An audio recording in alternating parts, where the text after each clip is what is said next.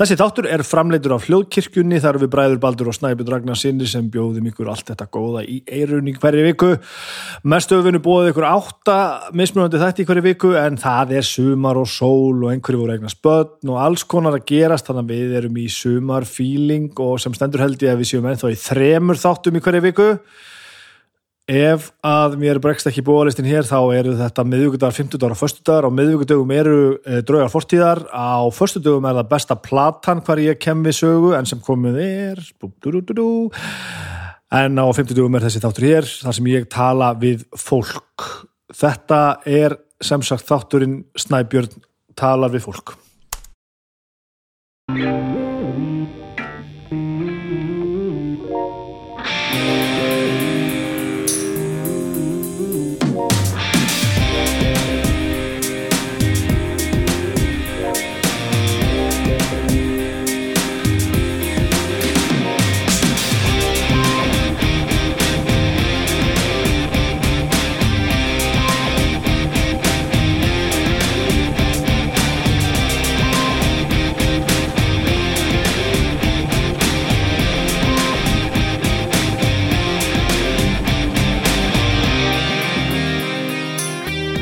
Komið sæl, velkomin í þáttin minn Snæbjörn tala við fólk. Ég er þessi Snæbjörn og ég er heima hjá mér og það er svo heitt hérna inni. Það reyfur ekki vind hérna út á nesi og við, það er bara sól og sumar og ég veit ekki hvað hvað. Viðmælindin minn var að fara, við lákum hér niður í Svitabað. Nei, nei, við, vorum settleg. Skemmtilegt viðtal, þið heyrið þá eftir. Mjög gaman, ég er hérna að handleika uh, vínilplötu sem er komið, Mimra Sinking Island. Þetta er glæsilegt stöf, sko.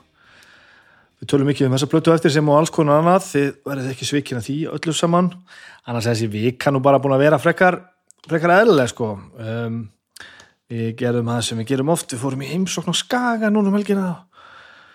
Við spilum aðeins Playstation og krakkarnir fóru aðeins í potinn og einhverju fóru í sund og, og svo greiluðum við og borðum kjött og pönnukökkur og ég veit ekki hvað og hvað, þetta skrjásið hér hérna er ég að rífa almennilega út af þessari plötu hérna, djöfuleg Vínilplötur, krakkar, djúvill er þetta skemmtilegt. Frábær plata. Frábær plata sem ég held hérna frá Marju hún er líka á Spotify fyrir ykkur sem eru á, ekki á vínilvagninum. Hann er endilega að tekja á því. Já, hafa gaman. Annars erum við nú svona bara svolítið að setjast eftir sumafri fyrsta hérna vinnuvikan í síðustu viku á Pippar. Það er alltaf alltaf fyrir gang, gott að setjast aftur í seti sitt og bara lífið að fara stað. Dóttir mín byrjuði sumarskólanum og svo sonurinn farin á leikskólan og Agnes byrjiði vinninni og þetta er allt saman bara, þetta er allt komið í gang. Mjög gott, eins og sumarið var hrikalega skemmtilegt, þá er þetta bara búið að vera drullu, drullu gott. Eh, býturum við, nú ætla ég eitthvað að segja ykkur frá já, ég er hérna með nýjan samstafsæðlar, þetta er ekki nýjan þetta er samstafsæðlar sem er búin að vera svolítið með hljóðkirkjuna, ég hef aldrei náðað aldrei fengið að tala um þetta hér í þessum þætti. Það er pizzan pizzan er náttúrulega pizzustafur sem að þið getið, þar sem þið getið fengið, fengið mat, pizzumat. Og það gleður mig óskaplega að segja að við getum búið ykkur ekki 10, ekki 20, ekki 30 heldur 40% afslátt af pizzum sem þið sækið. Og já, sem þið pantið á, á, á sem þið pantið og sækið, hvað er það að segja? Það, fariði, ég ætlum að segja hérna með þetta hérna fyrir frá mig, þið farið hérna á pizzan.is uh, veljið flippar sem heitir matseðilin matseðil og pitsur, hvernig gengum mér að tala hérna? Matseðil, pitsur þar skuliði panta pitsu sem ég ætla að gera það, stóra pitsu eh, sem heitir Mighty Meat. Auðvitað heitir hún Mighty Meat, glæsilegt. Stór pizza með skingu, pepperoni, hakki og baconi stórfröleðis á fullu verið 3740 og ég held hér áfram og áfram fær ég sendan kóða. Síman djúðlega létt. Og hér er ég komin á, uh, á greiðslu síðuna og þá slægin afslætt afsláttakóðan hljóðkirkjan, hljóðkirkjan skiptir yngum áli kontinu til litlega stórastafi, ég er búin að prófa þetta allt saman. Hljóðkirkjan og þar setjiði inn kóðan og fáði 40% afslátt og þá borgiði allt í einu 2244 krónur fyrir stóra pizzu með fullt af kjöti. Og þeir sækja þetta í Garðabæ Hafnarfjörð, Kópá og Reykjavík eða Akureyri. Þetta eru nýju staðir. Littlatún, Strandganta, Reykjavík við og Núpalind, Hverafold, Felsmúlir, Hingbröð, Lóahólar og Glerártorg á Akureyri. Þannig að pizzan er hérna með okkur og þið skulið endilega nýtt ykkur þessi tilbóð því að því meira sem þið Vestlið hjá pitsunni því glaðari verða þau með okkur og ykkur og samstarfið heldur áfram og þið hlusti frýtt. Svona getur þetta nú verið frábælega margslungið og glæsilegt. Það er best að ég skvíli þeirri kæftasögu hér að á morgun verður að besta platan eins, eins og, og endranar, besta platan hlaðarpstáttur og á morgun er besta platan nummer 100. Þetta er þáttur að sem að ég útefni bestu plötu með listafólki eða hljómsveit mæti síðan hann, með hana á fund með Arnari Egerti, doktor Arnari Egerti Tórótsen um, um, um, doktor í, í, í tónlist, hann er það hann er doktor í tónlist, það er ekkert öðruvísi og ber þetta undir hann hvernig honum lítist á þetta valmitt og svo ræði við þetta bæði út frá fræðilegu hliðinni, sögulegu samhengi og svo náttúrulega með alveg ægilegu magni af tilfinningum.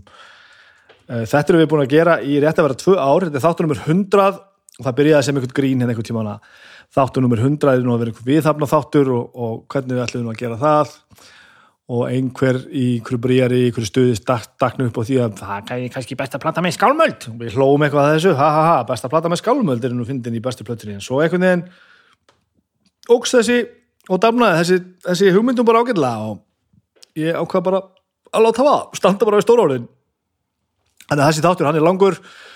Ég örla svipæjablangur og þátturinn í síðustu viku sem var uh, þátturinn með 99 og ég splæsti í uh, uppáhalsljómsýttina mína fyrir og síðar Battery Legion, þar var við töluðum við í svona 2,5 tíma, ég held við höfum tala áleika lengi fyrir þennan skálbalda þátt þannig að það er þáttur númer 100 á bestu plötunni á morgun. Í tengdum fréttum er það að þar með ætla ég að láta það gott heita með bestu plötuna. Þetta eru komin 100 þættir Þetta er allt sem ég vildi að konseptið er því að tala um, um, um, um hljómplötur í heild, við erum búin að náða rosalegu fylgi, mikill hlustun gríðarið þáttaka á Facebook-grúpun okkar, besta platan umræðahópur það skulle fara þar inn ef það áhuga að tala um músík yfir höfuð, það er ógeðslega gaman. Eh, Þetta er búin að vera mikil vinna. Ég hef lagt mikið í hvert þátt að þau farið mikil vinni að hlusta á alls konar tónleik sem maður hefur ekki kannski endilega verið hlusta mikið á fyrir. Þá er alls konar, þó maður þekki kannski eina að tvær plötur þá vil maður helst þekka meira á, úr ferlinum, þannig að þetta er búið að vera þetta er búið að taka mikið tíma, nú finn ég líka bara svona að, ég segi nú ekki að bensinni sé að vera búið, ég hefði nú alveg gett að halda áfram og plötuskápurinn er nú ekki alveg tómur þó að sé svona ákveðnir ákveð, ákveðin já, ákveðin tillar sem eru farnir sem var gaman að tala um.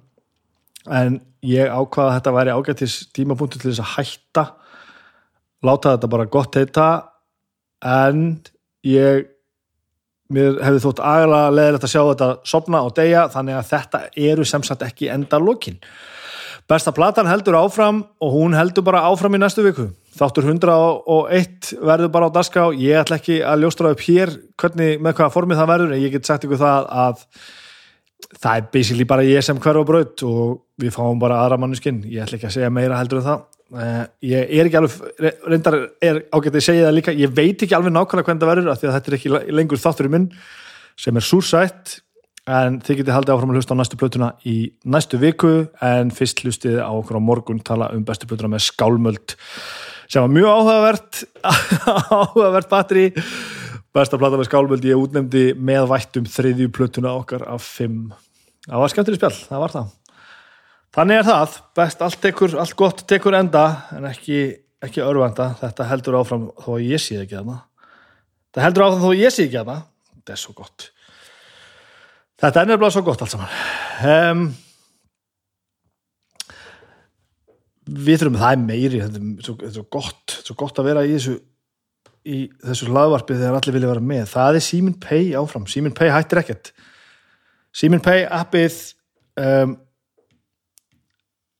þið, ég er búin að nota það ég fatt að um leiðu ég mætti á þrjú vinnuna hvað þetta skiptir við miklu máli, ég er búin að það er ekki mikið að lausum bílastæðum við vinnunum mína og ég þurft að leggja bílum í stæði og það er hvergi þægilega heldur að gera það með Simin Pay appinu. Það er engin aukagjöld og ég opna appi á hverju mótni og skrá í bílinn bara inn og svo lætur appi mig vita reglulega hvort ég svona gleyma að skrá hann út og svona. Og þetta er allt eins og það á að vera. Og ég ætla eh, að minna ykkur náttúrulega á uh, veitingahúsa, flipan, mathöllina þar er að panta alls konar góðan mat um, og allstaðar sama viðmótið og allt eins og það á að vera ég held pizzan í kvöld og brúdók á morgun er það svo leiðis? Djöfulli gott að þurfa aldrei að ringja eða tala við þitt, heldur bara að opna internetið og uppin og, og, og, og, og, dissa mann, mannkynnið og áður en að, að þetta tilbúið er á, er á enda þá vil ég ennu aftur minningur á að þið getið fengið þessa glæsilegu hérna Galaxy Tab A7 í léttkaupsflipanum. Hún kostar 59.990 60 úr kall á fullu verði en í gegnum Simin Pay létt kaup getið keft hana á 35.994 það munar um minna heldur betur í gegnum það er í gegnum Veslun Símans já, þetta er alveg meistarlegt þetta eru fyrirtækin sem að halda þessu á flotti þetta eru fyrirtækin sem að gera það verkum þið getur hlusta fritt. Það er Pizzan og Simin Pay hér í dag. Þannig er það. Ég held að ég þurfu ekkert að, að, blása neitt meira hérna akkurat núna. Ég ætla bara að bjóða okkur að hlusta á mig og, og, og Marju uh, Marja er uh, tónlistarkona fram í fingugóma hún er búin að læra allt sem ég hef viljað geta lært geta, ég geta alveg, kannski fer ég læra í músík einhvern tíma en hún er hún kemur úr alltaf en áttaldur í sem heitir tónlist og það er ógeðslega gaman að setjast yfir það og ræða nákvæmlega það. Tónlistina og, og hvaðan við komum og hvernig við erum einhvern veginn alltaf að reyna að segja við erum alltaf að nálgast það sama bara frá sitt hverju áttinni. En svo fórum við í gegnum allt tölum saman lengi, tölum um líf, lífið og, og lífslaupið og hvernig maður skiptir um skoðun og ég veit ekki hvað hvað. Það var ógeðslega gaman, þannig að njótiði endilega sem allra best. Þetta er ég og Marja hérna rétt á hann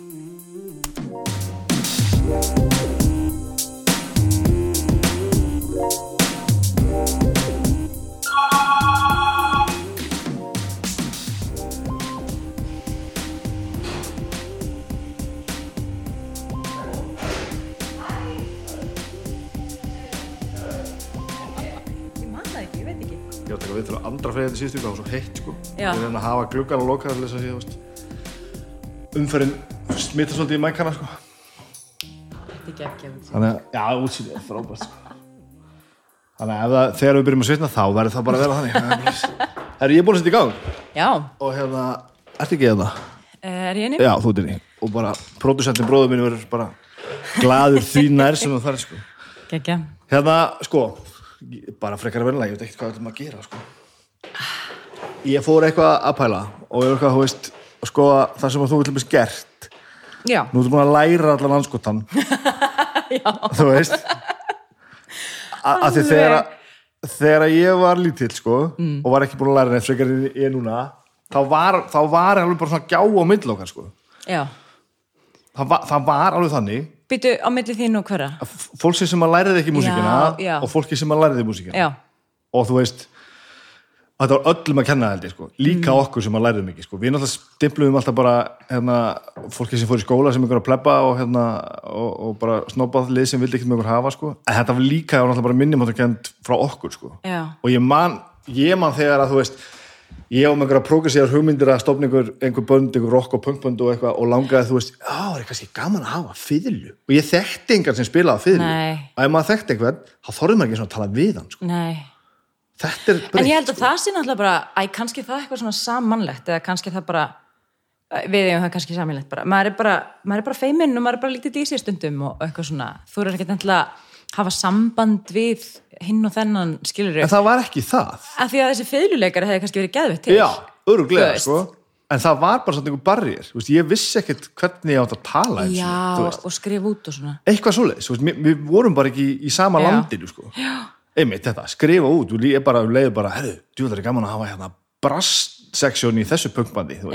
Spila eitthvað svona ska-punk, eitthvað sem ég hafði heyrt einhver starf. Veistu hvað, ég er samt búin að finna með þetta af því að ég held að ég hafi verið með alveg massa fullkonar áratu og það sé kannski partur að ég fór að læra sem sagt, tónlist svona lengi eða líka kannski að þegar ég er þú veist, þegar ég er yngri þá ég byrja ekkert að þú veist, læra hljóðfæri fyrir frekar seint mm. -hmm. þannig ég er alltaf eitthvað að fykta og alltaf að syngja og, og einhvern veginn hérna þú veist, var greinilega með rosalega gott tónira alveg frá upphafi Já. einhvern veginn, því að ég var bara einhvern veginn búin að finna út hvernig átt að spila hitt og þetta og hérna orgel sem var í stofunni heima hjá og pappa Bara með þess að setjast og Já. íta á nótunar. bara pumpa og, og, og fikra mig áfram í eitthvað sem ég hafði heyrt aðra spila skilur og það, þú veist svo nauða ég um að fá að læra hljóðfæri þangað til sko, ég fæða loksins því ég er svona 12 ára held ég Já, þannig að ég er ekkert, þú veist, ekkert ekkert alin upp í, þú veist, hljóðfarnámi eða tónlistanámi, en þú veist var alltaf í kór og eitthvað. Og hérna og þú veist, þegar ég hugsa tilbaki í dag þá einhvern veginn var ég sett af því ég hef líka síðan síðar meir kent, þú veist, börnum píanuleik Já. og fyrst getið sem ég var að gera það þá kom ekki þetta óvart hvað, þú veist, það er mjög mismunandi hvað þau eru komin langt oft, en þú veist 12 ára börn er ekkit endilega endilega, er ekkit endilega sett einhvert, þú veist, þú veist, æ, fólk er bara komið mislangt, skilur þannig að ég var einhvern veginn sett í eitthvað rosa advanced með að ég var á fyrsta ári í píanuleik Já, þú veist, þannig að ég var kannski Bara með rosalega- eða? ég veit ekki, ég var bara með greinlega rosalega metnafullan kennara en hún var kannski aðeins og metnafull með hvað er mikil byrjandi af því að ég tóldi ekkert í þessu námi, skilur nei þannig ég var bara eitthvað, "Ó, þetta er alltaf erfitt eitthvað, þannig ég var bara spyrjandi bakk eitthvað svona, þú veist, fyrir, Já, já. ekki fyrir byrjandur sko, en ég veit ekki hvað það segir. Það er bara, ég hérna, var greinlega með gott eira og svo vildi ég bara fara að læra söng. Þannig að ég fór í ég fór í óperunám þegar ég var 14 ára eða 13 ára. Þú veist, óperu nám þegar þú varst 13 ára? Já, eða svona óperu söng, þetta var ekkert þú veist, þetta var ekkert söngnám, eitthvað svona basic. Þetta var bara, þetta var bara óperunám. Ég var bara ah, ég veit það. Ég var hérna, og þar var ég líka með mjög metna fyrir en kennara fyrir mig, því að hún lét mig fara að syngja sko nætudrottninguna 15 ára eða eitthvað sem er hérna, ha ha ha, ha, ha, ha þú veist, mjög fyndið. A- Að þú varst svona góð þá, ég meina, sóttir þú þetta? um, ég veit það ekki, ég kannski er ég er svona rosalegur námsmaður. Hef einhvern veginn alltaf verið. Það er eitthvað svona eitthvað svona hefur alltaf gengið vel í námi og ég verði mjög, mjög metnafull í námi. Og vilt læra sem sagt. Já, þannig að ég bara einhvern veginn ef ég fer í klassist söngnám líka svona ung þá er ég bara, já, þá gerum við þetta almennilega. Ég ætla að vera klassískasti sönguðar allra já, tíma. já, nema þú veist, ég var bara 2-3 ár þar, skilur já, já. og fann það strax, þú veist, að ég ætlaði ekkert í, í það halda því áfram endilega að vera í klassík. Og hérna já, en það var ekkert það sem ég ætlaði að fara að tala um. Ég ætlaði að fara að segja, já, með að skrifa út fiðlur. Já, til dæmi, og þetta, Já. þetta gap sem var á milli já, sko, en ertu að upplifa þetta sem unglingur eða sem barn? Sem unglingur sko. mm. þegar ég, að því að, að þú veist það sem þú ert að tala um ég, ég, te, ég, sko, ég fór svolítið saman sömulega og þú þetta með sko, Já. ég maður rosa snemma það var mikið tónlist á mínu heimili sko. Já. pappi tónlistkennari og, og þú veist mamma Einmitt. og, ha- mamma og pappi kynntust í tónlistskjólum Reykjavík og eitthvað svona eh, þannig að þú veist mikið músík en það var ekkert svona það var ekkert mikið gert með akademíuna sko. Veist, það var ekkert svona eitthvað þú verður að fara að læra þetta heldur, pappi var rosalega og bara þetta fallegasta sem hann gaf okkur sískjörunum bara lærðu veist lærðu að njóta þess að gera tónlist og hlusta tónlist og vera með tónlist. Þú veist, og það, hún var bara drullu sama hvernig það var gert sko. Bara, veist, bara verið ykkur sem þetta gera reynda að vera ekki alveg svo allir hinn reynda að finna eitthvað kvörki og sniðut og þú veist ekki fljóta bara með strömmnum heldur, horfðu svona aðeins á þetta Mhm. en hvort þú ferð að læra ekki læra og bara hvað leið þú ferð og hvernig þú gerir þetta þú veist, bara up to you sko. Mhm. þannig ég lærði það alveg á blokkflötu í fimm ára eða eitthvað sko.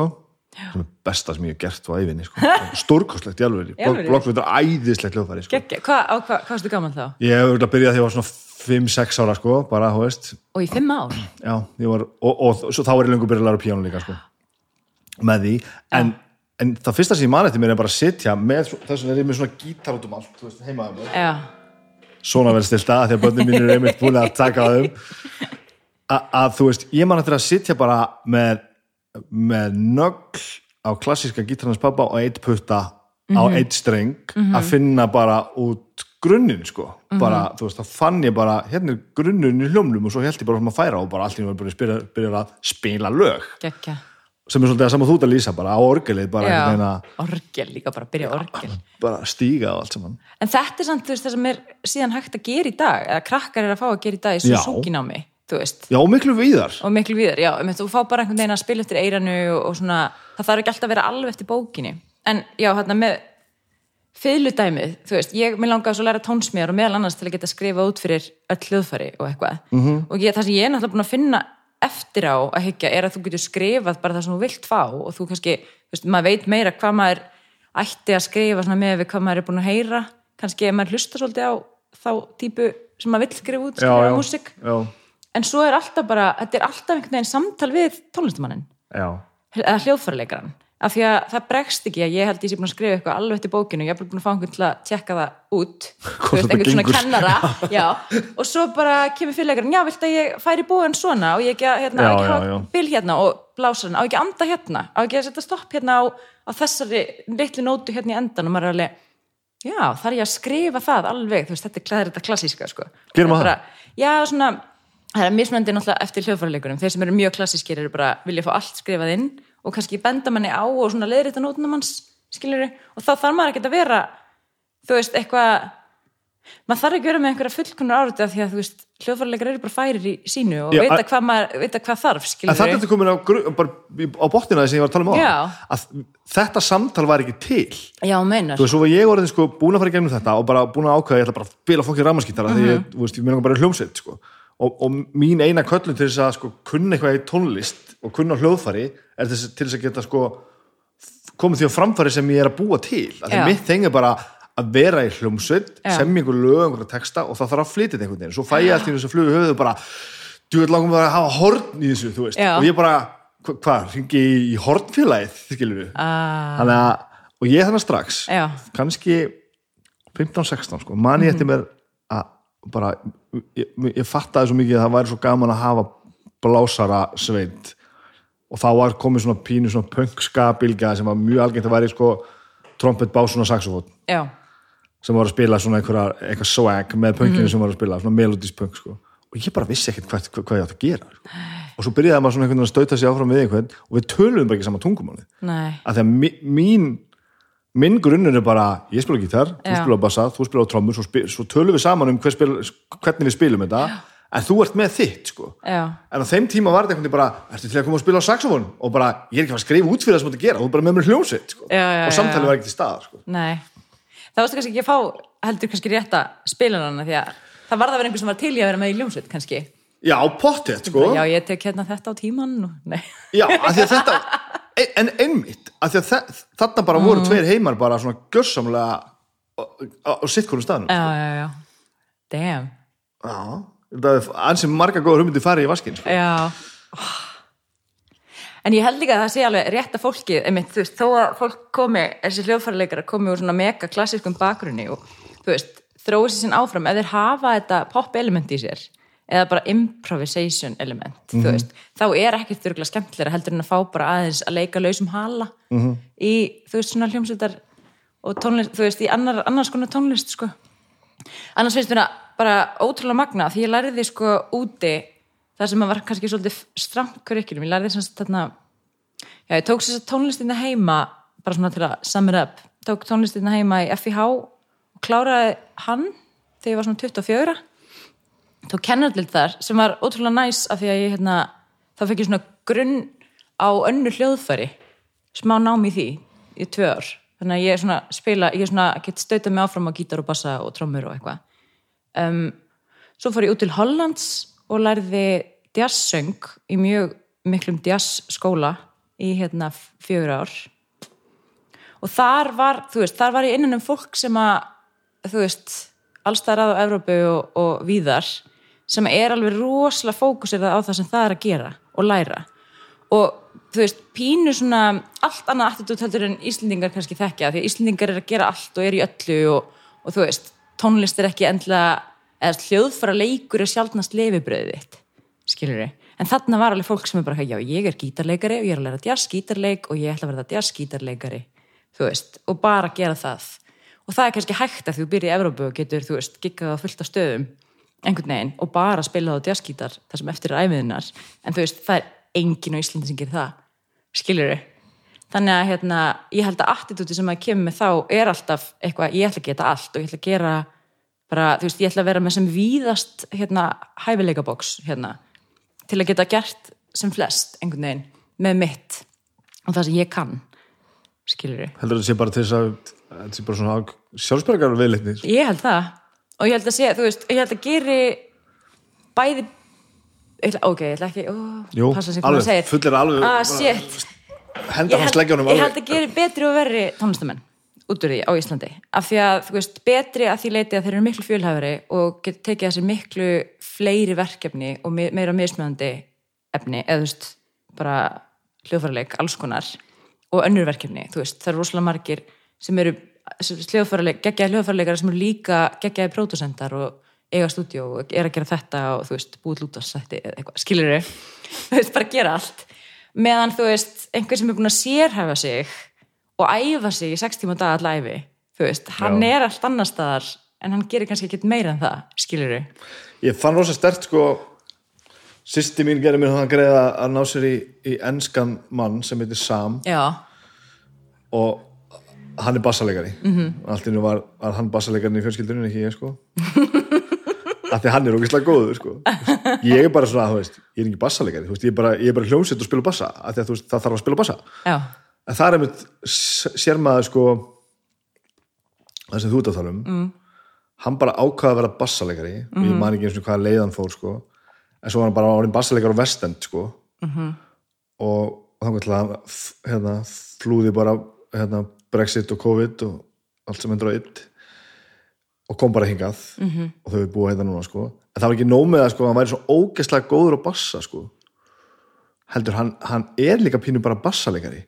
Og veist, lífið fer svolítið að vera bara svona þetta verður svo mikið identity sko. Vá, að því að hann vinnur bara vann bara sem bassaleikar og var bassaleikar og æfði sig á bassan sinn. Já, og meðan að þú veist þetta íslenska mitt sem þú ert að segja bara já já, Já, bara, já, kann ég á gítar, jú jú. Geggjað maður En það er alltaf um nálgun sko, menn hann er Já. náttúrulega, og hann er hann er ógeðslega góður sko. Westend, ertu þá að segja hann hafi, þú veist, var hann í svona brottveið sýningum Já, eða, þú veist, var bara, spilir svo leis, já hann var bara, þetta var 84 vinna, nei, kannski Já, meira alveg seinni 84, en já, bara, bara, bara full time job sko. Það er já, menn sturlaður bassaleikari sko. Og hann spila bæði á kontra og rafbassa. já, miklu meira rámasbassa samt en, en Já. á bæði sko. Og hann er einmitt núna býr hann bara hér og er bara að vinna á einhverjum fucking bar sko. og enginn veit af honum þannig að ef ykkur vantar bassaleikari session Mhm. þá er ég með besta bassaleikari sem ég getur mögulega að hugsa hann er svakalegur sko. en það er einmitt þessi hugsun sko. Sem að maður finnur ekkert jafn mikið auðvitað náttúrulega, ég get segja að ég sé ekki til hérna sjálfsögðu, þú veist, ég hef unnið með Sinfóníuljóst Íslands og þá sér maður hljóðfæraleikara sem eru bara hljóðfæraleikara sem maður bara, okk, hvað veist, góður á þetta maður já, en, en almennt attitútið er ekki sko, að því eins og ég segi mér finnst þetta náðu mér þess að út fyrir hljóðfærleikin bara svona í það verður bara svona identity, ekki ekki persónleikunum en þú veist, smiðir er alveg smiðir sko. Líka við eldhúsborðið sko. Aðlega í göngulæni, sant? Já, já, en í, alvörunni, það er samt þetta, það smitar í allt einhvern veginn, sko. þannig að- mjög, mjög svona, fyndið að, að sjá það, sko. Já, það er cool. En, en já, svo þetta með, hérna, með gappið á milli, sko, að mér finnst þetta einhvern veginn hafa svo mikið breyst, sko, líka, sko, bæði náttúrulega ég bara eldri og frakkari og kannski búin að gera meira og kannski með aðgang á fle- á fleira fólki einhvern veginn, en, en ég held bara að það hafi alveg verið tveir heima, sko, mér fannst bara fólki sem fór bara í að vera geðið gott á klassikal hljófari sitt, það vissi bara ekki hvað var að vera hljómsveit sko. og það skildi bara ekki konsepti Ég held að tónlistaskólar sé búin að breytast rosalega mikið senustu ára og áratíu af því að þú veist, þetta er pottitt eins og þetta var á þessum tíma sem þetta tala um sko. Mhm.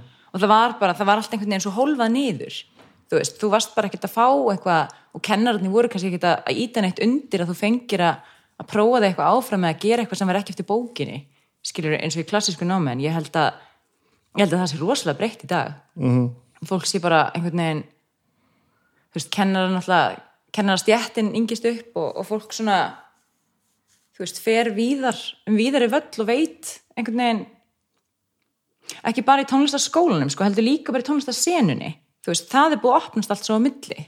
Þú veist, það er allir að vinna saman. Já, já, þú veist, eins og kannski bara skýrasta dæmið er bara þegar að rocksöðunar og popsöðunar, þú veist, gigga með já, veist, þetta er alltaf opnast. Já það er ótrúlega mikilvægt að gera það sko. já, og bara ókslega gaman og flott konsept, skilur við ja, bara briljant þannig að, þannig að það er bara þú veist, það er bara framtíðin kannski. Og þess að vera eitthvað fullir um það. Ég kenni svo kenni ég sko söng eiginlega alla daga. Og hérna það sem mér finnst einhvern veginn mikilvægast sem kennari í þessu samingi tónlistaskóla er bara ég er með ákveðin svona, ég er með ákveðin toolbox og ég get hjálpað þér að ná fram alls konar sem þú kannt ekki. En þú veist, það sem ég vil náttúrulega frá, frá þér er bara, hvað vilt þú læra? Þú veist, hvernig vilt þú þú veist, ég vil að þú setja að syngja tónlist sem að þér er skemmtileg og ef við förum út í eitthvað annað svona út fyrir þitt, þú veist, en þinn þægindarama þá vil ég samt að þú sett með í ráðum með hvað við veljum þú veist, að syngja sem að þú veist kannski ekki vanið að vunna að syngja, vanur að vunna að syngja. Þú veist, upp á að að það sé alltaf eitthvað sem þið er skemmtlegt og eitthvað sem þið langar að takast á við. Aha. af því að, þú veist ég veit ekki, það er kannski líka auðveldur því ég er yfirleitt að kenna eldri. Ég er ekki að kenna hérna bönnum, ég er að kenna svona frá þú veist, 15 ára og upp úr þannig að þá, þú veist, það er alltaf fólk sem er að hlusta tónlist og, og Hefur skoðun. veit, hefur skoðun oftast Að Ég, ég man líka til því ég, þegar ég var í oftast oftast. Ég man alveg til því þegar ég var í tónlistskóla veist, ég lærði á flautu náttúrulega svolítið mikið bara hjá pappa sko. Mhm. -hmm. og píjan og, svo, og svona þú veist, það var með góða kennara og svo gítar sko. Ég man alveg eftir því að maður fekk, það var ekki reiknað með að maður myndi ráða miklu sjálfur. Auðvitað var ég barn sko og kannski unglingur. En ég hafði ekkert sko mín skoðun hafði ekkert mikið að segja sko. Eins og þú ert að segja þetta, þú varst bara að syngja nætudrottninguna þú veist, þú baðst örglega ekkert um það sko. Nei, hún bara eh, mataði mig á alls konar músík og ég bara, já, flott. Og hún var alltaf að segja mig hvað það verið erfitt og, og, og verið miklu lengra að komna og ég náttúrulega bara, þú veist þetta að bara, vá, alveg fór beint á vagnina því, þú veist, vildi svo mikið sanna mig. Mest, mest flassi ari alveg, ég veit það en þessi kona sem kendi mér klassíku söng er hugsanlega bara einhver sem svona reisti mig bara við einhvern veginn. Að ég veit það ekki, máli er að hérna eða svona til að hérna gefa einsýn í það, ég var svona ég byrjaði hjá henni í söngnámi þegar ég er 14 ára og ég var bara með minnstu sjálfsmynd í heimi einhvern veginn, eða 13 eða 14 og bara, þú veist, var bara ógeðslega lítil í mér og þú veist fannst ég ekki góð í neinu en ég vissi ég væri góð í skóla og vissi ég væri hugsanlega góð að syngja. Og hún svona peppaði mig svo mikið Já, frá fyrsta degi og gaf mér svo mikla trú á sjálfur mér. Og ég þurfti svo mikið á þess að halda á þessum árum að ég hérna, ég bara, ég veit ekki hvernig ég get þakkað þetta, skilur og þetta er eina manneskan sem ég nokkur sem skrifa minningagreinum. Já, já. held ég, nú man ég ekki, jú, ég held það. Af því að, svona, sem er ekki tengt eða þú veist, skild mér. Af því að þetta var bara, þetta var svo ég er svo þakklátt fyrir þetta, þú veist, ég var ekki hjá henni lengi ég var hjá henni tvö ár á svona viðkvæmust unglingsárunum og hún var bara svona að íta mér upp og, þú veist, láta mig fá trú á sjálfur mér, einhvern veginn. Og mér finnst það geðveikt mikilvægt og miklu mikilvægara kannski heldur en eitthvað rosa aðhald og, og harka í tónlistanámi eins og fyrir einhvern veginn á þessum aldri kannski. Heldur hún að Þú vera ekki að gera þetta þú veist, meðvitað að heldur hún að sé það ég veit og var að ekki, kenna þeim meira heldur sög ég vona það. Eða þú veist, ég held það, af því að þetta var greinilega bara svona rosal flott típa og svo kemur það fram, svo las ég þú veist, hún heit Snæja eða Snæbjörg, hún var að kenna í tónlistaskóla Garðabær. Svo las ég eftir á þú veist, í gegnum minningagrindarinnar að hún, þú veist, hefði alveg þú veist, fekk einhvern samning við einhver óperús í Ítalíu en hafði meiri áhuga á að kenna. Já, og Já, og þetta er svo geðveikt dýrmætt. Og það er svo dýrmætt að hún hafi bara fyllt því og kent og verið bara að kenna alla sína æfi og þú veist, svo voru bara svona runan af öðrum nefndum sem hefði lært hjá henni sem voru bara takk, takk, takk, bara hérna. Wow. þannig að þetta er svona mikið ógisla væntum mynda sko. Það er ekki verið ekki bara svona brjálað í henni henda nætudrottningunni í hún. Er að vita hvað hún var að fara að gera. Já, bara eitthvað að reyna að challengea mig og, og hafa, þú veist, láta mig hafa áhuga á þessu með því að gefa mér eitthvað, þú veist áhugir maður, það snýst svo mikið um þetta já, vinnu minn, gítarleikari í Skálmöld þráin átni, hann er Mhm. með tónlistaskóla sem heitir Tónholt, sem er svona gítarskóli í grunninn sko, Já. svo er sýsti mín að kenna hann piano og hitt og þetta og hann er mitt bara kemur bara þessari sömu kynsluðu við sko og er Mhm. bara svona að passa þetta áhugin degi ekki sko mm. bara fyrstu tímandi fari bara hann er stundum bara búin að spila trommur í tvo tíma sko bara Já. til þess að kveikja áhuga á krökkunum sko ok, bara fyrir þau þá? Nei, bara með þeim, skilur Já, við, bara já, spila, bara, já, bara, já, veist, já, eða bara eitthvað svoleiðis, hann gerir bara hvað sem er, sko, í rauninni, fyrstu tímandir eru bara, þú veist, sumið veit ekkert hvað er að fara að gera, stundu kom bara mamma með einhver tíma og bara, og bara, og eina takmarki er bara að þetta verði einhvern veginn gaman, Já. hversu lengi sem þetta heldur áfram og hvaða stefnu sem þetta tekur, sko, á meðan maður var settur bara á píanostólinn og hann var bara hækkaður upp, skrúaður upp, og ætla maður náði upp í nótunar og svo bara, svo bara miðsið og svo bara, ok, og svo bara fingarsetning og maður bara veist, mér fannst þetta aldrei gaman sko. að hefði, mér finnst þetta gaman í dag. Já, ef að kerfið hefði virkað þannig að áhugin hefði fyrstur í kveiktur sko, og svo hefði ég þróast í þess átt sko, þá var ég ekki núna veist, ekki nema þú veist 15% læs á, hæglæs á nótur og, og, og, og þú veist, ómöguleg sko. það er svona svo erfitt einhvern veginn að ætla að gera það með börn, þú veist af að kveikja áhugan, skilur að ég veit það ekki. Bara einhvern veginn, hvernig ætlar að gera það? Þú veist, fyrst bara eitthvað sem þau vilja og svo þú veist, kurrikulumið, en er það þá ekki alltaf frekar leiðinlegt samt einhvern veginn, þessi tónfræði og þú veist, það, alltaf, það verður alltaf partur sem er, þú veist, grammiti sem þú átt að borða áður og fyrir eftir réttin, Já, en ég, þa- þarf ekki sko þarf ekki að vera búið að kveikja áhugan þannig að maður sjáu eitthvað takmark sko, Mm. maður sjáu einhver, einhver ástæðu fyrir því að borða grænmiti sko, af því að, af því að þú sé bara vegga grænmiti Já. og veist ekkert af hverju þú ætlar að geta sko, það er ekki gaman sko, nei, nei, nei. En þú veist hvað er hinum einn Já, já vinkunu sem hérna á strák sem, sem er í, hérna, var í píanónami eða er í píanónami og ég hef heyrt þetta fl- fleiri, fleira fólki líka. Þú veist, hún fór bara í staðin fyrir vasapinning vikulegan svona fyrir ekkert þá fekk hann vasapinning fyrir að æfa sig á píanóið. Mm. þú veist, og ég man ekki hvort það væri þeirra tilfelli eða einhver, einhverja annara en það svona áhugin kviknaði þegar að hann fattaði að hann var að verða betri. Já. þú veist, það var vasapinningurinn og þú Já, veist, já, árangurinn sem var svona gulrótin á endanum. En vasapinningurinn klárlega kveikti áhugan í rauninni. Við erum í bullandi mótsögnum sjálfur, gulróturinn Gul, gul, gulrót, gulrótur grænmiti sko. það þarf að breyta þessu. Mhm. breyta þessu segingi snikkar sig þið það var snikkja sig á, á línunni Mm. nei Æ, snild En hvað hérna, hvaðan kemur þetta allt? Svo við förum aðeins bara aftar í þetta allt saman. Þú varst að segja að var ekki einhver að að- að var ekki að var ekki alls stútfullt af músík í kringu, kringu því.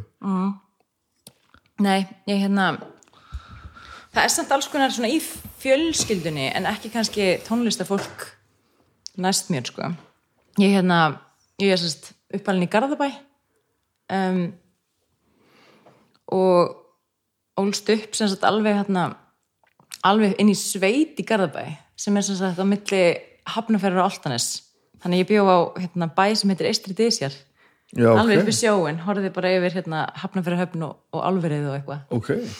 um, frá sex ára aldri fyrir það hefði við búið einhvers þar í fyr, með fjölskyldinni í MM pappa í hérna, Reykjavík og, og Seyðisfyrði fættist þar. Já. Um, pappi var semst prestur þar þegar ég fæðist, pappi er prestur. Er mamma er hjókunarfræðingur um, já. Og einhver tenging við seðisfjörð, það er bara brauð þar og bara... Já, brauð þar, flott að kunna þetta lingo. Já, hann var, hann var með hérna, hann var prestur segja fyrir í tíu ár. Um, og hættir þar þegar ég er svona þryggjára og svo flytjum við já, þaðan í, hérna svona á nokkra staði og svo í Garðabæn og þar bý ég svona þanglíverð unglingur með Ok. ömmu, amma mín, semst móðuramma mín bjóð þar og þetta er semst gamli sveitabærin hennar þar sem hún var með bú Bjóstu sérst ekki með fóruðriðin? Jú, sem sagt, þau fluttu inn til með ömmu á Ókei. bæinn sko. Já. En hún var, já.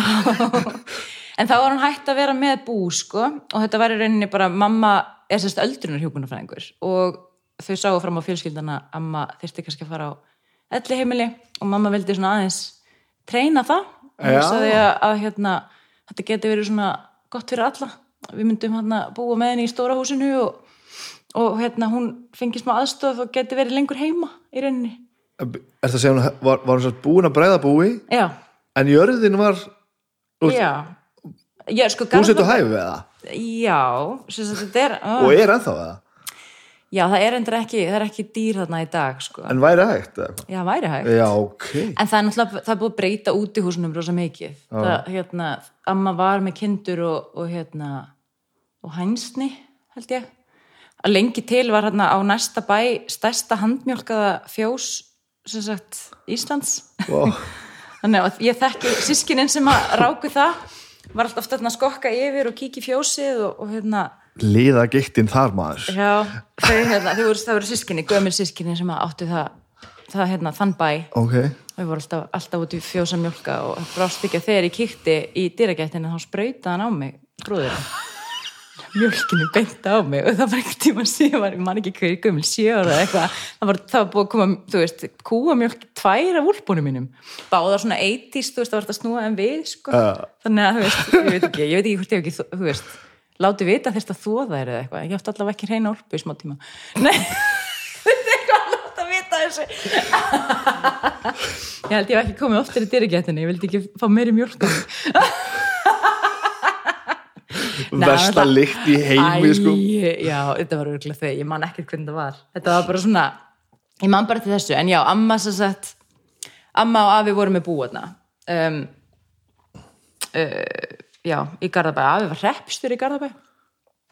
Maður pappi mömmu sem sagt ok. sem er basically bæjastjóri það í nútíma auðvitað. Og ég er svona, þetta fattar maður bara þegar maður er eldri, alveg, já, hann var hreppstjóri, það er svolítið cool.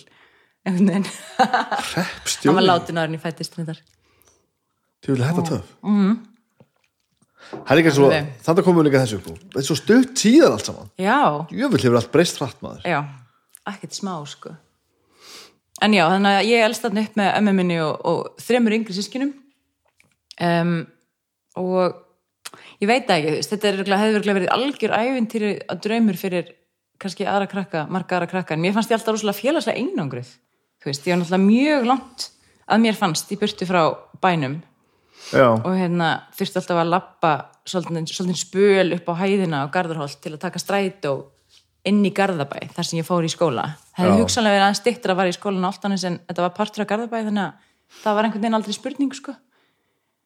og hérna svo þurfti ég alltaf að býða eftir skóla á bókasafninu af því að strætóin, áltanisvagnin fór semst á klukkutíma fresti þarna.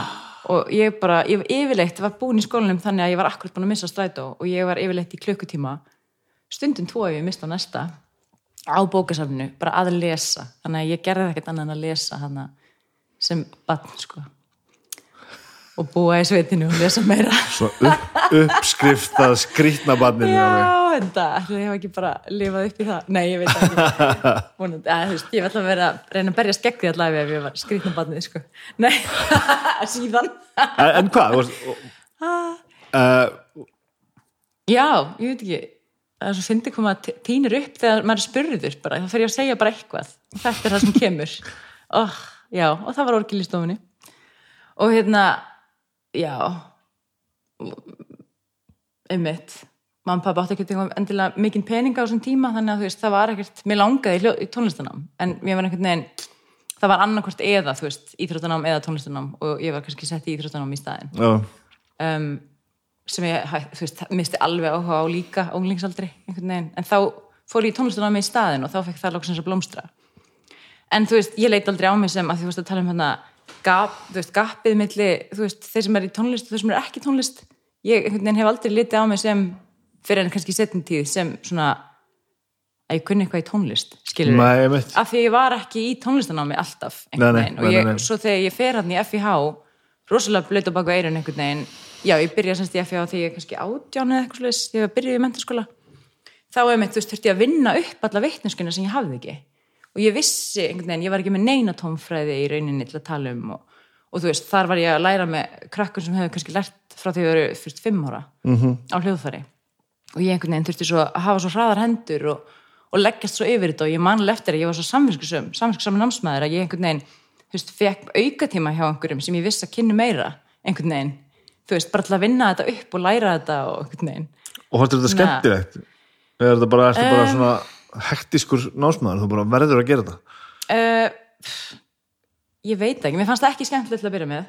Mjög líklega ekki. En þarna var þetta samt komið á það stiga að ég fatta alveg hvað ég þyrfti á þess að halda og hvað þetta hafði mikil áhrif á hvað ég gæti tónlistalega að kunna, þú veist, fræðin. Já, af því að ég var strax einhvern veginn komin í veist, áfanga þar sem ég þurfti að skrifa út og, og fara að, þú veist, útsetningar og, og svona fleira sem að maður þurfti á þess að halda. Já. þá hérna það var þetta svo mikilvægt einhvern veginn að læra þetta. Þannig að það var alveg það var snekkesið Ertu að gera þetta ekkert í FIH og, og mentaskólu leið? Já, gerum að það?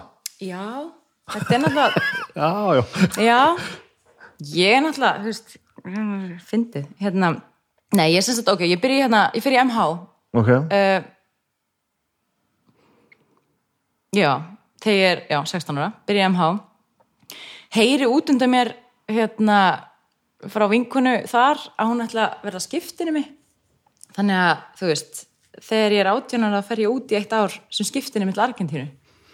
Til Argentín já, einhvern veginn svona fannst þetta góð hugmynd og rætti þetta með pappa og þau voru bara, hvað ekki með þetta? Þekkir einhverja skiptinni mig? Ég eitthvað, nei ætlar að langar þetta? Já og bara var ógslag til í það og bara langaði að læra spænsku og, og fara til Argentínu af því að þessi vinkona var að fara þangað bara basically, ekkert eitthvað hugsa þetta á mikið þannig að já, ég fór til Argentínu átjónara alveg græn og bara býð þarna ein með einhverju fjölskyldu í, í, hérna, í ár og þú veist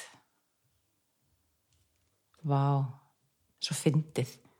Talandi um svona aftur hérna, þú veist lífsbreytingu, af því að ég ætla að segja þú veist, að pe fyrsta peppið hafi verið hérna, þegar ég var í áprunáminu og fekk svona rosalegt búst. Og málega mér hafi verið stríkt svolítið mikið þegar ég var batn og þú veist, var kannski í yfirþyngd svona mest, mestu batneskuna og ég fekk svolítið mikið að heyra það þú veist ástæði fyrir ég fór í MH var bara að mér langa að fara frá Garðabæði sem fyrst einhvern veginn eftir, eftir það. Og hérna þegar ég fætti Argentínu þá var það var svo mikið viðsnúningur því ég var náttúrulega með þessa litlu sjálfsmynd. Ég var þarna hávaksinn og ljósherð ljóst sítt hár. Allir, það, hver einasti þú veist það náði mér engin, þú veist herraðin upp í ögst einhvern veginn, þannig að ég var bara einhver þú veist, einhver vikingad 18 ára, þú veist, bara eitthvað ha, og svo var ég fyrir utan það í skólabúning alltaf, allt sem ég fór. Ég var í engaskóla, ítalskum engaskóla, af því að það er svo margir ítalskir innflytundur, þannig að ég var í Collegio Carducci í hérna San Miguel de Tucumán sem er í norður Argentínu, miðjulandi. Þetta er góð súpa Hversu hver er þetta í landinu? Í norður Argentínu, alveg svona í miðjulandi. Okay. Þannig að það er basically svona alltaf í miðju basically í miðjunni á já. til að svona setja, það í, setja svona punktin á kortið. Uh, og þar var mjög heitt og ég lendi þarna í 45 stiga heita ég veit það, það var svo ógeðslega heitt og ég flög út í sko februar byrjun eða eitthvað, þannig að ég var bara ég vissi ekki hvert ég ætlaði mér var svo heitt. Ég er aldrei svona heitt í lífinu. Nei, þetta er, þetta er, að lendi svona er bara Já. rugglað, sko. og það sem að, þú veist, það sem ég upplifði svo mikið, þess að ég upplifði náttúrulega rosalega margt í Argentínu og svona bara að fá smá svona víðari heimsmynd einhvern veginn, var rosalega gott einhvern veginn, en þá var sko, það var kallað eftir mig það, þú veist, ég var basically í setni tíð catcalled okkur um einasta degi. En ég upplifði þetta aldrei þá ég veit ekki hvort að ég hefði gert það í dag en þá upplifði þetta aldrei ógnandi. Skilur eða, mjög sjaldan, eiginlega aldrei held ég. En þú veist, það var bara að þetta, þetta er svo mikill partur af kultúrnu þeirra og það var bara, ei Rúfja, ei Rúfja ah, þú veist, og bara bónorð á götuhotnum sem og þýðir? bara ljósherða. Já. alltaf hvað er ljósherða. Og hérna, þú veist og bara eitthvað já. Catcalling, shit, það er svo, svo mismunandi, þarna upplýði ekki ógnandi. Og þegar mér fannst það bara, þarna var þetta rosalegt einhvern veginn sjálfsmyndar pepp fyrir mig 18 ára, sem að var svona að fatta bara, já ok, ég kannski bara allt í lagi, þú veist, Já. eitthvað þetta er allt í lagi, einhvern veginn og hérna, geng hérna um og, og heilt ár í Argentínu af þessu, svo kem ég heima og bara eitthvað, hvað, sjáðu mig ekki? Finnst ykkur ekki sætt? Og náður að taka þetta með þeim? Já, svona náði svona sirka kannski, að einhverju leiti, en svo náttúrulega kemur allir Íslands og Íslandingar eru lokaðistir í heimi og maður er alveg, já, ok, 19 ára Íslandi bara, já, ok, hérna. Engin viðbröð neitt aldrei. Nei, einmitt, alveg. En hérna, þú veist, en svo upplifi ég setna svona catcall menningu, hún var alltaf öruvísi, það er þegar ég bjó í Hollandi og ég bjó í rúslega svona uh, hverfi þar sem voru einlega bara uh, Tyrkir og Marokubúar og fleiri. Og það var svona, það var svona óþægilegt catcall. Það var ekki daglegt reyndar en það var bara svona veist, kss, kss. og það var svona fyndið, ég var með þetta ég heyrði, þú veist, ég og maður minn vorum í sundi um daginn, ég var í pottinum og ég heyri eitthvað svona kss, og ég svona, ég hrekk við og ég sagði honum bara, vá, ég fekk svo mikið flashback sko, við leið svona þú veist, ég fór strax að gá hvaðan þetta kæmi veist, þá var þetta alveg svona, þá fann ég og ég fatt, hafði aldrei fatt það fyrir en þá að veist, þetta, þetta býr svolítið í manni. Maður, svona, maður fer svona í varnastöð og kíkir hvaðan þetta kemur, þú veist. Og þá er þetta bara einhverja, þú veist, örgulega kalla á kött fyrir utan sundlaugina Eins og eðlilegt fólk gerir. já, eins og eðlilegt fólk gerir. Og bara eitthvað, og ég alveg og hann alveg, vá, þetta er ógæslega skrítið. Auðvitað ég aldrei upplifað þetta en sikka þetta er óþægilegt, ég, myndi, myndi trillast Já. þú veist, ég alveg, já, það er alveg rétt þér. Þetta er óþægilegt og maður trillist svolítið, greinilega einhvern veginn. En hvernig var Argentina, veist, svona held yfir? Argentína er ógeðslega flott land. Ég hérna byrjaði að drekka mate alveg bara re- religiously sko. Hvað var það? mate er sem sagt hérna svona þjóðardrykkur Argentínu búa og annar staðar í Söður Ameríku heitir þetta sem stað terere og þá er þetta ekki kalt en í Argentínu er alltaf drukkið heitt. Og þetta er svona græn lauf, matelauf unnin úr mati plöntunni eða úr uh, já. Já, nú þú er ég ekki svo langt séðan ég lærði um þetta. Ég ætla ekki að blanda þessu saman við kókalöfið sem er tuggið í Argentínu.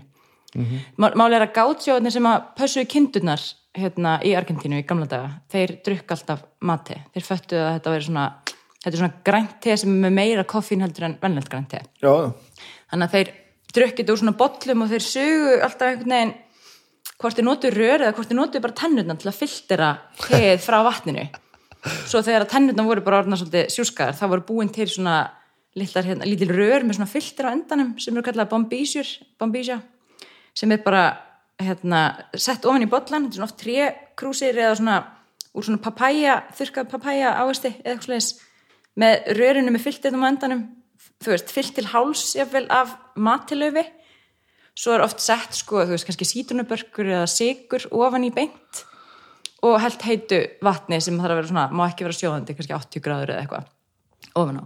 Og málega er þetta rosa svona þetta er svona eins og kaffimenningin okkar bara á næsta leveli þú veist, þetta að- hljómar svolítið meira svo orkudrykja menning Já, þetta, nei, alls ekki, þetta er sko te þú veist, þú veist að dekka te, það heitir mate.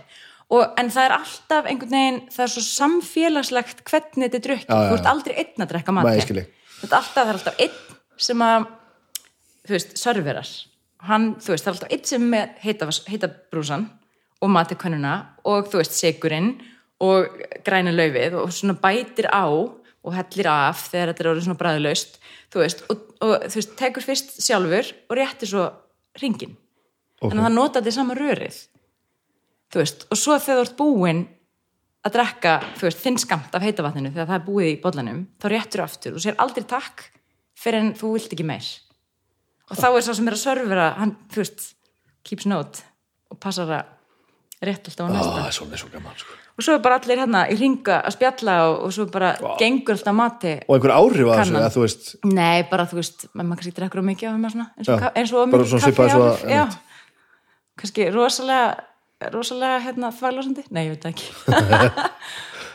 Og í hvernig hópið var- varstu dagstaflega að hafa Sko þá hérna var ég sem sagt ég byrjaði hjá fjölskyldu bara svona eðleri argentínskri fjölskyldu. Eðlilegri. Á, hljómar skringilega. Ég byrjaði hjá fjölskyldu þar sem var sem sagt foreldrar um, og tvær systur á svipur ekki ég og einn bróðir. Og hérna það var margt sem kom mér svona í opna skjöldu strax af því að, veist, af því að þetta er svo veist, Ísland, þetta er svo karlægt land sko Argentína, þú veist bróðirinn var með stórt sérherbyggi og við vorum þrjár í kóju og rúmi í já. þú veist, en hann var á- ástæðan fyrir hann átti að vera, hann átti að vera með stóra herbyggi það var svona frændi sem komst um að gisti þannig að það var auka rúm það var auka rúm þar inni fyrir frændan sko. Ah. en, svo, en líka kannski þú veist, og kannski einhverja gamlar ástæður þau höfðu alltaf verið með stráka sem skiptinu var áður. Já, já, já, og hérna heldu góðu sambandi við einn eða tvo af þeim þú veist. ok, ok. Og það var eiginlega óvart sem ég lendi hjá þessari fjölskyldu að því að ég hafði fyrst átt að fara til einhvers annars bæjar. Eða nei, ég átti að fara, fyrst að fara, ég átti að fara til Túkumann og hérna, ég var alveg búin að býta það í mig og lesa pínu um Túkumann og svona, vildi vera svona undibúin sko, svo hérna kemur í ljós að svo fjölskylda gæti ekki tekið við mér. Og ég einhvern veginn átti einhvern veginn erfitt með að fá sér upplýsingar og var bara, eitthvað, ha, á ég að fara til Mendoza í staðin ég, ég, ég, ég meika það ekki, ég þóri því ekki. Ég vil bara fara þangs ég átt að fara einhvað, og þá var bara fundin svona varafjölskylda sem tók mig bara inn, þú veist einlega rauninni kannski án þú veist, án mikils undirbúnings. Kannski fekk svona tveggjata nótis og bara, Já, já, já. jú, hún kemur bara. Þú veist, af því ég held að þetta sé líka bara ákveðin menning, svona þú veist, skipti nema menningin er, þú veist sumir eru bara hérna, eiga börn sem bara eru skiptinum og taka við skiptinum og svo er þetta bara svona partur af fjölskyldu lífinu. Þú veist, að hafa verið með skiptinum og vera skiptinum og eitthvað, en þú veist, ég er eini skiptinum í minni fjölskyldu og Já. þú veist, held ég sé ekkit endilega að fara að taka við skiptinum að fyrir einhvern tímann. Ekkert svona default allavega. Ekki default, nefnum kannski, jú kannski miklu setna, það gæti verið gaman. Þú veist, þegar maður er svona aðeins fullorðnani Já. eða eitthvað, með kannski fullorðin börn á sama aldri en hérna, já, en ég sem sagt fyrir þetta hérna heima var ég búin að vera sagt, ég er alveg upp mjög trúið og hérna í rauninni í svona svona litlum söfnuði á Íslandi. Og hérna en ekki, ekki þjókirkju prestur pöppiðina Jú, hann var þjókirprestur og svo hérna fekk hann sína köllin að vera ekki það lengur heldur fara hérna, að vinna fyrir svona kristili samtök og þá fara fóreldra mínir í svona minni kirkju ég held ég ekki að fara að nefna einhver mörg nefn, þú veist, um Og hvað mamma, kirkjur. mamma er trúið líka. Mamma trúi, mjög trúi líka. Og hérna, þannig að ég er svolítið svona alin upp í, í svona kirkjustarfi og hérna og byrja í rauninni svolítið að finna þú veist, tónlistina í gegnum það líka, því að ég hérna gatt sungið og þá var ég einhvern veginn farin að syngja á svona unglingasamkomum öll föstudagskvöld eiginlega bara öll mín unglingsár í rauninni og fram að þessu, fram að ég fór fór út sem skiptinu mig, hafði ég bara verið upp á sviði á öllum föstudagskvöldum og alltaf í svona samkomum sko. Já, já, og hérna, og það var svo veist, það var svo geggjaði skóli fyrir mig finnst mér í dag svona tónlistalega ég var alltaf bara, þú veist, ég var svona í tónlist þarna og svona í svona ákveðinu þjónustu innan safnarins, þú veist. Um, og einhvern veginn færði mig yfir rétt áður út af hérna félagslífinu aðla yfir í hérna kvítusunukirkjuna á Íslandi áður en ég fer til Argentínu. Þannig að það er svona frá kannski 16 ára er ég búin að vera að sækja svolítið samkomur þar. Og svo fer ég út til Argentínu og ég einhvern veginn þú veist, kannski uppliði pínur svona svo fótun að vera kift undan mér af því að flestir mínir vinir og að svona samfélag einhvern veginn hafði allt verið innan svona kirkjustarfs. Þannig að ég einhvern veginn þú veist, emmi rosa heimþráðna fyrst og var alveg bara svona rosa mikið að stíði báða, báða fætur bara hvað gerði ég, þú veist, fór ég hérna út og þú veist, þetta er ekki það sem ég er vön og, og hérna, þú veist, var einhvern veginn ekki að kynnast fólki þegar náttúrulega rosalegt lengutsberjar Já. þú veist, ég bara byrjaði ekkert að tala spænsku fyrir svona eftir tvo, þrjá mánuði svo er ég orðin alltalandi árin ég fyrir heim sko. Þetta gerist ógæslega hratt líka á þessum aldri sko. þannig að ég einhvern veginn, mér líður ekkert einhvern veginn nógu vel og svo allt í einu fyrir tilvílun þá kynnist ég hérna stelpu sem er hvítusunni stelpa á svipum aldrei ég. Argentinsk argentísk. Og er á leiðinni að fara í einhvern biblíuskóla eða eitthvað til bandaríkjana og hún, þú veist, ég kynnist henni mjög rætt og hún tekur mig á samkomi þarna í svona hvítusunni kirkju og hérna og þú veist, er náttúrulega kathólskan þarna úti er rosaleg. Það Já. er alveg bara, þú veist, allt sem var, þú veist, er svolítið svona Vatikan þú veist, lingu við, bara þetta er alveg nema það meiri dillinga trú í Argentínu heldur en kannski annar staðar í heiminum. -hmm. einhvern veginn, það er svona það er basically meira beði til dýrlinga og Marju heldur en Guðs og Jésu þannig að ég upplýði það svolítið og mér, þú veist, ég á þessum tíma mér fannst það bara skurðgóða dýrkun þú veist, eitthvað, ég var alveg alveg hérna fannst það rosalegt. Þannig ég var bara, já, hvað er þetta? Nei, en svo bara kynnist þess að stelpu, hún tekur mig á samkomu og, og þá kynnist þess að mömmu hennar og frængu sem býr hjá mömmu hennar af því hún er í háskólanámi í þessum bæ og vinkonu þeirra. Og af því að þessi stelp er að flytja út þá líður svona vika sem þau eru bara, já þú átt ekki trúalegt heimili hér í Argentínu þannig að við viljum bjóða að bara koma til okkar eða þú vilt. ok. Já. Og af því að mér kannski leiði ekkert eitthvað rosalega vel hjá fyrstu fjölskyldunni, ég var svolítið farin að pæli hvort ég ætti að byggja um að skipta um fjölskyldu. Ég var ekki að tengja alveg nógu vel við þau en þau voru mjög yndislega samt þannig að ég þykk það og þá er ég sem sagt bara það sem eftir er. Þetta, eru, þetta er svona ár og ég var þrjá fyrstu mánuðin hjá annari fjölskyldu. Og svo er ég bara afgangin hjá þessari fjölskyldu hjá þessari frængu og, og, og hérna við vorum þrjár hérna uh, hérna tíndu dætunar hennar sko.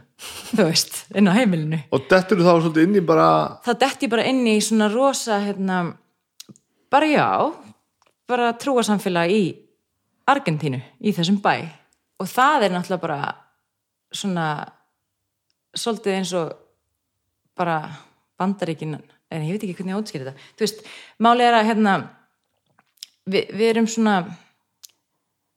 við erum miklu, við erum svo smá á Íslandi að við erum einhvern veginn miklu líkari innbyrðis heldur en ekki, þú veist, þó að fólk sem ósla ólíkar skoðanir, þá erum við samt svona pínur svona miðjumóð, fattur Já. en þarna fer ég, veist, til Argentínu í svona rosalega trúaland það sem er alveg bara rosalega kathólst og svo fer ég í Kvítasunni þar sem er alveg rosalega mikið þú veist, bara á styrum útskýri fyrir mig hvað kvítasunnu það er svona mm, það er það sem fólk ok, nú, hérna, ég vil tala um allt svona af virðingu, af því ég var náttúrulega í þessu í mörg ár hérna, það er sem sagt um, það er það er fólk sem að til þess að vera mjög lifandi trúað og er uh, og trúir svona heila og randi er svolítið mikill partur af þú veist.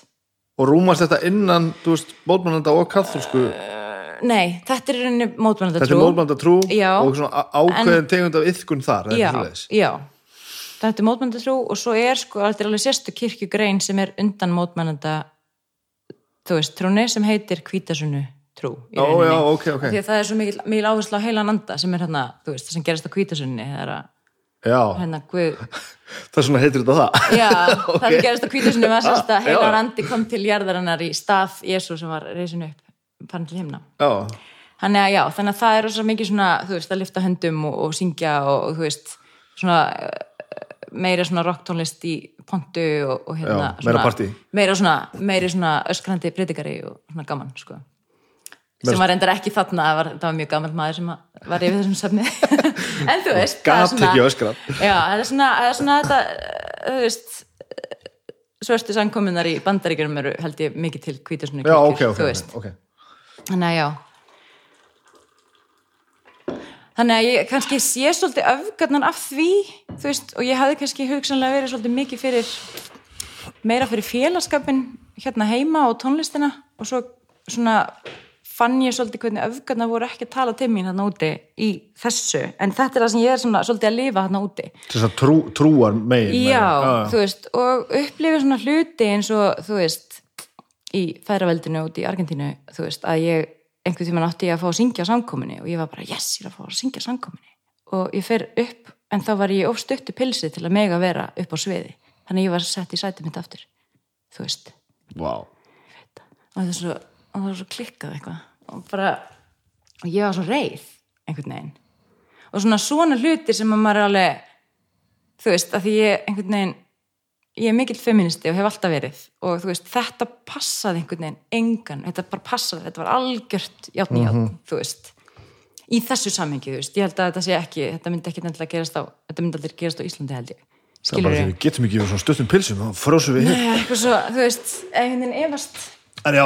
En kannski, kannski, kannski væri það einhvers, einhver sem myndi segja bara nei, þú mátt ekki þetta því þú ert í óstutupilsi, þú mátt ekki syngja með það því þú ert, eitthvað, samkvæmheður eða eitthvað, veist, þannig að þetta var svona, þetta alveg, var svona ákveð klass í mér sem að svona, ég tek með mér heim og ég fer aftur í Kvítursankirkina heima og, og hérna, og svo svona útskrifast ég úr mentó, já, ég fór að tala um þetta því að við vorum að tala um hérna að ég var í FIH meðfram MH já, ég ætla að, undirstrika að ég hérna sagt, ég var svo, svo upptekin af því að þú veist, gera allt á réttum tíma og svona, ég er kannski svolítið skver ég pínu Excel-skjálstundum þú veist, ég var bara, ég get ekki verið að útskrifast árið setna úr mentaskóla eða önn setna þannig ég bara fór í sumar áfanga og vann þetta upp og, og hérna og þú veist, kláraði MH á réttum tíma fekk alls konar metir enda fyrir Argentínu sko. Klára hérna MH 20 og eftir ég kem frá Argentín þá byrja ég FIH svona, ég hálf svona hálfi námi með. Og svo skrái ég mig þegar ég er búið með stúdendin í hérna var ekki alveg viss hvað ég ætlaði að fara í háskólan hvort ég ætti að fara í sálfræði eða spænsku eða hvort ég ætti að fara í arkitektúr eitthvað svona alveg út um allt. Og svona ætla alltaf að vera bara í FIH svona með, meðfram. Svo er ég bara einhvern veginn þegar að kemur að því að byrja í skólanum um haustið, háskólanum um haustið af því mér fannst bara, þú veist, ég kem af hérna, þú veist, mentuðu fólki og það er svolítið svona ment, ekki svona engin, engin kvöð, engin Nei. svona en það er svona, já, maður fyrir háskólan þú veist, það var svolítið svona það sem ég er svona elst upp með. Og hérna þá bara er ég bara eitthvað nei, þú veist, mér langar ekkert að gera þetta mér langar bara að vera í tónlist. Og þá fór ég bara að vinna og vera í FIH áfram og svo bara klára ég FIH í svona fullu námi sem var landsæft af því það var sérst kennaradeildin þar. Já, Já, fyrir þá kannski sem veit ekki þá er FIH hana tónlistarskóli félags íslenska hljómlistamanna sem sagt, það er það sem að stendur fyrir. Og ég vinn þar í dag meðal annars. Ok. þannig að já, þannig að ég klára það. Og á þessum tíma, þú veist, sem ég er kannski, hérna, mætt síðan í FIH þá, hérna, kannski springi svolítið út svona félagslega og, og tónlistarlega og, og, og svona skoðanalega og ýmislegt og svona einhvern veginn átti mig kannski meira á hvað ég vil standa. Og hérna já, þú veist, stelpan sem hafi verið í, í Kvítasunni kirkjunni í Argentínu og, og staði fyrir einhver svona svona uh, já, einhverju bara svona uh, kannski já, legg svolítið frá mér þetta trúar uppbeldi Já, svolítið, já. En á sama tíma samt var ég semst, fram að þessu var ég líka rosa mikið í hérna gospelkórum, gospelkóra starfi og var farin að stjórna gospelkórum líka af því að mér finnst það mjög, mjög flott músík og þú veist, var svona maður átti svona ákveðin læriföður sem var semst að stjórna gospel í Fíladelfíu á þessum tíma hvítur svona það? Óskar Einarsson, Já, já, ok. Hann er alveg, hann er snillingur Já, veist, og ég var semst, já hann er það. Það er allt sem hann einhvern veginn, maður sér hann gera, við veistur að alveg hann full on og allt saman bara bara vinnu fíkill og, og bara tónlistar gúru og, og þú veist, á sínu þessu sviði sko, sem gospel, í gospelinu og sem pianisti og, og fleira hann er bara, hann er æðislegur. Þannig að ég er sem sagt var svona pínu svona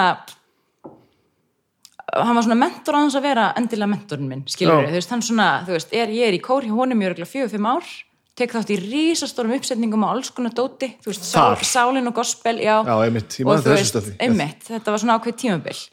Og þú veist, Já, þessi syngjum- kór var líka áriðin um eitthvað þeng, sko. Já, hann varð alveg reysa stóra á okkur tímabili. Og þú veist, fullt fullt af tækifærum sem ég fekk út frá þessu eins og bara, þú veist einhver var að vinna með gospel og, og byður um einhverja söngvara til að taka þátt í Jesus Christ Superstar sem var í borgarleikusinu og þá fæ ég svona smjörþefina því að vinna í leikhúsi. Það var ógæslega gaman þú veist, þannig að ég var söngvari og aukuleikari í þeirri sýningu. Já, og þú veist, fullt af svona Eurovision bakrætagikkum sem kom út úr þessu og, og því að maður, þú veist maður er í söngkóp og er alltaf að syngja í röddum það er einhvern veginn, það er svo mikið sem maður svona, maður, mann er böðst upp á sko. þetta er líka bara, þannig þurfum með svo mikið grundvaldra atriði bara að gera hlutina, vera í einhverju starfi og gera eitthvað og gera svo meira og mæta daginn eftir að þá, þá hittur þú fólki og þá, mm Mhm. veist, og þá gerist eitthvað meira sko. þetta er þetta eilífa bara, ekki, ekki gera ekkert sko.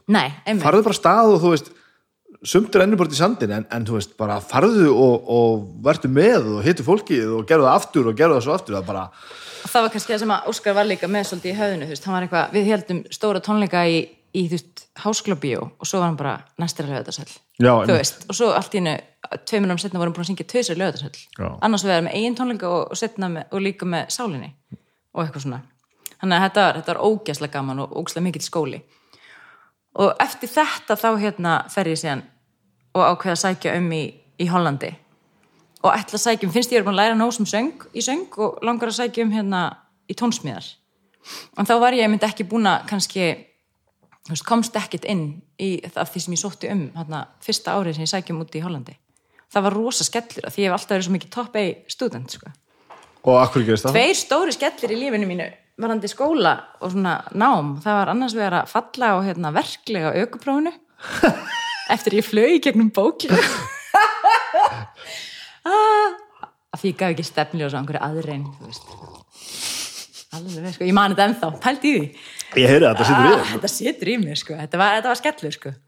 Nei, hérna, hérna já það sem ég betur fyrir náði mjög vel setna skiptið, en þetta var rosa skellur og hérna, og hitta hérna, sem var kannski mun meiri skellur að hérna að fara út og búin að fá sko, ég var búin að fá einhvern, þú veist, skólastyrk loka árum mitt í FIH því að, þú veist, fyrir góða námsarangur og eitthvað, það var eitthvað sem var þá held ég, þú veist og bara ganga vel í náminu í rauninni og komast ekki inn í það sem ég sótti um. Og hvað sóttur þú það? Ég sótti um sem sagt tónsmíðar og annars ver og hérna sem var svona það sem ég langaði meira að gera og þá var ég búin að gefa út plötu undir einn nafni hérna heima. Um, bara svona allt með mínu efni og, þú veist tíu lög og, eða tólf lög eða eitthvað. Og hérna gaf hana út með sem sagt Börk og Daða Byrgis sem voru þá í Jaguar aðeins rétt aður fyrir þetta. Þeir sem sagt pródusur hana og tóku upp með mér. Og þú veist það svona er sér jazz í stöð. Já, þetta var svona soulfeng jazzskotin Já. popplata í rauninni. Já. og bara mína lagasmíðar og það sem ég útskrifast með þarna og loka tónleikum heima og, og hérna var mjög stolt af þessu og, svona alls konar litlar útsetningar í þessu og eitthvað og svona þetta fannst mér vera svona miði inn í tónsmíðanám sem að hefði kannski gengið kannski í ef ég hefði sínt fram á eitthvað aðeins meira en með við samkeppni og þá sem sækja Já. með tónsmíðanám út í Evrópu, í Hollandi var það ekki miðin minn inn í, í nám þar sko. ein jazzgotin poplata var ekki nóg. Nei, þannig að ég veginn, ég var kannski ekki alveg með svona stærðagráðuna á svona hreinu, kannski svolítið græn með það, þú veist, og hérna og þá var, ja, söngurinn var svona vara, þú veist, þannig ég var ekki heldur alveg að fara með heilum hug hug í, hérna induguprófin en var líka bara ógeðslega óheppin í þessu ferli, ég einhvern veginn villist rosa mikið, þú veist, ég villtist í eitthvað indugupróf, kom ógeðslega sein og, og pínu, þú veist, maður gráta pínu að því ég var svo vilt og var sein í ógeðslega mikið veit indugupróf, þú veist, að þetta, þú veist, ég var ekki komið snjall, það var ekki snjall sími þú veist, ég var bara eitthvað þetta er 2000 og 2009, 10 Já. það voru kannski komin snjall símar, ég var ekkert með hann eða þannig, ég var bara með útprenta á Google Maps Akkurat. að reyna að finna þetta, einhverju nýri borg Og samt komið með Google Maps. Já, hældi því, það komið, þú veist, en ég var að prentið allt út, alveg, sko. Þannig að ég, hérna, já, þú veist, og svo, uh, þú veist, veikist ég og er rallus í öðru induguprófi, sem er aðeins setna, þetta var svona tíu daga tíumbil, svona nokkur, nokkur indugupróf. Og þannig þetta er að fara út og Já. bara mæta fysikli. Og allt saman í Hollandi, eða? Já, Af hverju Holland? uh, af því að ég, hérna, var með mínum fyrirvendar þessum tíma og við vorum saman svolítið að músisera, eða vorum saman í hljómsveit og við vorum búin að ákveða að við ætlum út til Hollands í nám og hann var með augastað á, á hérna, skóla þar og hérna og ef að hvort okkar kemist inn þá ætlum við að flytja til Berlín Bam. Bam. og það var, málið var alltaf einhvern veginn að við sáum alltaf fyrir okkur að ég kemist inn í nám af því ég var með alls konar undanfara og grunn og eitthvað og hann ekki og, og hérna og hann kemist kannski ekki þá ætlaði hann bara að fara að vinna. En það var akkur döfut, hann komst inn. Og ég Og það er svo gott þegar maður er raskættu svona. Já, veistu, það var alveg kannski bara ágætt, maður er svona þú veist, maður, þetta er bara, bara fínt að vera ekki alltaf að fá ekki alltaf upp í hendurnar, Nei. ekki það mér lýr ekki þess að ég hafi fengið alltaf upp í hendurnar Nei, í lífinu, sko en þú veist, það er svona, það var fínt sko, en það, þú veist, gerði það verkum að ég var meira sjálfbjarga það sem eftir var af hollandsduvelinni sko, einhvern veginn af Sem- því að, hérna, ég, þú veist af því að ég þarf bara að fara að vinna og þarf sett fóruð út, hann fór skóla Hann í og þú skóla og ekki komið yngungi neitt þá. Nei. Nei, ok. og ég bara, ok, ég ger þetta bara. Þú veist, rosa, þetta var alveg áfall fyrir mig, sko. Um, áttaði mér svolítið á þessu tónsmíðarlega og ég vissi alveg, þú veist, ég gæti komist inn. Það var eitt sem var rosa hvetjandi í hérna indökuprófi í hérna tónsmíðan var bara eitthvað, ok, þú veist, að sína mig poplög. Komdu með eitthvað meira eitthvað, eitthvað annað. Komdu Já. með eitthvað á næsta ári. Komdu með eitthvað svona, eitthvað verk eftir þig þú veist, og ég alveg, já. Og einhvern veginn kannski svona gugnaði smá, þú veist. Þannig að ég er svona anyway, ég þarf að fara að vinna þetta í Hollandi og fyrsta sem ég finn er eitthvað svona útsendara þjónastarf. Og ég átti sko að gera svo vel að kaupa mér skirtu og pils og, og, og vesti sem fór engum vel og mæta á mínum skóm og þeir eru að vera háhælaðir. Og Yes. svo var ég bara í einhverjum send á mismunandi hótel fyrir klink á hælum á 12 tíma vaktistundum þú veist, og kannski hálftími í pásu einu sinni á vaktinni eða eitthvað, veist, þetta var svona, þetta var svona þræla vinna sem að nemendur sérstaklega ellendi nemendur í Hollandi voru svolítið að gera Hvað varstu? ég var í Haag, Haag. Den Haag Den Haag. þannig að hérna þetta, ég vann eins og brjálæðingur í þessu svona kannski einhverja nokkra mánuði svo var svo lítið að gera eftir hérna, veist, ég fyrir náttúrulega út um haust svo var svo lítið að gera eftir jól allt brjálæði í nómur desember var að vinna eins og brjálæðingur svo var bara svo fáar vaktir að fá. Og var hægt að senda svo fá að gera eitthvað að ég hérna verða hérna finna eitthvað annað. Og þá fer ég bara eins og vindurinn að sækja um hérna um, bara í svona, bara svona fin- reyna að finna svona childcare center, þú veist. -hmm. og það var alls konar að því það er rosa mikið af, þú veist, erlendu fólki sem býr í hag uh, annars vegar, þú veist, náttúrulega og svo ógeðslega fyndið, þetta er svo þetta er svo, þetta er svo, það er svo mikið stjættaskipting í hver eru innflytjendur og hver eru ekki fattur þau, þú veist, það eru, eru nýbúar eða innflytjendur og svo er það expats. Og expats eru sko erlenda fólki sem að vinnur fyrir hérna fyrir stóru fyrirtækin eða Já. domstólinn, hérna, alþjóðdómstólinn eða, eða hérna. Þannig að ég veit að þannig að það, það er ekki svona kalla sama nafni eða, erlendur ríkisborgari Ekki svona- Ekki sem verið að reyna að fela þetta. Nei, þannig að hérna, það er náttúrulega fullt af svona childcare hérna, centers fyrir expatana. Já, já, já. uh, og þá er allt til enska.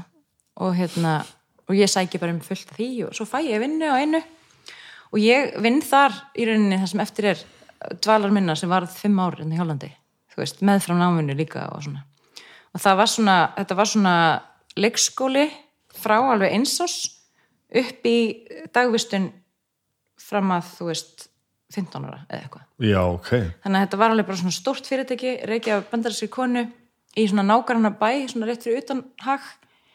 Um, og þar var ég bara, þú veist, að gera ímislegt fyrst var ég bara í, þú veist, childcare þú veist, ég man ekki, ég svona prófaði mig áfram. Ég var örugglega á einhverjum tímum að vinna í öllum þú veist, mismunandi aldurshópunum, sko. En ég enda á því að þegar ég var komin í námið þá hérna var ég að vinna oft bara svona fjóra tíma tvisar í viku, bara með svona tónlistaworkshop fyrir alla já. þannig að það var rosa næs þá var ég bara, hérna mætti ég bara með gítar og, og hérna, var bara að syngja með þeim og tónlistaleiki og eitthvað svo leiðis þannig að það var svona tengdara því sem ég var að gera svona setna meir þegar ég var komin inn í námið Hvaða nám? Sko, Hvað leið, Já. hvernig gerist það þá? Já, það gerir svo þá, þegar hérna, fyrirhandi var búið með fyrsta ára sitt í uh, skólanum sínum sem var líka listaháskóli svona sýstur skóli hérna, tónlistarháskólans þá sæki ég um aftur og hérna og ákvað þá að leggja aðaláðsla söngin af því að ég var kannski ekki með þú veist, við þorði ekki að leggja aftur aðaláðsla á tónsmiðanar einhvern veginn og sæki um að nokkrum stöðum og fæ inn í hag og þá fannst mér það bara, bara golden, bara fínt að vera, við varum bæði í hag Já, þú veist ekki einu svona að flytja á ekki neitt Nei. og engi ferðalög og ekkert. Nei, já. þannig að ég hérna bara, já, flýgin í þetta setnaskipti og var rosa vel undirbúinn og, og svona og hérna, Og ertu að læra jazz söng? já Hvað er það? Er, sko, mér líður stundum eins og að það sé bara ekki klassíku söngur. Mm. málið er náttúrulega, Svo kom eitthvað tíma afsakaðu, já, eitthvað svo þetta complete vocal allt saman, sko. já svona þar fyrir utan þá líður maður bara ef þú ætlar ekki að læra að syngja ariðurnar sko mm. og stí- stíga á svið með óperunni og, og, og klassíska sittið allt saman þá ertu bara að fara að læra jazzsöng. Af því að í, mín, í, í mínum veruleika er hvorur þetta mjög relevant sko. Þú veist, ég fatt að ég djassengur er náttúrulega, þetta er, þetta er rosa uh, grein út af fyrir sig, eða jazz eh, þú veist, -hmm.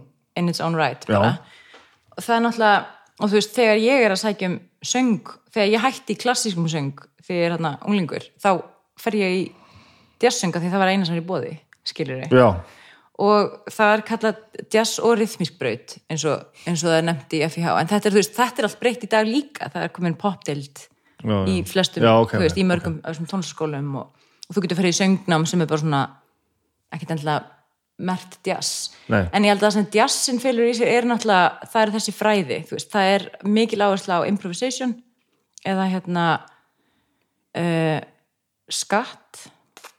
Hvernig, þú veist, já já, skattsöng sem er náttúrulega bara, þú veist, þú ert að hugsa þegar þú ert jazzsöngvari þá ert að hugsa svolítið eins og hljóðfæri Mhm. -hmm. þú veist, þú ert að þræða tónstegana pínu þegar þú ert að já, syngja sko.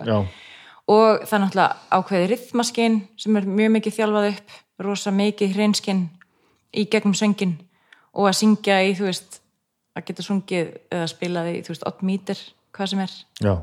og hérna og náttúrulega bara, þú veist öll hérna sagan og þú veist, taka hérna og þú veist, taka inn af frá öllum gömlu flottu söngurunum sem að já, já. gerðu djassin, skilur já, já. þannig að það verður svona grundvöllurinn og náttúrulega fræðin af því að þú veist, það er engir, þú veist, ég held að djass tónlistamenn eru þeir sem að kafa dýpst í í þykka hljóma já, já, alveg klálega já, og svona extensions og eitthvað þannig og að það, það, fylgir þar líka þegar þú ert að læra söngin já, já, Já, já, já, þú veist þig. að gera þetta allt líka sko. þannig að hérna þá verður þeóriðan svo stór partur af náminu og ég einhvern veginn hugsaði þegar ég fór að læra þetta heima þá var ég bara já, ok, hérna, hérna læri ég þetta fæ ég mesta vittnesku úr tónlistanáminu já, eða þú veist, einhvern veginn. Ég veit ekki. Varstu þú veist ég var ekkert endilega með brjálan djassáhuga þegar ég fór í djassnámið hérna heima, það. Veist, en það svona kom að þetta jazz fyrir mér er bara rosa þannig að kannski bara allra síðustu ár bara mjög fjarlægur sko. það er náttúrulega bara klassík seinustu aldar, fattur þau af því að klassísk Já. tónlist er náttúrulega bara það sem við heyrðum, þú veist, var þú veist, í seinustu árhundriði Mhm. og að- jazzin er náttúrulega bara klassík síðustu aldar, ef ekki bara bara fyrirbortins í rauninni, þannig að þetta er bara þetta er rosa þetta er bara ákveðin, þú veist, kategória að sjálfsögðu Mhm. sem að er náttúrulega bara dáð og dýrkuð en þú veist, ekkert endilega jafn relevant og hún var þú veist, því hún var náttúrulega allt, þú veist, hún var popular music já, tónlistin bara. akkurat, akkurat, akkurat. Hérna áður fyrr. En já, þannig að það er svona jazz áhugin minn þann þjálfaðist svolítið upp í þessu námi hérna heima og bara áfram úti. En en ég dræfið, nýtti mér þetta alltaf meira svona fyrir mig af því að ég, bara ég held ég sé með ótrúlega svona viðfeman áhuga á tónlist. Já, Og hann ég- dræfi við þér músík fyrst og fremst. Já, og ég einhvern veginn hef alltaf meðfram öllu þessu námi verið að semja poptónlist þú veist þannig að ég er ekki endilega að semja jazztónlist og Nei. ég syngi mikið jazz svona öðru hverju hérna, syngi jazz tónleika og fyrsta æði Mhm. þú veist, þá hef ég ekki endilega verið að fara í þá átt, þú veist, að vera bara, þú veist, bara í því heldur, þú veist, ég er miklu meira nýta allt sem ég kann í, í mitt sem Já. er stundum svolítið orkestral veist, þannig að ég hef verið þú veist, ég gaf þetta að plötu 2009 sem heit, veist, undir mínu nafni sem heitir Not Your Housewife og var svolítið funk pop Já. soul pop svolítið og síðan í Hollandi þá fer ég að þú veist þá hérna, þegar ég komin inn í jazzsöngin þá hvað ég að reyna þú veist, færa út kvíarnar inn í skólanum sem að reyndist mér mjög öðvöld af því að ég fekk margt metið úr náminu það heima og gætt tekið áfanga í öðru í staðin þannig að Já, já. ég hérna tek alla hérna, ég fæ sko enganám í tónsmíðum inn í skólanum og svona er í alls konar útsetninga og klassískum útsetningatímum og, og jafnvel þú veist þessi, þessi skóli var mér rosalega flotta svona ráftónlistadild eða svona ekki svona ráftónlistar eins og við hugsum heldur svona noise tónlistadild meira, þú veist, allir, ég veit ekki hvað ég kalla það. Er nokkru íslendingar sem hafa lært að núti í þessu, þessu geira. Þannig að ég svona náði að svona smakka á rosalega mörgu þarna. Og líka sönglagasmíðum í gegnum tónlistarháskóla í næsta bæ, í Rotterdam sem sagt, næsta bæ, Þetta er borg. sem er þess, maður er 20 myndur á milli. Segja, þetta er ekki langt á milli það ekki land á milli. Sem ég fór í alveg, þú veist, bæði enganám og hóptíma í tvö ára fjórum árum í skólanum. Þannig að ég hérna lærðis og það, þeir voru semst með popdild í sínum skóla. Rotterdam háskólinn var með þjóðlagadeild og svona latin tónlistadeild og popdild og fleira sem að Hag var ekki með Hag var með sko barokkdild og þú veist, bebop-dild þú veist, meira svona í svona, þú veist, klassíker einhvern veginn. Ok, Þannig að ég, hérna, ég náði að taka rosa margt inn hérna, í þessu námi og læra sem mest og fór að semja rosa mikið það sem ég var svona mest að pæli í þá sem var svolítið svona stór orkestral poptónlist eins og Florence and the Machine og Woodkid og Laura Mvula og fleiri sem eru, eru með, þú veist, þessi symfónísku hljóðfæri inn í Já, poppinu. einmitt, og ég fekk gæði okkar á því að núti og svo fekk ég tækifæri til með vinkunum minni sem er þýsk uh, og annari hollenskri vinkunu og við settum upp svona svona lifandi tónleika upptökutónleika. Hérna, manstu þegar snarki þú veist, þetta er eitthvað sem var ógæslega stórt í jazzheiminum. Snarki pöppi þeir komu, þú veist, það voru svona tónleikar sem voru droppið á YouTube hérna einhvern tímann 2010, 11, 12, ég man ekki og það voru svona headphones koncert og sást að það var áhörundur í salnum og all, all, all bandi með, með heitantól og þú veist, það var bara lifandi upptaka á reisastóru sviði. Mhm. -hmm. og við ákomum að gera svona okkar útgáfa því og fengum fullt af samnefndum okkar með okkur í þetta. Og náðum einhvern veginn að bara búa til hópeflið í að hérna, Já, gera svona tónleika og við gerum þetta tvisvar. Og hérna og þá af því að ég hérna einhvern veginn vinn svo ógislega vel þegar kemur pressa eða deadline ég geri allt sem þarf þegar það er deadline. Og ég er ekkert endilega að gera rosa margt þanga til eða fyrir það, fattur þau, en þannig vinn ég bara. Ég þarf að gefa sjálfur með deadline til þess að ég geri eitthvað. Já, ég þekki þetta mjög, mjög, mjög vel. Já, og þá, þá líka, þú veist, þá deliveri ég, skilur og ég geri það. Og þarna fekk ég þetta deadline. Ég fekk til að taka þátt í svona tónleikum og ég vissi að hún ætlaði að skrifa út fyrir brass og strengi. Og ég alveg, "Ah, geðveikt, og þá byrjaði ég hérna skrifa tónlistina mína út fyrir svona stærri hugmynd í rauninni af hljómsveit og, og ákvaða að kalla mig Mimra sem er listamannslafnum mitt ennþá í dag, Mimra og hérna skrifaði út nokkru löguna sem ég hefði verið að semja þarna og setti inn, þú veist, alveg bara svona meira, svona þykkara kjöt á beinin með því að skrifa út fyrir brasskvartett og strengikvartett með popljóstinni. Og hvernig þá að dempa sér út í það þú veist, og þetta ekki beinlinnins búin að vera að læra þetta sétt, sko En ég var búin að vera að læra það. að skrifa þetta út og það já, allt saman ég já, ok, hafði lært það áður og ég var að læra það þarna já, ok, líka. alveg, þú vissi hvað þú varst að fara að gera og hafði aðganga kennurum til að bera þetta undir og, Já. og þú veist, sjá hvort það væri ekki allt það var náttúrulega rosalega næst sem að þú hefði kannski elskað að fá að geta borið þetta undir einhvern svona fylgukennara eða þú veist, útsetningakennara Æ, menn það var stór mál, Bara, þú veist, þegar veist. byrjuðum í skálmöld og, og Gunni mm. Ben var bara með grunnin í þessu. Mm. Það allir hafði bara aðganga manni sem að skildi mig Er ekki Gunni springmyndaður? Jú, Já, nákvæmlega. þá, þá hafði ég bara mannin sem að hann, hann, en þú veist hann var aðeins búin að dýfa sko, tannu hann í poppið, sko Já, en við þurftum alveg að kenna hann að fínu að vera hljómsveit. Hann skildi þetta ekki alveg, sko. Aha, já, ok. já, hann var alveg glórulega, sko, tala ekki um að vera í þungar hljómsveit. Hann, hann held bara að hann þyrfti að vera í svörtum ból og, og standa, gle, standa gleður, sko. Þá var þetta nóg. Er það ekki nóg? það kemur þessu reyndar mjög langt bara í futtir alvöru. Bara attitúti? Það er, það er aðeins stór partur af þessu. En, en þá er þetta bara, þú veist að geta bara heila spurt, sko. Svo bara koma Já. með eitthvað bara, þetta, ef að þetta hljóðfæri gerir þetta, þetta hljóðfæri kemst ekki þarna upp, sko, bara, nei, já, Og veistu hvað snildin í dag með það? Þú veist, það eru nótnaskriftafóritin já, já, sem já, að þeir sem, sem að bara hafa vit fyrir þér. Já, af því að þú veist, í gamla dag og, og bara að googla hlutina af því að þú veist, í gamla dag náttúrulega þurfti allir að skrifa allir þessir masterar, skrifuðu bara með blað og blíjant sko. þú veist, og núna getur þú bara ætla að láta fyrir frá þangað, æ, það kemur rauðnóta þarna, það þýðir að hún kemst ekki þangað. Já, það ætla ég bara að breyta þú ok, shit, hvað þetta er það spennandi er mjög næs. En þá komum við þetta, þessu út að tala um og ég hafði bara afgangu að einhverju sem ég ekki að tala við, sko. Já, Og bara- nákvæmlega. Og sama tíma að núti, þá er ég sko í ráftónastaljómsveit með hérna fyrirhandi ok, og við erum að, að hérna, hafa svona kannski hans hugfórstu sem ég kem svolítið inn í og við, þú veist, störstum bandi saman uh, og erum svolítið mikið að spila í popsinni út í hag. Og hérna með okkar, ok, okkar efni og svona pínu svona að reyna að koma undir okkur fótunum þar. Og þá hérna í leiðinni meðfram tónlistarnáminu sem var svona akademísk, þá er ég að læra á hérna forritin svona production forritin sko. Já, og læri á Ableton Live í gegnum svolítið hljómsættastarfið okkar sko. já, já.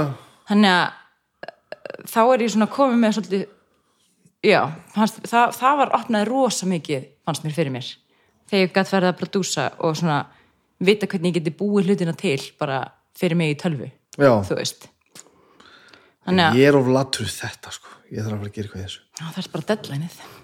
Á, með, með Ableton, já, já, bara já, nú þurft þú að skila hérna tónverki. Já, ég fyrir bara, er bara þetta session sendt frá bróðum mínum svo ég Já. bara rauðatakkan og, og sendur hún fælala sko. Aha, eftir ég, ekki svona klippa ha, það er nú bara, það er svona svo einfalt sko. það er mjög einfalt, já ekki segja honum þetta ég, það er bara, verkaskiptingin er þessi Nei, ég, ég, og þú veist, ég er alveg ég er alveg, alveg í grunninn ansi tech-savvy sko. Og ég hef alveg áhuga á svona hlutum og, og getið allt sko.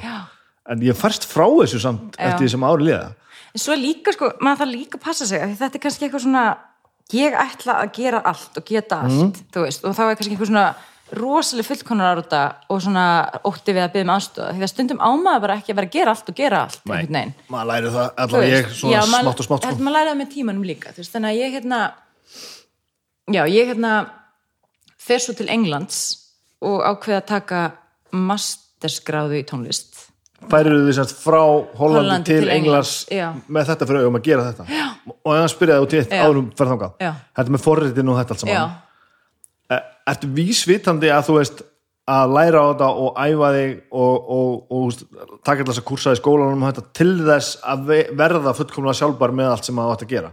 Ég veit það ekki alveg. Eða er þetta það bara einhver svona rár áhugi? Sko, að því ég auðvitað er Ég- rosalega af því að, að, að sko, það er svo margt þarna sem ég myndi ekki gera hverjum degi en Mhm. ég væri rosa til í að geta bara gert þetta. En ég get það ekki sko það sem hefði verið ógislega næs að gera, hafa haft tíma í að gera væri að vera bara einmitt í hljómsveit og ekki vera að gera þetta. Nei, tjók, þú veist, í staðin ég svona, ef ég hef verið þín megin borðsins að vera bara að vinna upp vinna upp, þú veist, sko. hljómsveitina og nafnið og, og repertvarið og eitthvað. En þú veist, í staðin er ég bara þú veist, að, eða, full, eða fullt af árum í að verja fullt af árum í að menta mig og læra þetta og taka þetta allt inn sem ég sé náttúrulega ekki eftir. En Mhm. Þú veist, það já. hitt hefði líka verið geggjað. Þannig að ég veit ekki, ég held að hafi sko útsetningarnar gerði ég rosa mikið af því ég ætlaði og langaði og því að, af því að það var alltaf svona, mér langaði tónsmíðar. Þú veist, og það er rosalega stór partur af líka því sem ég geri og vil gera í dag skilur við, Mhm. að semja tónlist sem er ekkert endilega sungin tónlist sko. og þá framlega þitt eigið Já. sem þú semur og útsettur og hefur svona stjórnin yfir hvernig verður það já, þannig að ég einhvern veginn já, algjörlega að geta gert, veist, ég veit ekki hvað það var sem að knúði mig áfram veist, ég vildi bara geta gert allt og langaði að kunnið allt. Og mér fannst strax þarna held ég að það að ég væri ekki að prodúsa sjálf ákveðin hækja. Já, og af því að fyrirhandi var semst alltaf að prodúsa okkur og svo, og þú veist, var ekkit endilega tónlistamentaður og svo kom eitthvað svona, eitthvað svona nögt eða högt í eitthvað sem hann var að gera.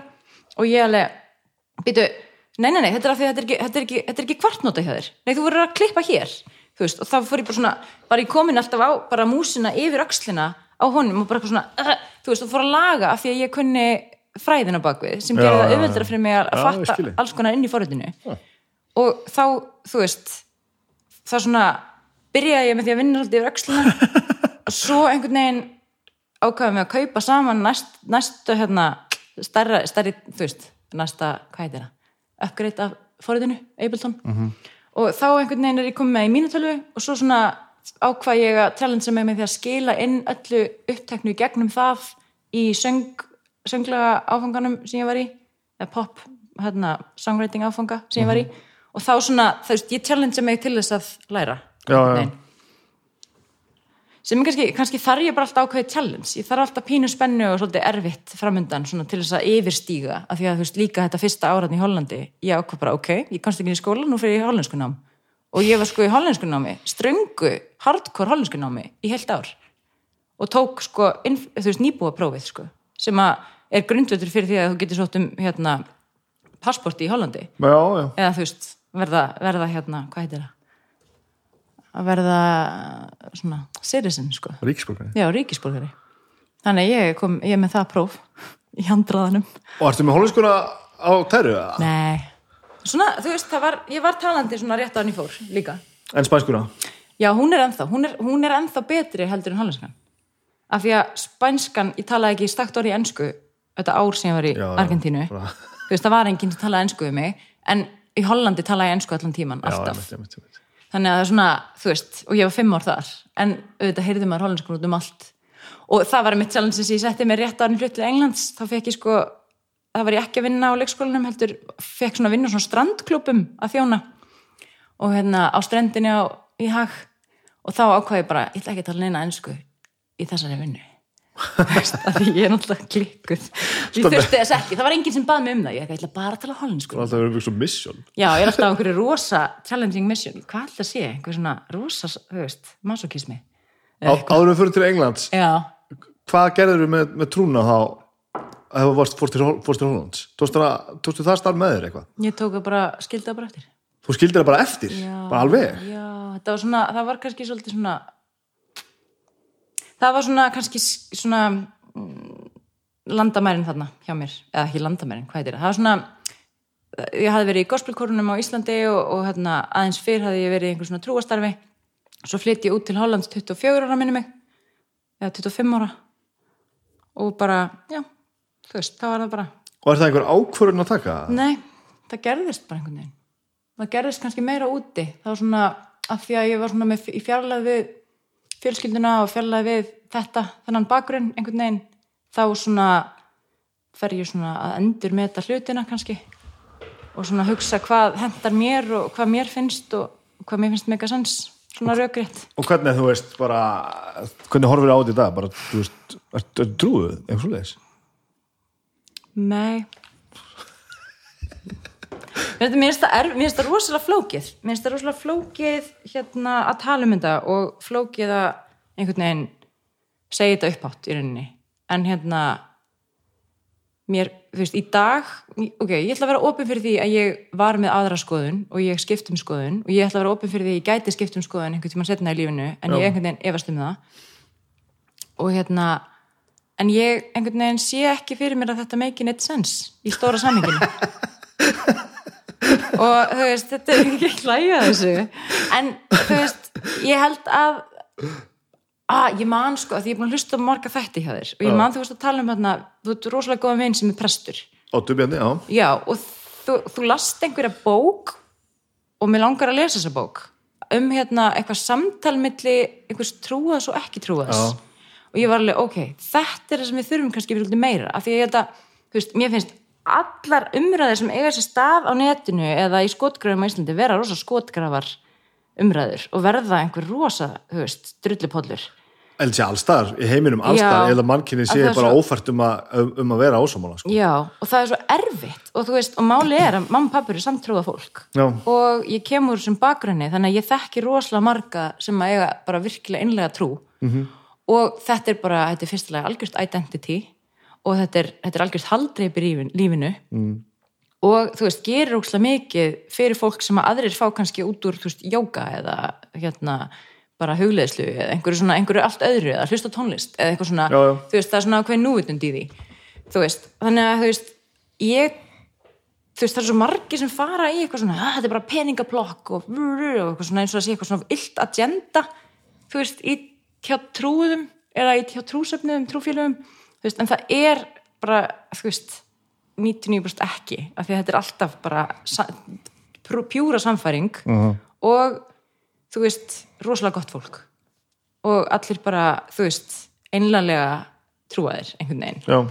og ég hérna þú veist, þannig að það að ég skildi svolítið bara svona fjarlægast þetta og taka mig svolítið út úr þessu, það þurfti held ég til þess að það að ég var ekki, þú veist, lengur á Íslandi einhvern veginn. Já, og Að ég komin svona úr, bara- úr þessum aðstæðum einhvern já, einhvern veginn bara, þú veist bara já, ok, ég hérna veist, ég, er ég viss um að ég, mér líður svona og ég, þú veist, trúi þessu og En mannstálega tilfinninguna að hafa, þú veist, trúað bara. já, virkilega.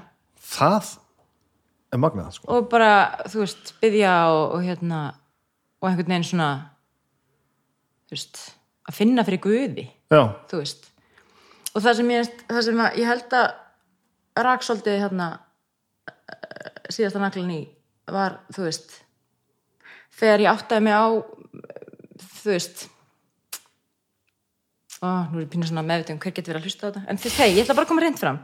Það er bara svona, þegar ég áttaði mig á hvað mér hafi fundist vera trúarupplöðun það eru ákveðnar heilastöðvar í okkur sem er hægt að tryggjara sem er hægt að tryggjara á ymsan hátt sem getur tryggjarast í hérna þú veist, hugbreytandi efnum neistu á þeim eða á bara rocktónlist þú veist, Já, já, rocktónleikum einmitt. eða eitthvað svona, einhver svona þú veist, upplifun að þú farir næst út úr líkamannum sko. og þetta eru bara ákveðna heilastöðar sem að mannkynnin alltaf bara búið að hérna þú veist uh, rækta gegnum árþúsundi af því að það fylgir alltaf öllum öllum hérna þú veist, öllum þjó- þú veist, gegnum aldirnar og þú veist, frá uppruna mannkins höfum við alltaf trúað á eitthvað aðra hvað sem það er, og það er náttúrulega þú veist, einhverja, hvað, 800 guðir til í heiminum eða eitthvað, svona, sem að mannkynni hefur búið til. Vil tóra miklu fleiri að maður. Já, eða meira, skilur við, þannig að það er svona, við erum alltaf, við erum alltaf með, hérna, veist, það er eitthvað sem er aðra okkur sem við treystum á, að bjarga okkur og, og hjálpa okkur og, og gera uppskýruna og að, veist, þetta er eitthvað svona, veist, þannig að það er hérna, veist, við erum búin að rekta þessa heilastöð fyrir Guð í heilanum á okkur og, og ebla hana gegnum allir þessi ár, þannig að það er ekkert skrítið að hún virki bara, fattar þið? Já, algjörlega. Svo þetta er alltaf líka, þetta er friðþægandi og, Mm. og, og, og fallegt líka, sko. Já, þannig að ég hérna ég vildi óska að það mættu bara allir hafa hlutina eins og þeir vilja fyrir sig og ekki, þú veist já, og það væri bara allir getur lifað í sátt og samlindi þú veist, eða eitthvað Ég- Æ, fattar mig, ég, veit ekki Mm. ég upplifði alltaf þannig og ég hef náttúrulega svo gó- góðan aðgang að þessum odd sko. Að ég er svo hrikalega ég er svo skít heiðin sko. ég trúi svo Mm. innilega ekki áneitt svona Nei, en sko við stærsti sigurinn vera það að að að, að ná bara að hugsa þannig að við viljum bara það sama sko. mm. en við þurfum að leifa hvert öðru að vera ósamálega hvernig við gerum það mm -hmm. þá farð þú bara að gera það sem þú gerir þú ert ekki að skaða neitt, ekki mig og engan annan sko. og leiðu mér svo bara að gera það sem ég geri og svo mætust við bara á miður leið sko. og og allir glæðir Já, en þar sem að línan þarf að liggja er þegar að uh, trúar doktrínur smitast yfir í pólitík. Þar þarf línan að liggja í öllum samfélagum, að mínum mati.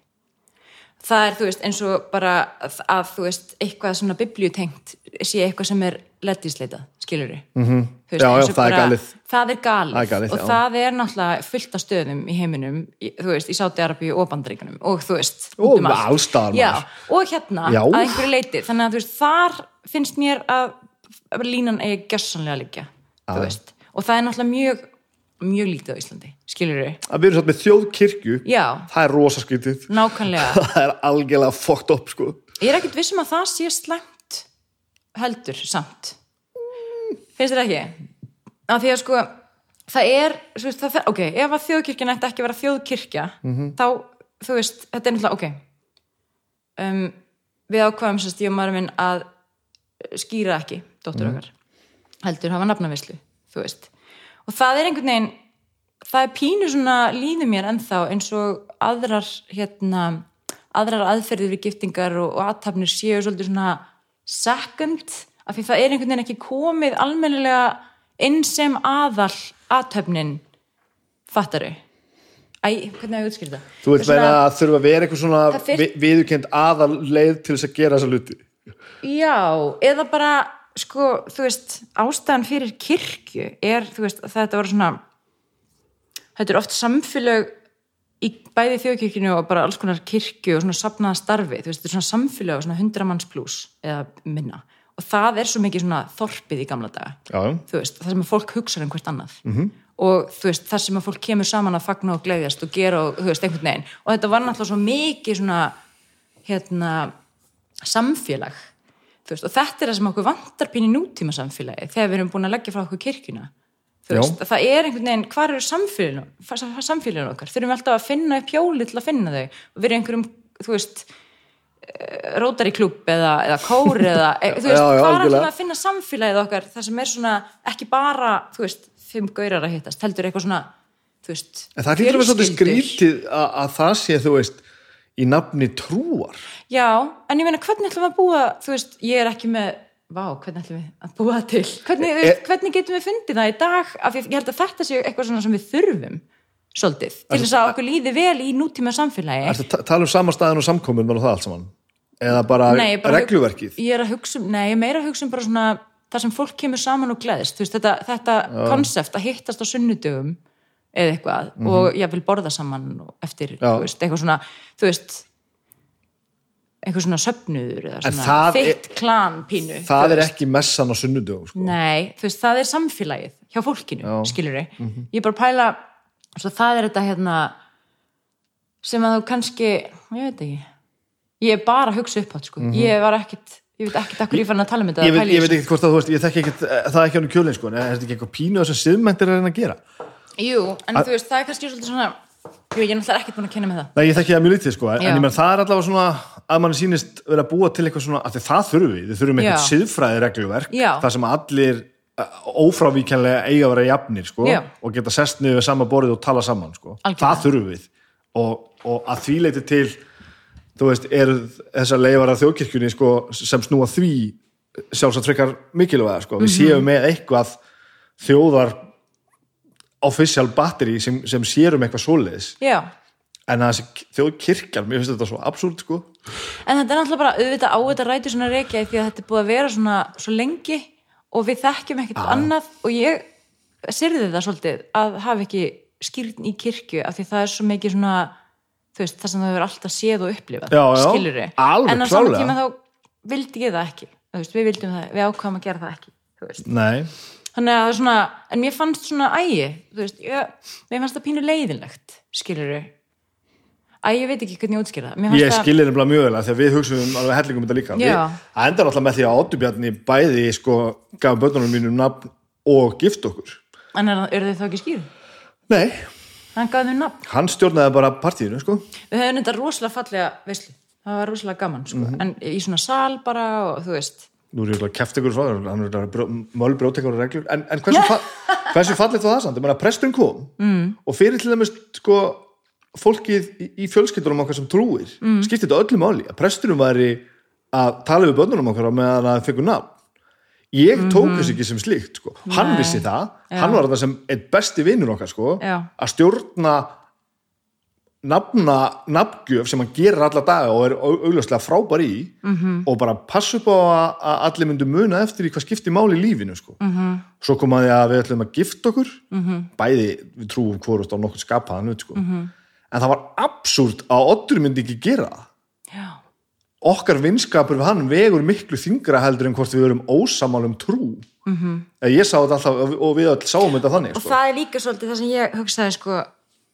Ég, ég sérði það líka rosa mikið að pappi skildi ekki skýrar Já, og já, hann muni kannski ekki gifta mig Þetta stendur náttúrulega svona- náttúrulega svona Já, þetta er rosa nálægt og þetta er rosa mikið nálægt fjölskyldinu minni. Og þú veist, þetta kom kannski með pappa svolítið óvart líka, ég hafði ekkert endilega verið að ræða þetta við þau, ég ætl- ætlaði kannski aldrei að ræða þetta við þau, en maðurinn minn er mjög ekki trúaður. Já, og hann gæti ekki hugsa sér Nei, þetta, nei, nei. þannig að ef að þú veist það hefði ekki verið fyrir hann eða ef hann væri svona meira, já, já, sama þá hefðum við líklega bara skýrt hana, sko litlu, það er ekkert mörg ár síðan að ég hefði sagt ekki fucking sense. Nei, mitt, Að ég held líka kannski, kannski hugsanlega á öðrum tíma í lífi mannsins míns hefði honum verið minna sama en kannski ekki, hann bara, þetta var, fyrir honum var þetta mjög Já, og ég, Mjög skil, ó, ég skil hann mjög vel sko. þannig að þarna var það bara, er það, er það maðurinn minn er að fjölskylda, og veldu mín það var, það var erfitt, mér fannst það pínu erfitt sko. ég trú því vel. Já, en hvernig, veist, hvernig tekur fólki í kringum hann á þessu þegar og einhvern veginn bara það sem hefði náttúrulega verið betra er að ég hefði átt þetta samtali með pappa einhvern tíma fyrir lungu já, já. en ekki bara eitthvað svona, heyrðu, hérna, bara láta ykkur vita. Nei, ég ætla ekki að rugga bátnum. Ég ætla bara aldrei að ræða trúmál við þau. Neitt, sérstaklega. En þetta er sérst að bátur sem að getur ruggast það er þannig. Já, þetta er náttúrulega, veist, það var bara, þetta var ekki, það var engin reyður, þetta var bara ákveðin sorg, Já, já. held ég, þú veist, fyrir eðlilega, þetta er eitthvað sem hún lifir eftir þetta, er, þetta er eitthvað sem að skipti þau öllu mál í lífinu og, og þú veist, en, já, fyrirskilna skipti þau samt meira máli, þannig að bara allir að það komin líka í grunnina þessu öllu saman sko. ef að fólk getur ennþá að tala saman og verið sammálum og vera Mm. Já. ósamála þá hlýtur það að vera, vera, vera grunnina öllu sko. veist, og það er kannski líka svona mín nálgun á þetta er, þú veist, ég, það hef, við, í okkar tilfelli höfum við ekkert upp á því að ræða þetta mikið. Nei, nei, af því ég er aldrei að breyta þeirra skoðan og þau eru ekki að fara að breyta minni. Nei. Núna, og, allir, og allir vita það. Já, við erum ekkert að tala um það heldur. Þú veist, ég fattar þau, svona veist, ég veit bara að það hefur ekkert upp á sig. Og, við, veist, og í mínu tilfelli þá veit ég svo sem öll svörin sem að þú veist, ef trúar maður ætlar að tala við ótrúan mann, skilur Mhm. þú veist, það eru bara allir standa mér fast á sínu. En þú veist, eru kannski ekki búin að heyra öll mótsvörin eða rökin. En í mínu tilfelli þá er ég bara þú veist, ég er búin að standa begja með borðs mm -hmm. þannig að ég, ég veit alveg hvert fara að segja. Já, já, já, einmitt, Æ, fattar ég En ég held að þetta er alltaf sannfæring þú getur ekkert látið einhver trú einhverju sem hann gerir ekki og öfugt, skilur þetta er bara, þetta er 100% sannfæring sko. ég sé alla daga endalöst og heyri í fólki og sé að gerast að vinu minn hann Óttubjarni prestur hjá þjóðkirkjunni mm.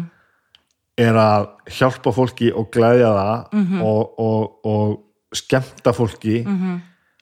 Já, heyrðu, það er náttúrulega sem ég ætla að segja að því þú veist að segja að þjóðkirkjan veist, þjóðkirkjan sem bákn ég veit ekki, en það sem þjóðkirkjan er að gera er úrslega mikið sem margir veit ekki um, veist, þjóðkirkjan er með að, aðstöðu eða svona staf þar sem fólk getur leitað hjálpar eða leitað, þú veist, ekki bara já, þetta er afdrepp sko. Bara, já, og þú veist, sem, ég held að það sem mestiparturinn sem pappi gerir allan daginn er bara, þú veist, sálusorg já, og, og, það allt saman. og þú veist, bara vera ókipis fyrirsökjafi og sálfræðingur og þú veist, flytja dánartilkynningar og bara vera á bakvakt og eitthvað svona, þú veist, þetta er, veist, minnsti parturinn er að skrifa ræður og, veist, vera í messu, Absolutt, sko. þannig að þú veist, þetta er, þetta er ókslega mikilvægt starf sem er ókipis af því að þetta er þjóðkirkja. Já, já, já, og þú veist papp- pabbi er núna prestur í breiðalskirkju og þá þanga leita veist, allir þeir nýbúar sem búa í breiðalti já. og þú veist, eru kristnir eða taka kristni veist, og, og fá svona samfélag og þú veist, bara aðstóð og aðstóð frá kirkjunni. Veist, og svo náttúrulega heldur kirkjunni um matargjafir og þú veist, það er veist, sem að kirkjan gerir sem er bara gott og bara gott að segja skilur alveg absolutt sko. og þetta veit ég líka því ég er náttúrulega bara unnið í alls konar kirkjum fyrir alls konar presta þú veist, áður en ég flutti út og bara, þú veist, það eru allir allir, þú veist það sem ég hef kynst í þessu af svo 100% hérna heilum hug, sko -hmm. af því að þeir eru þjónar þú veist, og það er það sem prestar eiga að vera þeir eru þjónar fólks Já, og ég held á, að, á sig, við höfum ekki að tala um það, ég með grunnum að Oddur mm. lítið svolítið á sig sem slíkan, sko. já, Svo ég lokið sem ég var að segja á þann, sko, þó að við séum svo ekki sammál um Guð og ekki Guð. -hmm. Hvernig ætti ég að horfa það sem hann er að gera alltaf daga og einhvern veginn svona, veist, afskrifa það bara sem eitthvað, eitthvað minna mikilvægt, sko, bara því, að, að því að mér veist kjánulegt að trúa Guð. -hmm. Það sem, að, það sem fyrir töðundur með það að, að það er búið að setja einhvern barriér ég get ekki mjög auðvitað að stíja inn í þetta sko. Nei, af því að mér finnst ég vera bara að játast inn á eitthvað sem ég bara, nei þú, get, þú, veist, ég, þú getur það ekkert af því að þetta er bara, þetta er bara gegn þinni samfæringu það er svoleið sko. Bara hvernig þú að, að, að þú veist, þannig, trúa full, þessu? í fullkonum heimi ef ég mætti ráða öllu geðveitt eiginga þá væri Ottu bara yfir einhver batteri sem gerir nákvæmlega þetta já, en hann er ekki með einhverja, hérna, einhverja mjög undarlega draugasögu á bakvísi sem ég þarf að Nei. lesa og trúa bara, þetta meikar engan sens hér er fullt af einhverju rugli sem, að, sem, að, sem að enginn getur sýtt mig fram á að Nei. hafi nokkra stóður, Nei. og ég er rosa erfitt með að stíga inn í þetta sko. og þú veist, sagan hefur náttúrulega bara leitt okkur hingað en það væri náttúrulega í fullkonum heimi, í sammálaðir það væri eitthvað svona samfélagsbák sem að heldi utanum okkur svolítið Já, þú veist, og það er- væri bara ríkistyrt og bara ríkisrekið og, og þú veist, á svona bara mannúðar með mannúðar og svona siðferðis sjónamiðum Já. einhvern veginn. Basically allt um kirkjan er mínus allt þetta sem að meikar ekki sens Já, eitthvað svolítið bara, það sem ég sá svolítið í Hollandi sem er svolítið cool er, þú veist alltaf, það er ótrúlega mikið af kirkjuhúsum hana og kirkjuhúsi er alltaf ógeðslega flott. Þú veist, þau hefur alltaf verið reist í svona, veist, til þess að vera stærst í þorpinu og hæstu hæðinni og eitthvað svona, eins og við sjáum bara alls þar en mjög mikið af þeim eins og hérna, stórar gamlar kirkjur á torgum í Hollandi eru notaðar til útleigu annars, annars vegar fyrir bara hérna veislur þar sem er kannski búið að strýpa allt innan úr kirkjuskipinu og þú veist, eða fyrir tónleika. Já, þannig að ég farið að flott gegja tónleika í svona gömlum kirkjum kirkjuhúsum, bæði þú veist Englandi og Hollandi. Við spilum alltaf annars slæð í einhverjum semst, gömlum kirkjum sko, af, af víðum kirkjum sem að það er oft ógeðslega flott hús sko. ekkit endilega reysa stór heldur sko. Þannig ég held að sko ef að, ef að það gerist í framtíðinni og áframhaldandi að þú veist kirkjan öðlast minna vægi veist þá eh, meikar það kannski sens að svona saminist kannski. Og þá eru kannski einhver svona kirkjur sem standa eftir sem eru bara, getur verið geggju samkomuhús Já, í rauninni. Fyrir svona ímislegt -hmm. en ég meina, hvað veit ég það er bara mér finnst það góð hugmynd sko. Mér finnst það, líka ógst fallegt að halda tónleika. Ég líka með stundum hald, þú veist, sungið í kirkju. Eða svona, það er að segja ég held tónleika eins og ég segi þessara kirkju og svona, þetta er ótrúlega, þetta er geggja fallegt sko. Já, og svo flott. Og góður hljómburður og, og svona dásamt sko. Já og, bara, og bara fallegur andið hana inni þú veist, þó, að ég, þó maður trú ekki sem að stendur upp á veggjanum sko og tengi ekki við, við helgimyndirnar einhverstaðar úr, úr, úr, trónur heimi sko þá, þá breytir því ekki að allt, allt í kringum þetta er óbúslega og mér er svo bara, ég, ég, gifti mig í alvörunni inn á kirkjugólfi fyrir framann prest sko -hmm. í, í, bara með allt saman í kringum mig. Og það bara skipti mig helli smáli sko. Já, en ég hefði náttúrulega aldrei gert það ef þetta hefði ekki verið við ættum ekki þetta samband við, við Otur sko. einmitt það er alltaf gott að geta, hafa átt þetta samtalið þá undan líka og hann veit alveg, þú veist, hvað já, En ég held að presta gerir þetta óslega mikið í dag. Þeir spyrja bara og hvað hérna Já, já. Þú veist, eða því það eru svo margir Íslendingar sem að, þú veist, gerir þetta fyrir hefðina þú veist. Sem er líka fallegt. Og bara, bara en, og byggja bara hreint út sagt prestin bara til ég tala ekkert rosa mikið trú, þú veist, biblíu. Ég, fór, ég, fór, ég, ég fór yfir striki sko. Ég, við hérna, já, já, við þekkjumst alltaf alveg ógeðslega vel sko. Já, já. ég man, ég nálgæðast hann mjög varfarnislega með þetta með, með nafnagjöfina á önnu dóttur Mm, sko, mhm. sem var sérst fyrsta sem hann gerði hvort að hann gæti stjórnað veislu sko. og hann Já. var alltaf fyrsta lagi frekar hissa að ég var að beða hann um þetta og ægilega ánæður og Já, ég þannig að hann var ekkert búin að nefna henni Nei, nei, þetta Já, kom ok, allt frá okkur sko, allt frá ok. mér og Agnesi sko. að því að þú veist svolítið eins og þú ert að lýsa, okkur langaði til þess að fara inn í hefðirnar Já, og svo vorum við með aðganga manni sem að gera þetta og við sko hann, er bara þetta bestu vinum okkar sko. þetta er ekkit svona eitthvað bara, já, við erum nú svo góði kunningar sko. og bara af hverju ættum við ekki að gera þetta með honum? Já. og þannig að ég nálgaðist hann frekar varfærið sko, hvort hann geti gert þetta, já, sjálfsögða eiginlega hissa og ánæða með þetta. Hvort hann geti haldið almættinu svona, svona eins mikið fyrir utan að þú hægt var og hann svona glott eitthvað og, og svona játæði því svona bara eiginlega þannig. Og við bara, ég, finnum við flöt á því sko, sem hann gerði, sem var styrði þessu nafnaveislum fyrir alla. Mm -hmm. fullotna trúaða fólki sem að vildi senda börnin okkar eh, sko, blessuðin í lífið fengu bara sitt sko. Á þess að vera að tróða það sem við vorum að gera. -hmm. auðvitað er náttúrulega eitthvað framúrskarandi maður en hann bara skilur að það þurfa allir að fá að vera með. Já. En svo, svo gera hann þetta aftur þegar, hérna, þegar hérna, Björgvin finnst fekk sitt, nafn sko. Og svo bara fekkum við þessa brála allar hugmynd bara, látum hann gefa okkur saman -hmm. og ég hef náttúrulega bara, eftir til í það, bara já, hann var klálega til í það sko Gekja. og ég fór náttúrulega og fór yfir strikið sko og bara, þú veist, hvernig við gerum þetta og hérna, á þess að tala um Guð og svona og hann sagði, nei, það erum við ekki að fara að gera þú ert ekki að fara að koma til mín og ég er ekki að fara að að gefa ykkur saman Ú, sett hann yfir fótinn. Já, hann sagði Nei, bara, ha? nei, nei, sko, þetta er ekki svona, sko. Nú, þú veist, ef þið ætla að gera þetta, þá verði ég líka að geta gert þetta á mínum fósindum og ég er ekki að fara að gera þetta án þess að tala um, um trúna, sko. Mhm. -hmm. Og við bara treystum hún náttúrulega betur en öllum öðrum, sko, og þekkjum mjög vel og við bara, ok, ef, ef, ef við finnum að við getum bara mæst hérna, sko, Mhm. og við erum öll í sama tilganginum, þá erum við til í þetta, sko. Og það var bara, hann bara blessaði hjónabandi, sko. Og það var mjög föngi inn, kirkju, inn á kirkjugólu með þjóðkirkjuprestur saman sig að bara veist, gangast inn í einhverjar, einhverjar aðtafni sem að ég trúi sjálfur sig ekki á Nei. en ég trúi miklu sterkar á það sem við vorum að gera heldur en að láta það flækjast fyrir sko. Það er mjög fallegt. Það geggjað bara. Já, og, bara, Flott að finna þessa leið, sko. og ég er ótrúlega ánægð með dag sko. en þetta er, þetta er náttúrulega þetta er stórundalegt allt saman þetta tala um þetta endalast sko. Já. Já, hérna hér. England, þangað England, já. Já. Já, ég hérna, ég og fyrir hann hættum saman í Hollandi í Hollandi. Mhm. Hún kemur út úr skápnum sem transkona. Jás, Já, það gerist hérna uh, rúm sex árin í sambandið okkar að, þú veist um, já, ég tala alltaf um hann þegar við vorum saman og hún í dag Já. það er klálega þannig, af því að hann var hann þegar við vorum saman og hún er hún í dag Mhm. -hmm. Um, Já, þannig að hérna á loka árunni mínu í Hollandi. Í, já, hún klárar hérna ára undan mér sitt nám og gegnum útskriftaverkefni þá kafar hann svolítið djúft í fortíðina sína og, og söguna sína og, og svona næri ekki einhvern veginn að átta sig á því að hún getur ekki bælt lengur niður sitt sem hún var búin að bæla niður öll þessi ár sem var klálega það að hún væri kona og ég sé þetta gerast bara í einhverju svona á svona tímabili, á svona löngu tímabili. Svona þá hérna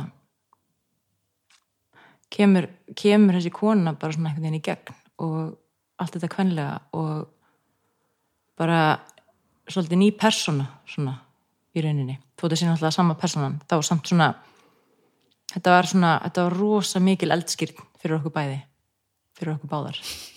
Já, það var bara svona það var bara horfst í augu við sig, sjálfa sig og hérna og það bara, já. Þannig að svona seinasta ári mitt í náminu í Hollandi það var ég að fara í gegnum þú veist, eitthvað sem að við vorum að reyna að bjarga sambandinu og, og reyna að koma til móts ykkur aðra og reyna einhvern veginn að þú veist bæla okkur niður fyrir hitt í rauninni það gekk ekki upp og svona bara rétt eftir útskriftina mína þá, þá erum við bara búin átt okkur á því að þetta gengur ekki, þetta samband.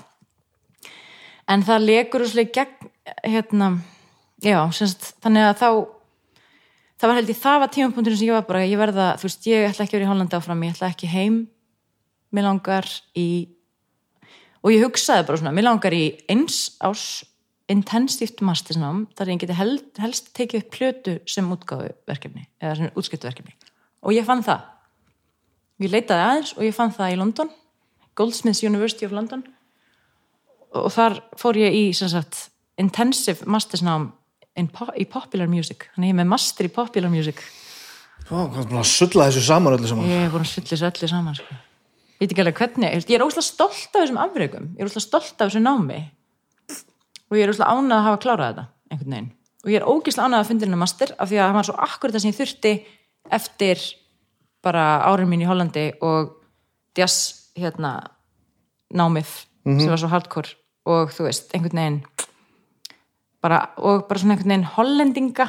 Það var svo gott að fara úr hérna hérna einhvern veginn ég veit ekki hvernig ég á að er svona, þessi, lista, þessi háskóli hérna í London, þetta var þú veist í South East London sem er rosalega svona lifandi svona listasvæði og svona rosalega græn, þú veist, allir svona vinstri og grænir og opnir og svona, ah, þú veist engin gender og klósetum og, og þú veist, það var allt svona allir staðir lík, þú veist, vegan og eitthvað svona, þetta var, svo, þetta var, svo, þetta var svo gott eitthvað, það var allir að gera sitt og ég var hérna í, í mastisnámi í tónlist með fullt af fólki sem hafði aldrei spilað lögfæri skilur já, já, já, þannig að það var svona, að því það voru þú veist, þetta var svona nám sem þú gast alveg klárað.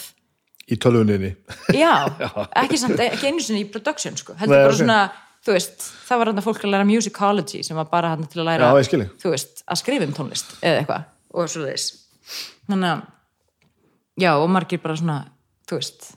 Mhm. -hmm. bara þetta, þetta gati rauninni verið mastisnám í kjölfarið af einhverju öð, öðru bachelori, þú varst ekki endilega Já, þú varst rauninni að koma inn á viðtalinu og hvað þú ætlar að gera og portfólíunni frekar en og undanfara á námi. á bara verkefnisbasis. Já, í rauninni, eða mér, mér líður þannig, ég upplifaði þannig, auðvitað þurfti ég náttúrulega að vera með bachelorgráðuna mína og Já, þú veist, eitthvað svona, en ég átti bara þarna Skype-samtal við, við hérna, yfirmann þessara dildar og ég sæki mér þessi um aðra dild og hann eitthvað, viltu ekki freka fyrir þess? Já, þá hafði ég verið með eitthvað forduma fyrir að þetta héti Bachelor of Popular Music, þannig að kemur gapið sem við byrjum að tala um já, strax.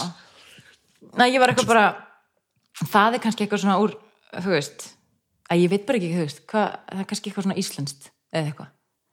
Pop tónlist, en það er náttúrulega pop tónlist er tónlist sem hlustum á allan daginn, alla dag og pop tónlist er tónlist sem ég bý til skiluru, þannig að þetta er svona ég veit ekki akkur, það var kannski bara því að gráðan hétt það mér fannst það eitthvað skrítið, Já. en það var nú fljótt að fara sem betur fyrr, Mhm. þú veist af því að þetta er bara besta ákvörðin sem ég teki sko, að fara út í þetta nám og ég hérna og svo bara byrja ég strax í þessu námi að þú veist að standa mínu plikt og, og fara að vinna að lokaverkjörninu sem ég kláraði hérna akkurat ár eftir ég byrja í náminu sem var sem sagt, að taka upp plötu og vera upptökustjórinn og pródusendinn og, og og, það, og mixerinn mixerinn masterinn, nei vissur að þetta er, þetta er loka?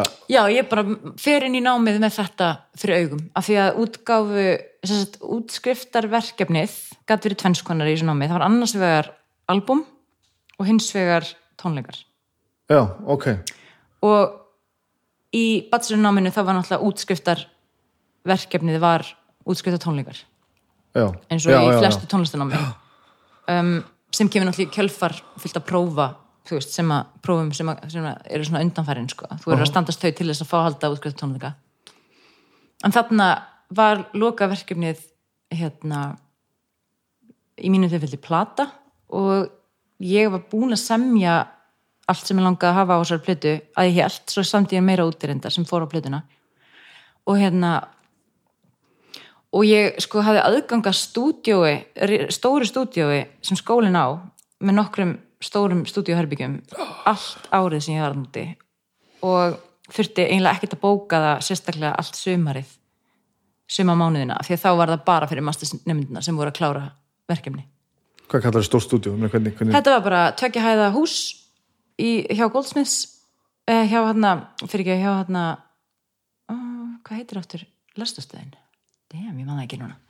Allavega, þannig að á þessum stað það sem þessi sko, háskóli er bara svona hús utan við háskóla veist, svona, sem er partur af háskólasvæðinu um, stúdíu rými með risastóru þú veist, tvískipti rými eitt svona stúdíu herbyggi með flikli og, og fyllt af hljóðfærum og vagnurum og eitthvað og svo svona kontrollherbyggi og tvö önnur stór rými þar sem þú gast verið með tölvu sjálfur og tekið upp og bara full fledged bara með uppsettum trommum og mækum og öllu draslir já, trómur í öllum rýmum og, og efri hæðinu voru alls konar einhver Hammond og, og hérna já, bara, Rhodes og bara, eitthvað svona alls konar raun, raunverulegt stórt stúdíu já, og svo var yfirleitt einhver á svæðinu sem var nefandi í engineering hérna partinum á þessum skóla. Já, eða svona eitthvað.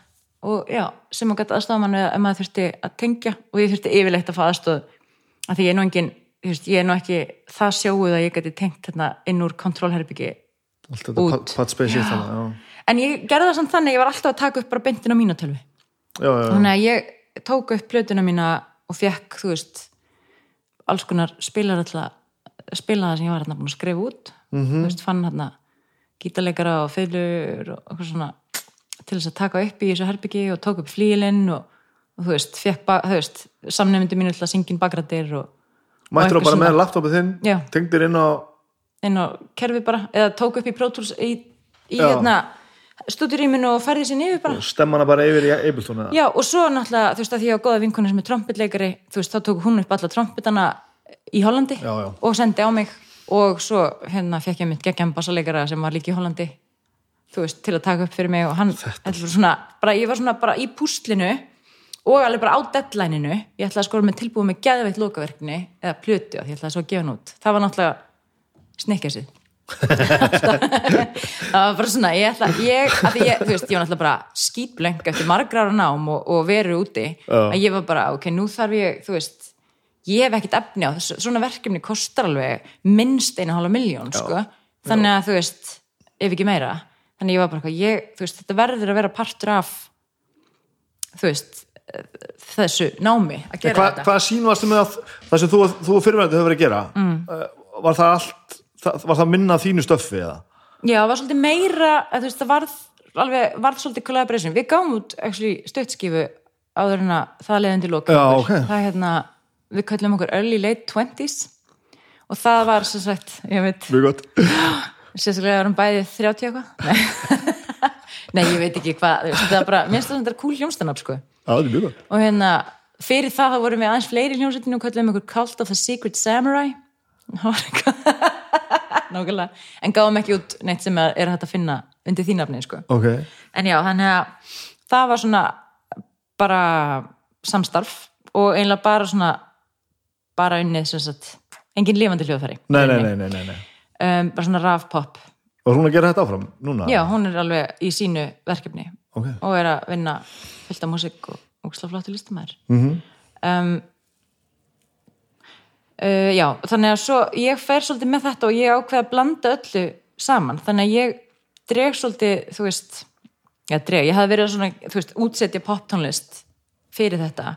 Og þegar ég gerir plötuna mína þá er ég að vinna hana sem bæði raf og svona orkestralútsetningar og þú veist, lifandi tónlist í rauninni, þannig að ég átti svolítið erfitt með að leipila þetta en ég kalla þetta elektroakústist folkpop ég veit ekkert hvort það veist, ég, veist, þetta er bara pop sko. þetta er náttúrulega bara það ægir svolítið öllu saman á sér plötu og það heyrist svolítið og ég er náttúrulega að vinna hana bara í einhverju mesta heartbreak ástandi lífsmýns eða eitthvað þú veist. Þetta lítur að vera rosalega ég ætla ekki að nota orðið skellur en þetta lítur að vera mi- mikið tilfinningum að fara að vinna úr. Rosalega. Er þetta ekki þetta eru svona aðstæðar sem maður hugsa með sér bara ég á aldrei að lenda í þessu. Nei, þetta var klálega þannig. Af því að fyrir mér það var sko fyrsta sem ég hugsaði þegar þetta þegar áttum ákvæður að gerast en náttúrulega bara, þetta gerist bara í bíómyndum. Já, þetta gerist ekki fyrir vennlegt fólk. Veist, þetta er bara eitthvað sem maður sá einhvers þar, þú veist, ég myndi einhverju bíómynd einhver tíman, það er ekkert svona template sko. Nei. Og líka bara, ég held sem betur fer að það, sko það er náttúrulega fyrir svona 20-30 árum þá voru náttúrulega fólk að lenda í því að, þú veist að því við lifum í opnar samfélagi í dag þú veist, fólk kemur út úr skapnum eða átt að sjá að, þú veist, sínu kyni miklu fyrr í dag. Já, já, af því að það er bara miklu opnar samfélag og þetta má. veist, þetta má. Meðan að sko fyrir hann til fætt 76 Já. og þú veist, þetta var bara ekki í bóði í hennar bókum einhvern veginn, Fyrr, mennar fyrr eða bara að, að geta einhvern veginn á unglingsaldri þú veist, það þetta talaði um að, að þeir það transfólk sem er hamingjusamast og, og kem, kemur best út úr hlutunum er það sem átt að segja á þessu fyrir kynþróska og fyrir tvítugt þú veist, og, og þú veist, fær þetta í gegn að breyta kyninu á pappir og Já, já. í lífinu Ég fættu 78 sko ég, ég, ég get ekki séð í minningunni bara að þetta hafi bara verið einhvers staðar upp á borði sko. Nei, þetta var ekki talað um þetta og ekkert spurning um eitthvað, einhverja skömm eða ekki skömm Nei. Ég, þetta var held ég bara ekkert til. Nei, þú veist, innan nákvæmlega. allra gæsalappa þú veist, þetta bara var ekkert þú, þú, þú bara hugsaðir ekkert um neitt þessu líkt. Nei, og svo þú veist, þannig að þú veist, fyrir einhverjum x árum þá náttúrulega var kannski fólk að koma út sem homar og lesbjur sem hefðu kannski alltaf verið inn í skápnum. Já, já, og svo svona kannski er þetta svona setni ég ætla ekki að segja bylgja því það er náttúrulega ekkert, ekkert það margir þú veist, trans en þú veist, það er svona þetta er held ég uh, ég held að þetta hafi rosa mikið með því að gera hvenar hérna, hún er fætt og þú veist, Já. bara hennar líf hinga til og eitthvað svona, þannig að það bara þetta var ekkert í bóði fyrr fyrir en, þú veist, hún horfist í augu við sig og þetta, einhvern veginn. Og ég er náttúrulega bara alveg upp í, þú veist þessu samfélagi sem við erum alveg upp í sem er bara mjög opið. Þá var ég bara, var ég að reyna að mæta þessu af svo miklum skilningi á meðan ég var í 100% ángist já, já, já og þú veist af því þetta bara einhvern veginn þetta gekk ekki upp fyrir okkur sko. Þetta kannski gengur upp fyrir einhverja því ég held að sumpur halda áfram að vera saman. En þetta gekk ekki upp fyrir okkur sko. En þú veist, þannig að, já, ég veit ekki að hverju ég ætla að spyrja núna sko. Nei. Veist, hef, hefði þetta einhvern veginn geng, geta gengið, þú veist? Þetta er mjög ólega spurning. Ég veit ekki, kannski ef að ég veit ekki hvernig ég á að svara þessu ef ég væri aðeins öðruvísi eða hún, ef hún væri aðeins öðruvísi Já. það hefði kannski gengið. En ég er samt mjög gagkinnið sko. Þannig að ég hérna, ég veit ekki hvernig það hefði virkað fyrir mig einhvern veginn. Um, að þegar stundu þegar maður fer að nú er ég komin á mjög hálins ég örugglega- Já, það er erfitt að tala um þetta og það er það brætvika en ég vil alltaf, veist, Ég lærði það að uglu Stefáni sem kom inn í viðtal að það maður bara að drullast þess að segja það sem maður er að hugsa sko.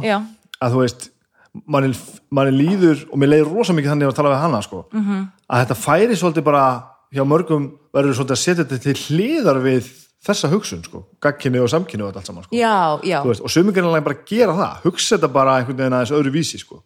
Ég náttúrulega alltaf að færast meira og meira í áttina því að kynneið sé spektrum Já. og kyn sé spektrum Já, þú veist, þannig að í því samhengi þú veist, ég veit það ekki en þú getur samt ekki, þú getur samt ekki reynda að íta þér út í eitthvað sem þú ert ekki og bara síðasta sem maður á að gera já, að sem sko. maður getur ekki Nei, þú veist, að hún getur ekkit þú veist, hún gæti ekki barast í það að vera ekki kona og ég get ekki barast í það að þú veist, að þetta samband gengi svona, skilur þú þú einhvern veginn þetta, ég vil heldur, og svo getur maður ekki Nei, nei. þetta eitthvað náið af því að þetta er náttúrulega ógislega persónlegt og ég vil ekkert segja eitthvað sem að var bara okkar á milli, skilur það. þannig að það er bara, veist, þetta bara gekk ekki fyrir okkur Mhm. og þetta var bara svolítið búið þessu, á þessu tímabili. Við náttúrulega, sko frá því að hún fyrstu merkin einhvern veginn kom upp á yfirborðið þú veist allt svona merki sem eru sjokk fyrir mig eitthvað svona að kaupa sér sokkabuxur og eitthvað svona, svona hluti sem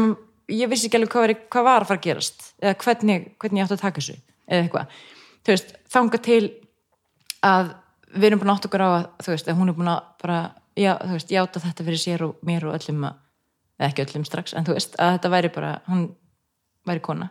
Þú veist, það er alveg, þetta er örgulega halvt ár sem líður hann, sko. Já, já. Þannig að við erum bara gangið gegnum þetta saman.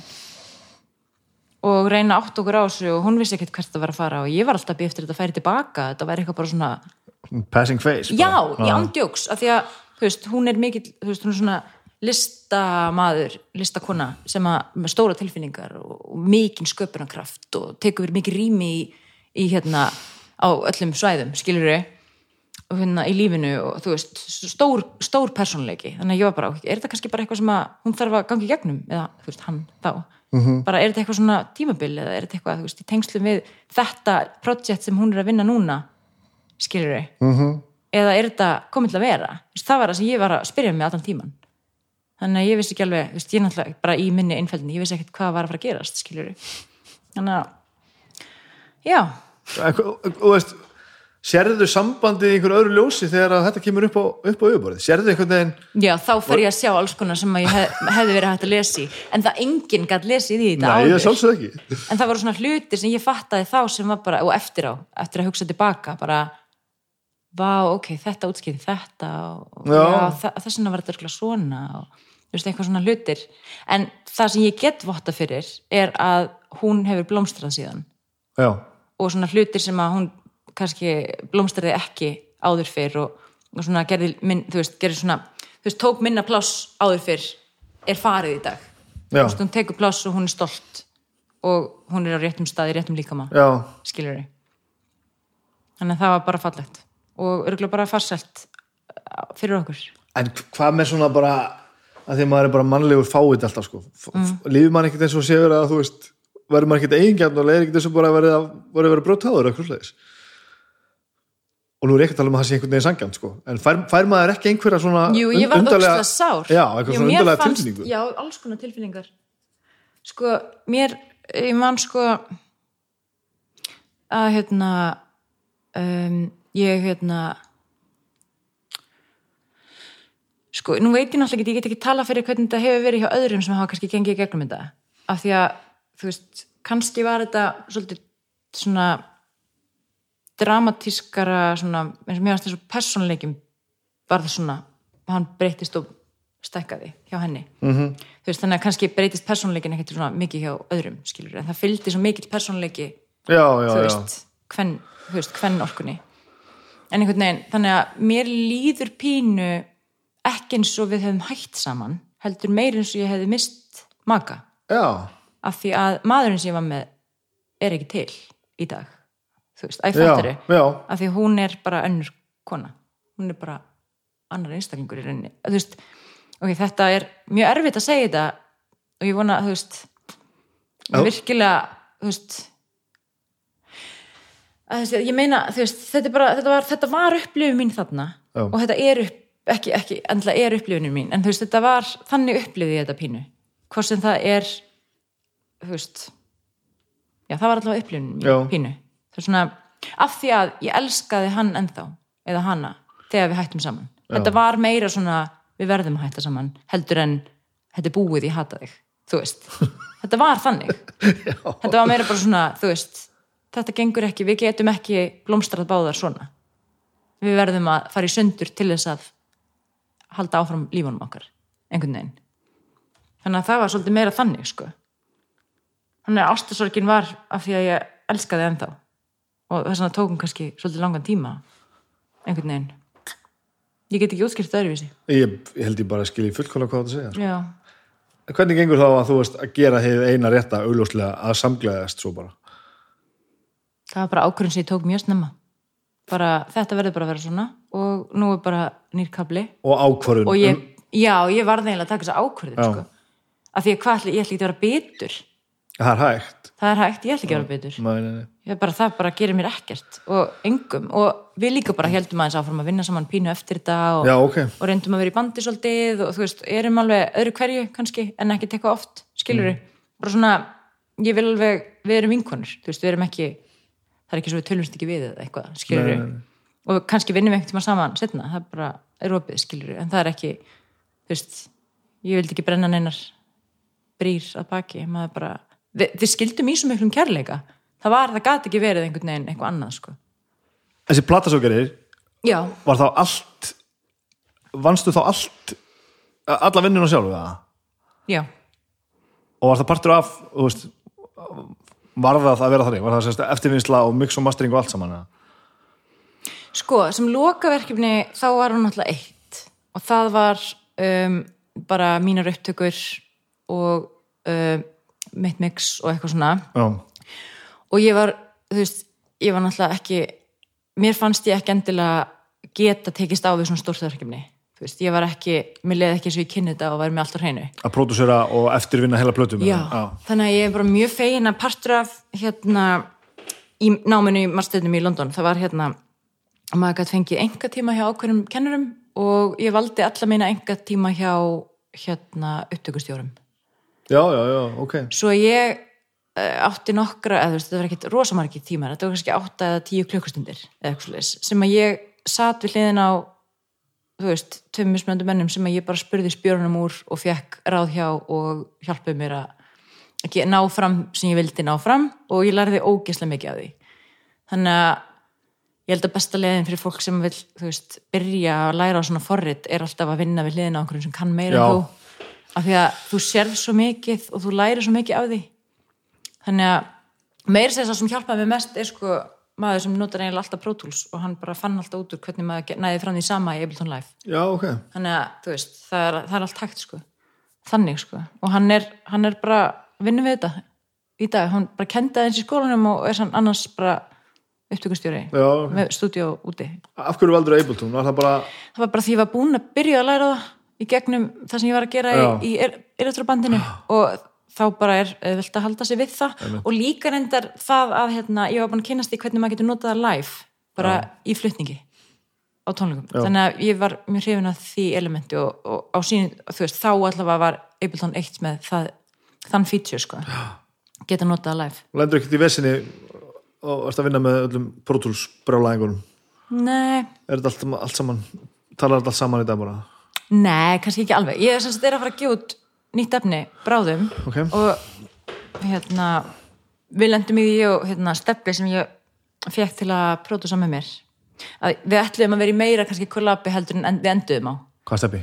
Stefán Örn Gunnlaugs steppi í í Kurni, kurni, já, yes. hann er hérna dásenda vinna með honum. Og hann er ógeðslega færið sem hann gerir. Já, hillilega að- góður í já, þannig að ég fekk hann til að hérna, gera þessa blötu sem ég er að gera. Hún er sexlaga plata Aha. kemur út vonandi bara snemma næsta ári. Um, og þá er mitt hérna var ég bara svona með hugmyndina bara getum við, þú veist, bæði unnið þannig að við sendum alltaf á mill okkar fæla og erum bara að gera þetta saman. Svo reyndum við það eitthvað smá en hann var ekki með Ableton. Og þú veist, svo gengur það í rauninni ekki upp nema að báðir sem er nákvæmlega sama af öllu. Já, já, þú veist, sömu, þú veist, plugin og sömu allt, sko. Þannig að á endanum þá var það bara þannig að hann notaði fórhætti sem hann er bestur í og kann á og ég var við hliðin á hann allan tíman. og lærði helling af því líka. emitt, emitt Þannig að, veist, og vorum náttúrulega bara saman að gera þetta en hann var með takkan á, á hérna, líkliborinu, sko. já, já, Þannig að enda ógislega góður í, ég bara, bara ógislega með það. viltu frekar gera þetta með með producent heldur en að gera þetta sjálf er það bara, Ég er bara, kannski bara einhver svona, uh, ég held að ég muni alveg gera eitthvað aftur alveg sjálf, sko. mm um, en svona síðan ég kom heim og námi þá er búin að gefa út nokkuð lög og ég alltaf bara fengið pródusent til að gera þau. -hmm. og svo núna var ég svona í meira kannski kollabi heldur en það var. Og kannski næsta, næsta efni einhvern tíman bara ég eða eitthvað. Já, það er svona, það, ég veit ekki hvað það er. Kannski er þetta líka svona pínu svona um, þessi, þetta kvenlega í manni að fara svona uh, eitthvað trist ekki alveg 100% alveg á sjálfum sig. Já, en það- er samt, þú veist þannig að þó ég hafi trist í og, og verið með, þú veist peppa mig upp í sjálfsöryggið að pródúsa sjálf þá er ég ekki endilega að segja já ég er pródúsent, að ég fattar mig. Svona, er eins mikið og ég get fattað já, Já, svona, það er alltaf svona mér finnst svo margir í kringum hann geta gert þetta betur en ég, þannig að ég vil kannski frekar bara fá Mhm. aðstóð eða eitthvað svo leiðis kannski er þetta svona, þetta er svona half and half þú veist, ekki að treysta mér alveg 100% og hitt að hérna láta þá sem eru úgislega góðir í hlutunum gera þá Já. líka Einmitt. og bara fá, þú veist, einhvern veginn og borga þá bara fyrir þá vinnu skilur já, já. ég væri rosa til að vera aðeins betri svona ég er sko en Já. ég, ég hugsa samt ég myndi sent hægt að vinna með producentum sko Nei, þeir, það er líka bara, það er sko það er hérna það hefur ógislega mikið að segja. Bara þetta verður ógislega, þú veist, það, það kemur einhver svona gljái á upp, upptökuna þú veist, þú sér ekki.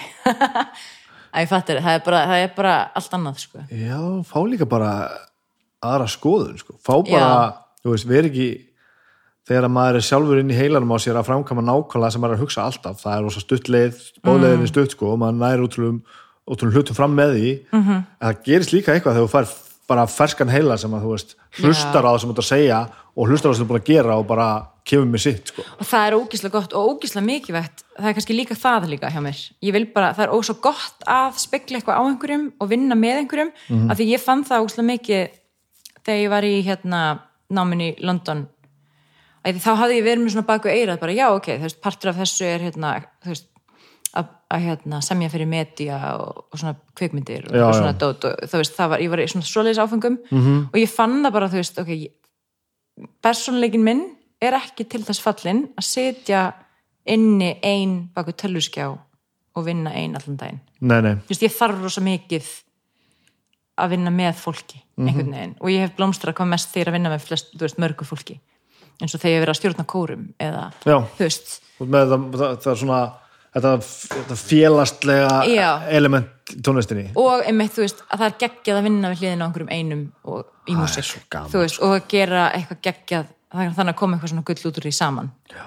og þegar ég var að gera það ein eins og það, þegar ég var að gera plötuna mína þá hafði ég ógeðslega miklu þörf fyrir að spekla það á og ég var bara, þú veist, það var, var nokkri samnefndu bara í fullir vinnu, vinnu mínu Við að hlusta bara. að hlusta bara, og gefa mér feedback og, og hérna tips og eitthvað svona já. sínar hugmyndir, bara, þetta, finnst ykkur þetta alltaf læg hvar finnst þetta liggja í mixunu sem Petur fer, það var einmitt fólki sem að skildi veist, ekki að hlusta á demo.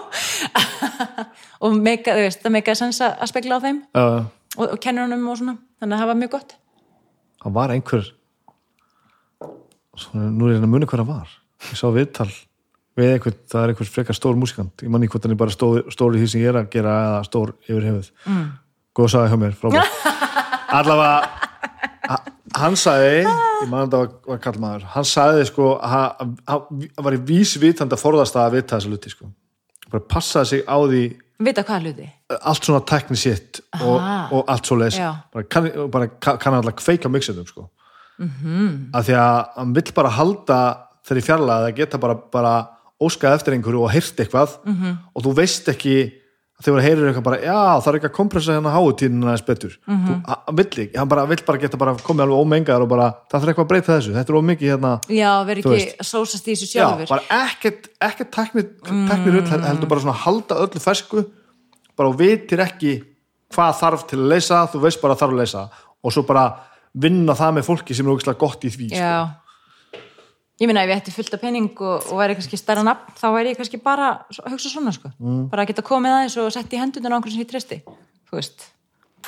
en hérna en það góða við að, að kunna að prodúsa er alltaf að þú færð miklu, þú færð, þú sko loka niðurstaðan því sem þú ert að fara að gefa út er alltaf miklu nær því sem þú hafðir í huga. Já, að af það því að sé ef þú kemur inn alveg bara veist ekki neitt þá kemur bara eitthvað frá pródusentinum ekki nema þú sér þeimin betri að, að þú veist koma með öll tóndæmin sem að geta stutt við það sem að þú meinar. Já, já, ég mynd þannig að ég, þú veist, allt sem ég kom með til steppa með plötuna var, þú veist, hálfunnið af mér. Eða svona já, já, fyrsta já. mynd. Svona skissan, skissan var tilbúin. Upptekið sem sagt. Já. já, já. Hvernig gerur það? bara heima í Ableton. Já, varstu bara uh, sett upp bara? Já, ég er með svona lítið stúdíu herbyggi og mér finnst það mjög mikið vett og ég fann það mjög mikið emitt hérna þegar maður finnur út hvað maður þarf í lífinu. Svona, þegar við vorum byggum saman á í litlu íbúðin í Hollandi og vorum bæðar en að vinna list og tónlist þá fann ég að ég og svona, þú veist, svona sagði við sjálfa mig einhver tíman upp úr hálfum hljóðum bara ég ætla alltaf að eiga stúdíu, rými eða herbyggi fyrir mig. Ok, þar sem ég bý í lífinu. Bara alltaf, bara eigið rými. Og hvað ertu, með, með þar inni? Þar er ég bara með, þú veist, hátalara og nokkur keyboard og, og hérna, lítinn mixer og, og... En ekki að taka upp neitt live þar eða? jú, ég tek upp, sko, ég tek upp hérna, bara tek upp söng.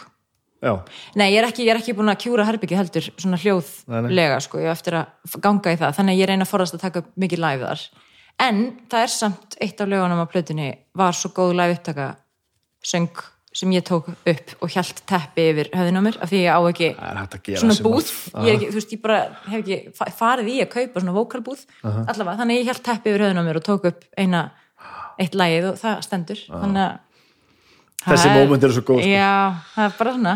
Það er ekkert að ná endilega fram til besta. Þó að, þú veist, hljóðgeðin séu kannski betri í stúdíónu með flotta mækin þá er kannski tilfinningin betri Vi, með þetta inn í herbyggi Hvernig, má- ertu að taka í svona mæk bara? Nei, bara lítinn svona handhald sjúr, sko Bara, bara 58? bara já, Ah, bara standard á, Glæsilegt Já, Það er svo, þetta er svo mikilvægt sko, átt að segja á því að það er alveg sama hvað og sko raðar í kringu því flottum græjum og, Mm. og ert í svo ógeðslega góðum aðstæðum að, að þú bara, úst, það getur, hefur engin efna á því sko, Mm.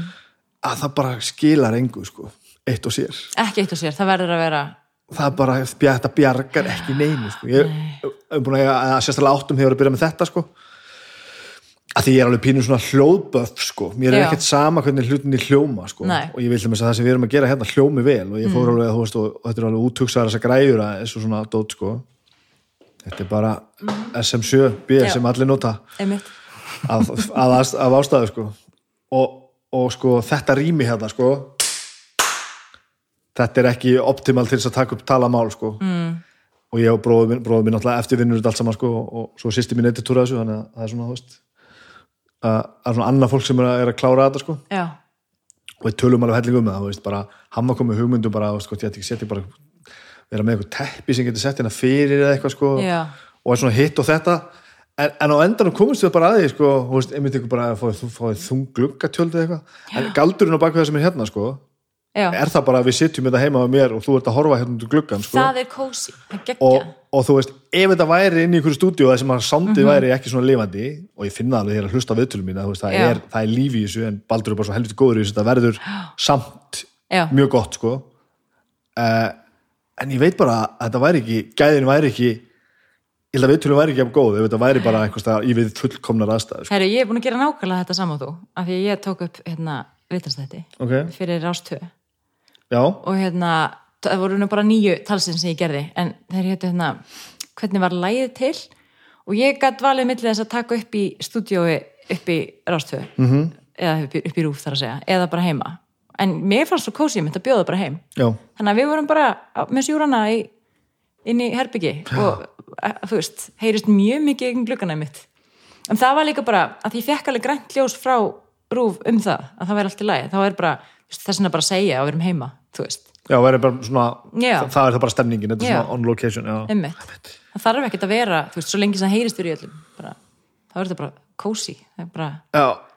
en maður lætur þetta stoppa sér svo oft sko, að maður getur ekki gert þetta af því að maður er ekki með réttur að líka eða- að talað máli svo miklu meira forgiving, þú veist, það er ekki mikilvægt mínum, að mínum að kannski Já. stóð samanlega, að hérna að tal sé 100% hljóðinangrað eins og, veist, söngur eða hljóðfæraleikari það þarf alltaf ekki að vera jafn mikið í, í, í sko, á plötu sko, alls ekki Nei.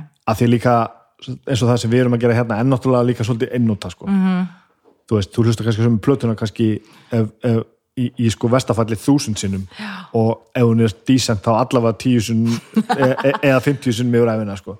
Vá, hvað? Ég er bara pæli, þú veist bera þetta saman við hérna Spotify-kynnslóðina sem að hlusta kannski hálflag Já, já, en þú veist, fyrir mér þú er veist, þetta hlusta flötina minnstakosti tíu sinni Já, mín, mín, mín hugsun er svo ef þetta kveikir í mér þá hugsa ég, þú veist, ég er, er með hlaðvarpsátt sem heitir besta platan sko. já, ég, já, þetta ég, ég er alveg, þú veist þú ert alltaf alveg ég er alveg að fara að spila plötunum sem þú gafst mér að því að ég á plötuspilun og hann er tengdur Yeah, sko. ég er ekki eitthvað svona brjálaður soundnörd hvað þetta var það sko. ég þarf ekki að stærstu hátalan og allt svoleiðis Nei. En þú veist, ég, ég fer að hlusta plötur og ég pæli hvernig það sounda og svoleiðis sko. þetta er pínu svona, þú ert ekki að fara að hlusta sem við viðtölun oft sko. Nei, nei. þannig að hvað það var er þetta kannski ekki alveg harkalegt en ég meina, það er fullt af hlaður sem hljóma bara svona, þú ert bara einhver staðar þú heyrir bara þetta tekið upp bara Já, það er hella í gegnum einhverja niðursöðu og þá er bara, þú veist, missum bara áhuga líka Já, sko. það lustar enginn, það er alveg satt Þetta skiptir, auðvitað skiptir þetta ókslega miklu máli Það verður að vera, en eitt og sér sko, hafa bjarga góða sándi ekki neinu sko. nei, nei, nei. Einmitt. Hvernig var að koma heim? Þú veist, þú ert búin að vera þá komstu heim þá eftir England eða? Já, varstu búin að vera fimm árið í Hollandi Já og eitt ár í Englandi? viðbót, rétt rúmlega, svona eitt nálgæðast eitt og hálft í London. Um, Það var bara það var tímabært, fannst mér. Ég var farin að sakna Íslands, ég var búin að vera nógu lengi burt til að, til að vera að grafa allt sem maður þú þóldi ekki við Ísland fyrir lengu já, af því að það, ég held að það sé oftast ástæður að fólk hver út, það er bara svona, ah, komið nógu í Íslandi. Pínu. Og þá fær, það, maður fær svona, að þetta er svo lítill pottur eitthvað, Já. Ísland er svo lítið. Og maður finnur það svo mikið oft. Hvað árið þetta að koma heim? uh, ég flutti heim 2000 og réttur í jólinn 2016 já, þannig að, rétt Og- fyrir jólinn jólin 2016 já hérna, þessi plata kemur 2017 er, þetta, þetta er hún þetta er platan sem ég vann úti sko. Ég bara beina kom, með já, hún kom ekki út strax. Já, Nei, já, já, hún var sérst loka verkefnið úti. Og ég fæ engun og, og hérna ýmislegt og, og umsókn og klára þessa gráðu og, og flýg aftur út aðeins setna um haustið til að fara í búningin með hattinn og, og taka útskrifta myndina eins og alvöru svona London, London hérna, gráðu ha- hafi. Um, mér fannst það alveg nöðsilegt sko. já, auðvitað klúlega ah, veistu hvernig ég hitti á útskriftinni alveg óvart? Hérna, leikaran hann í Game of Thrones hann var hérna, vinnur einhver sem var útskrifast um, sem var lík Joffrey. Með hefur ekki ást að genast ah, Æ, okay. ég er þetta er okay, fyrir, fyrir þá sem að þekkja þá er þetta sko hataðasti karakterin af öllum hötuðu karakterunum. Ok. þetta var svona ungu strákur ljósarður og hann var bara jú, satisti og, hérna, og máli er að hitta hann þá, þarna var ég náttúrulega búin að horfa að gefa þrónast mjög mikið að þetta var veist, á þessum tíma. Sem varð kongur eða eitthvað svo já, sem varð kongur og þú veist, bara ógíslegur. Og hérna, það hitta hann í alvörinu var bara þú veist, ég fann bara svona adrenalín svona það er að vera hann. já, vera hann, ég hugsaði bara shit, þessi strákur, þetta er bara fyrir leikari. Og hann bara, þú veist, færir örugglega bara mjög bara fokk, hvað ertu ömulegur Eitthvað svona, bara því að fattar ekki, maður getur lifað sér inn í svona þætti shit, allavega, ég tók mynda með honum aldrei gengið Það var ekki verra en svo. nei, nema tekið mynd með neinu Hörðu. selifi nema þessum það var svo gott allavega, í útskriftabúningnum já, og svo bara, já, ég flytti heim hana 2016 og bara til ég að koma heim og Já. þú veist, það er náttúrulega skrítið eftir svona langan tíma það er svolítið eins og maður, það er svona næstu að byggja upp lífið sér upp á nýtt sko. mm -hmm. Þannig að og svona uh, þú veist, maður er búin að vera úti og koma heim öðru hverju og hitta þú veist, góðu vinni svona, svona bestu, skilur og svo maður er búin að tapa sambandi með fullt af fólki sem að maður kannski var ekki búin að heyri í fimm eða sex ár einhvern veginn. Eða hitta svona einu svona ári þú veist, en ekki svona förnum vegi oftar þú veist, þannig að maður þarf svolítið svona koma undir þessu fótunum aftur. Og það ándjóks tekur bara jafn langan tíma eins og þegar maður flyttur til Nýslands að koma undir þessu fótunum. Eða mér finnst það svona in, in retrospect, þú veist Er- ekki það auðvitað þekki maður fyllt hefur alls konar sambund á Íslandi maður er náttúrulega er Íslandingur Já, Þú veist. líka vantala á fleira já, þú algjörlega, en þú veist það er svona félagslega kannski svona, Já. það er svona maður svona að búa sér til olbórými og svona, já, láta fólk þú vita að ætla- maður sé kominn og Já, svona, já, einhvern einmitt Vissur hvað það ætlaði að verða? Þú veist, komstu heim og bara já, nú er ég búin að læra og nú er ég orðin þú veist, veginn. ah. Að þið fórst ekki í háskólan eins og það ætlaði að gera svo bara einhvern veginn flækist út og fyrir að læra eitthvað eitthva listadrasl. Já, og meinar háskólan, háskólan. Já, nei, það varð alveg bara úr sögunni bara, þetta var einlega bara ákvörðun og eitt staðfestingagjald og svo Þannig að þú vissir cirka allan tíma þegar þú var að Já, spyrja í þessu bara- framhansnámi í tónlistinni að þú, þú væri orðið músikan Já, þá er það bara, ég, er, ég ætla að taka tónlist. Ég, það var líka þessina sem ég hætti við að fara í háskólan. Ég var bara, nei, Og það hefur sérst haldið sér. Þú er já, bara, ég bara, nei, ég ætla að læra tónlist af því það er bara mitt passun. ok Og ég að ég ég ætla bara að gera það. Bara hérna, Og hvað gerir maður að hafa í byrjun árs 2017 þegar maður ætlar að vera tónlistar ég kona og ert á. Íslandi bara Ég var pínur í krútu, sko. Ú, inn í já, eða þú veist ég hérna, hafði látið vita af mér þegar ég var ekki alveg viss hvort ég væri til London í, einmitt, bara FIH sem já. ég hafði lært og bara fekk alveg bara viljir þið að vera, fara að kenna þar Mhm. -hmm. en svo fór ég út í meiranám og svo lét ég aftur vita mér og þá var ég bara ráðinn og svo mætti ég svolítið seint þannig að það var beðið eftir mér í tvo mánuði. Og ég fyrst svolítið að bæta upp kennslu. Kenna- kenna fyrst að hraðar. ég þetta gera var að bæta upp fullt af kennslu. Um, já, og svo bara ég er búin að kenna þar síðan ég flutti heim söng og, og fleira.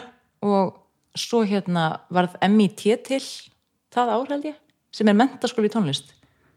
Ah. uh, sem er sem sagt núna núna getur maður ákveðið að læra tónlist til stúdinsprófs á Íslandi What? vissir það ekki? Nei. Þetta er hérna þetta var sagt útbóð sem að Tóno í Reykjavík og FIH stóðu að saman af því að þetta var útbóð vegum held í mentamálarandisins að stopna mentaskóla í tónlist. Og þannig að tónlistskóla Reykjavík og FIH komu að stopnun mentaskóla í tónlist sem er til í dag síðan 2017 eða já, 16, 17 og hérna ég kenni mjög mikið þar.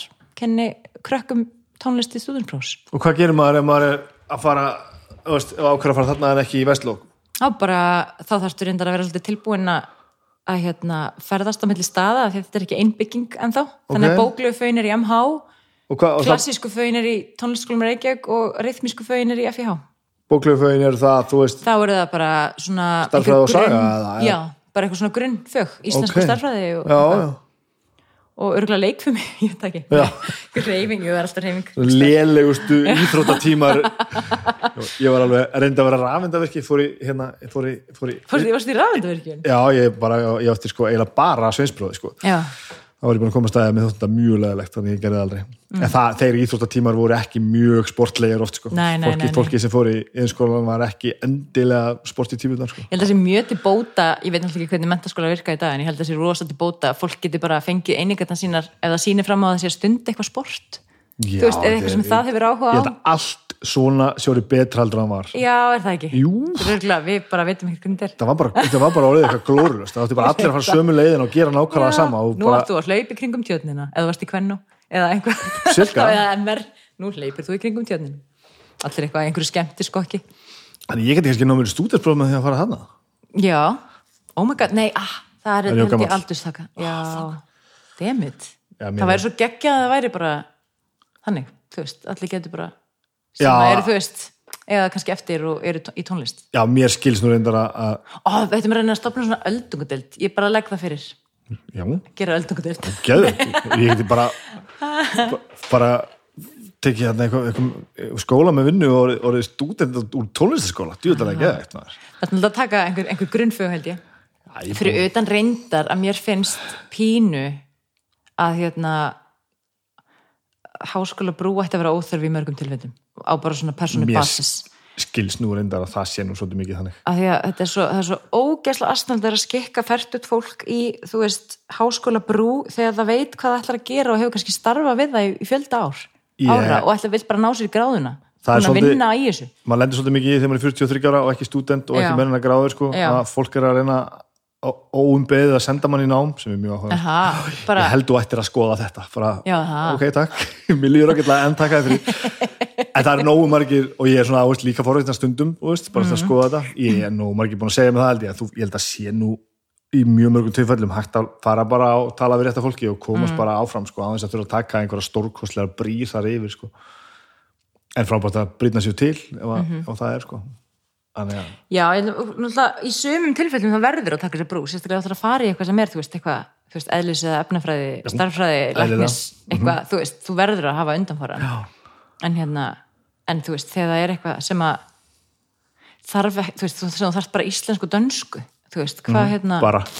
Já, ég meina, nema setja að fara í dönsku í háskólanum þú veist, hvað hérna, hvað að það vantar dönsku 300 hjá þér þú mátt ekki fara í, í þú veist, sálfræði í háskólanum sem hefur ekkert með dönsku 300 að gera. Er er það er er ekki bara hægt að, þú veist, kötta það þá?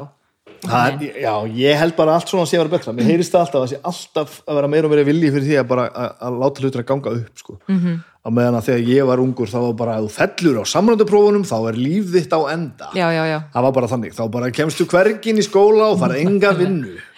Og fóreldrið einu svelta. Það var bara orðið svona eitthvað algjör trugg sko. fyrir utan alltaf mentaskólan ámur verða þrjú ár flestum stöðum, eða er orðið held ég allavega þarna, þú getur náð, þú getur tekið tónlist til stúdinsprófs á þreymur árum. Þannig að það er mjög gaman, þarna kenni ég lagasmíðar og söng ok, og bara, já, ímislegt svona, svo er svona stundum svona ákveðin verkefni uppsetningar á sýningum og, og svona, rosa gaman sko. Ég var aðeins með annan fóturinn í LHI líka að kenna hjá Gunnari Ben, já ok. Þannig að kenna söngtíma þar þegar ég var nýflutt heim og var aðeins svona eitthvað svona kórast smá en samt ekki og svo bara ákvað ég að fara bara í kór og byrjaði þá í köllunum já. En þetta leiðin til þess að fara að vinna við tónlistana þegar maður kemur inn til Íslands það er bara að fara að kenna öðrum tónlist. Það var allavega eh, svona bara leiðin fyrir mig. Ég hef, sko, máli er að ég hef kent tónlist bara síðan, síðan ég var í FIH þannig ég er búin að kenna tónlist í 10-15 ár. Já, já, já, og ég negin, ég er rosa mikil kennari í mér. Og þú veist, hvað sem ég ætla að berjast gegn því þá er það bara, það er einhvern veginn bara. Og ég nýt þess að gera það. Ok. Og ég elska að hjálpa öðrum að ná árangri eða fatta það sem þeir eru góður í. Eða þú veist, finna sína rödd eða eitthvað svo leiðis hvað sem maður kallar það, ég elska að sjá aðra þroskast undir minni handleyslu eða meðfram minni handleyslu, skilur þau Mhm. þannig að ég hef rosa gaman af þessu og menn ég hef gaman af þessu það, bara, það var þetta mjög næs jobb og það var náttúrulega geggjað að vera með fulla vinnu sem tónlistamæður í COVID. Já, þú veist, að vera sem kennari. Já, sem að er svolítið því að þakka að ég hérna var hérna í fæðingarólofi þegar COVID byrjar. Þannig að ég hafi verið að vinna þú veist, hafi verið að kenna mjög mikið svona alltaf, safna upp í fæðingarólof sko. já, já. það var þar á undan. Þannig að já þannig að það er bara flott sko. og stala með að vera erfitt að koma heim svona upp á koma þessu fótunum. Já, en þú er samt komin í vinnu strax já. og byrja að gera allt. Hvað hva var þá svona erfitt? Æ, mér fannst það, nei, ok, það var ekki erfitt. Jú, ég þannig að það er hann ár sem ég er að vinna bara svona hitt og þetta. Mhm. og svona skrapa saman áður en að haustið eftir þá er ég bara komin í fulla vinnu við kennslu ok, þannig að það var svona fyrst og ég flutti heim til fóreldra minna.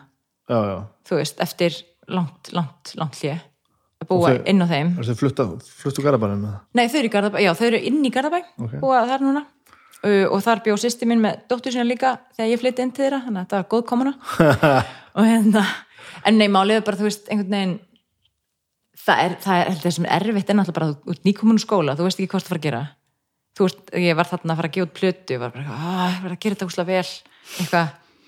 Og hérna og einhvern veginn svona að kannski bara svona að finna staðinn sinn aftur svona á Íslandi félags, aftur félagslega veist, maður, málega bara maður er búin að eignast vini fyrir lífstíð úti sem eru að gera það saman maður sjálfur í gegnum tónlistanám og svo svona kemur heim og bara þú veist, saknar þeirra svo mikið einhvern veginn.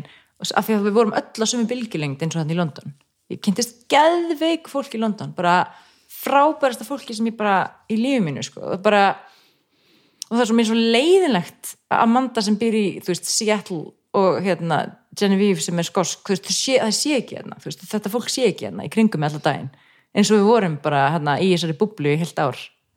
Það var svo æðislegt sko. Þannig að það er svona það sem maður saknar þegar maður kemur heim og, og svona ok, og hvað nú? Þú veist, en það var ekkert erfitt þú veist, auðvitað maður bara ég var nú heldur fljótt held ég bara, svo kynist ég manni mínu sumar eftir og þetta var bara mjög fint sko. Já, já, alveg. Það var bara æði sko. Þannig að þetta var nú ekki, ég get nú ekki sagt að það hafi verið mjög erfitt. En Nei. það er bara samt svona það er, pínu, það er alltaf, það er skrýta frá nýjan stað maður það bara að finna sig þar. Já. Þannig að það var bara En það hljóman Já. líka svolítið eins og það hefur nú verið að koma svolítið heim í svolítið annað líf heldur en þú skildi við. Já, búin að skilja að þú veist gamalt samband að baki og, og, og guð og, og, og svona einhverju hluti sem kannski voru ekkert eins og komst heim með já, þannig að ég var svolítið nýmanniska á nýjum, nýjum áratug og, og bara einhvern veginn já. Mm -hmm. og einmitt singul eftir þú veist sjö ára samband Já, og eitthvað svona, þannig að þetta er bara svona ok, hvað nú, veist, hvað gerir ég nú? Einhvern veginn. En vá, ég var alveg ég var mjög tilbúin að koma heim og ég var mjög tilbúin að vera ekki í, þú veist, námsmaður lengur. Það er, nú, það er nú það að vera alltaf námsmaður alltaf hérna, hálfpartin að lepi döðan og skil það er glórulust bara það er, það er einhvern veginn þannig maður, maður verðist alltaf að fara í hlutina sem er ekki gáðilegt að gera sko. Hefur maður ekki áhuga á einhverju praktísku já, þetta er alltaf eitthvað svona sko. en hvernig svo varst bara, hú veist, maður og bad var það bara já næsta það gerðist bara rætt sko. eða þú veist, svona með við já, það var bara næsta og það bara og bara að Já. gera það bara Ég held það. Allavega, við kynnumst þannig um, ég og Emmi kynnumst 2017 og það var mjög gaman. og hérna, það var mjög gaman það var rosa gaman. Við kynnumst á Tinder. Hérna, þannig að þetta er svona Tinder samband. Ég held að þið séu nú lúmst mörg, sko. Tindersamböndin, þau eru held að þessu bara farið fjölgandi já, og, og maður veit, me, veit um mörg og þau eru miklu fleiri heldur en maður veit af sko. Já, og hann var líka ógæslega fyndið af því að þú veist, ég hafði alveg verið að spjalla við einhver á Tinder áður og þú veist, og það yfirleitt svona svona samtölgið að fjara át í sandin eftir, veist, setningu á dag í viku eða eitthvað, skilur en þetta var bara hann hata small talk, þú veist þannig að hann Já. var bara, hæ hvað segirðu, hver er þín skoðun svona, þegar við kynnumst hratt og öruglega á, þú veist, og svo bara ge- þú veist, geimvísindum eða geimferðum og trúarbröðum og þessu og eitthvað svona, og svo bara við töluðum saman í svona tvo eða þrjá tíma í tjatti og svo heitumst við, þetta var saman daginn. Vá, ég veit það, þannig að þetta var alveg bara við vorum bara, ok, já og bara náðum úkslega vel saman. Þannig að það gerist frekar hratt. Þannig að þetta var kannski ekki alveg, það var ekki eins og við hefðum verið á Tinder mikið. Nei, nei, það var- það var bara, þú veist, munnræpa og svo heitumst við og Já. spjöldluðum í þrjá tíma. Og þú bara- veist, á og- hérna bara kaffihúsi og, og, bara, og ekkert mál bara. Nei, það bara þetta er ógstlega, bara, hann er svo flottir flottir kall sem ég náði. Þetta er svo gaman það gengur svo vel. Þetta er svo var skemmt það var bara mjög gekk bara mjög fínt og svo keftum við rúmlega árið setna saman íbúð og eftir að hafa keft mánuði áður stærstu fjárfyrsting lífsokar sem var grill.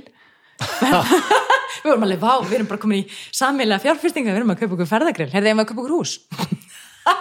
Og bara já, og ekkert vesen já, já, það var, nei, nei, þú veist hvað, eins og hvað vesen? Nei, bara þú veist ég, ég, Vesen var ekki orðið sem ég ætla að nota heldur. Ekki, Engin svona, þú veist hræsla eða evi, skilur við Jú, jú, alveg hérna ég var örgulega svona að máta þetta ég var vorum að máta hvort annað alveg í nokkra mánuði. Svo bara, já, alveg, alveg í nokkra mánuði. Já, ég var að máta og sjá, er, þetta, þetta málið og, og hvað, þú veist. Þannig að svo bara, já, svo er það ekkit yfir mér. Þetta er rosa mikil Þetta hljómar eins og svolítið stór breyting að vera komin úr einhverju búa úti alls konar skólar, alls Mm. konar listadótari gera sitt eitthvað og svo allir bara komin heim. Bara, ekkert bara, þú veist og bara fjölskylda og vinna og bara einhvern veginn svona daglegt amstur bara. Þetta var svona instant jarðtenging. Var, var þetta svo leiðis? Já, nei ég veit það ekki. Jú, kannski, hann er rafvirkin alltaf. Nei, Þannig erum við komin í þessa brandara Já, þessi brandari. Ég hérna Já, nei. Það er bara fyndið. Hérna um, Ég veit ekki, út rúksla stór stökk. Þetta var Já. náttúrulega bara bóheimlíf yfir í að vera einu bara ráðsett eiginkona á Íslandi, bara liggu við. Já, og það bara eins og hendi verið veifað. En ég held ég að vera brókslega tilbúin í það.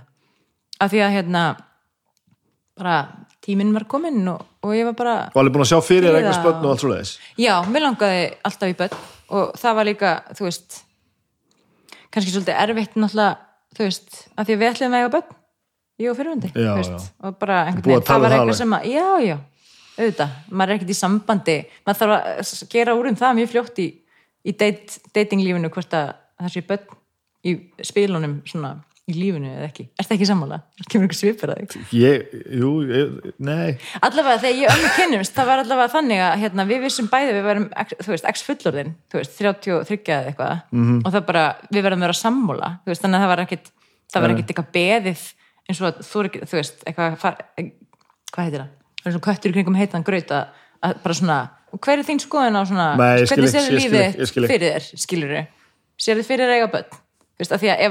Að að, það, þú veist, ef að annar gera það og hinn ekki, þá bara þá hefur engan tilgang að deyta. Nei, ég held að það sé svolítið til í, sko. Hann er að, já, Já, það er svona er bara, það var erfitt bara betra að vera ekkert að búa til einhverja tilfinningar hann sko. hann, við erum svona, við erum svona praktísk sko. að bara láta þetta djúsi drall ganga við erum ógisla lík og við erum ógisla lík Já, þannig að ég hérna ég upplýði mig sem jarðtenginguna með fyrirhandi og núna er ég sko eldurinn á loftið sko. Já, það er fyndið. Nei, nei, það er svona, og náttúrulega maður er mismunandi manneskja í mismunandi samböndum, sko. Ekki bara ástasamböndum heldur samböndum við fólk, ég veit ekki. Kannski er það sömur bara alltaf eins. Mér finnst ég alltaf vera Nei, ég, þá, þá er þetta ekki tengslum við sjálfa en þú gerir það ekki. Fólk er að tryggjara mismöndu hluti í þér sko. já, ég held það. Ég bara trúið ekki og hægir er og þetta þarf ekki að vera neinn síndamæska af því að Nei. þú veist, það hlýtur bara að vera þannig að veist, fólk ítir bara mismöndu takka hjá manni sko. Það var eitt af því sem ég hugsaði um þegar ég var að koma í þetta viðtaldi en ég eitthvað shit, þú veist, ég hef aldrei sagt bara allt sem ég er að hugsa einhvern veginn, uh, það er bara svona en ég ætla bara, ég gaf mér svona verkefni að reyna bara að koma hreint í dyra. Hérna, þú veist, já, Já. að því maður er alltaf einhvern veginn að ég veit það ekki maður er ekki, maður er ekki alltaf svona mismunandi útgáð sjálfum sér og pínur svona rítskoða sig í tengslum við hvern maður er að tala við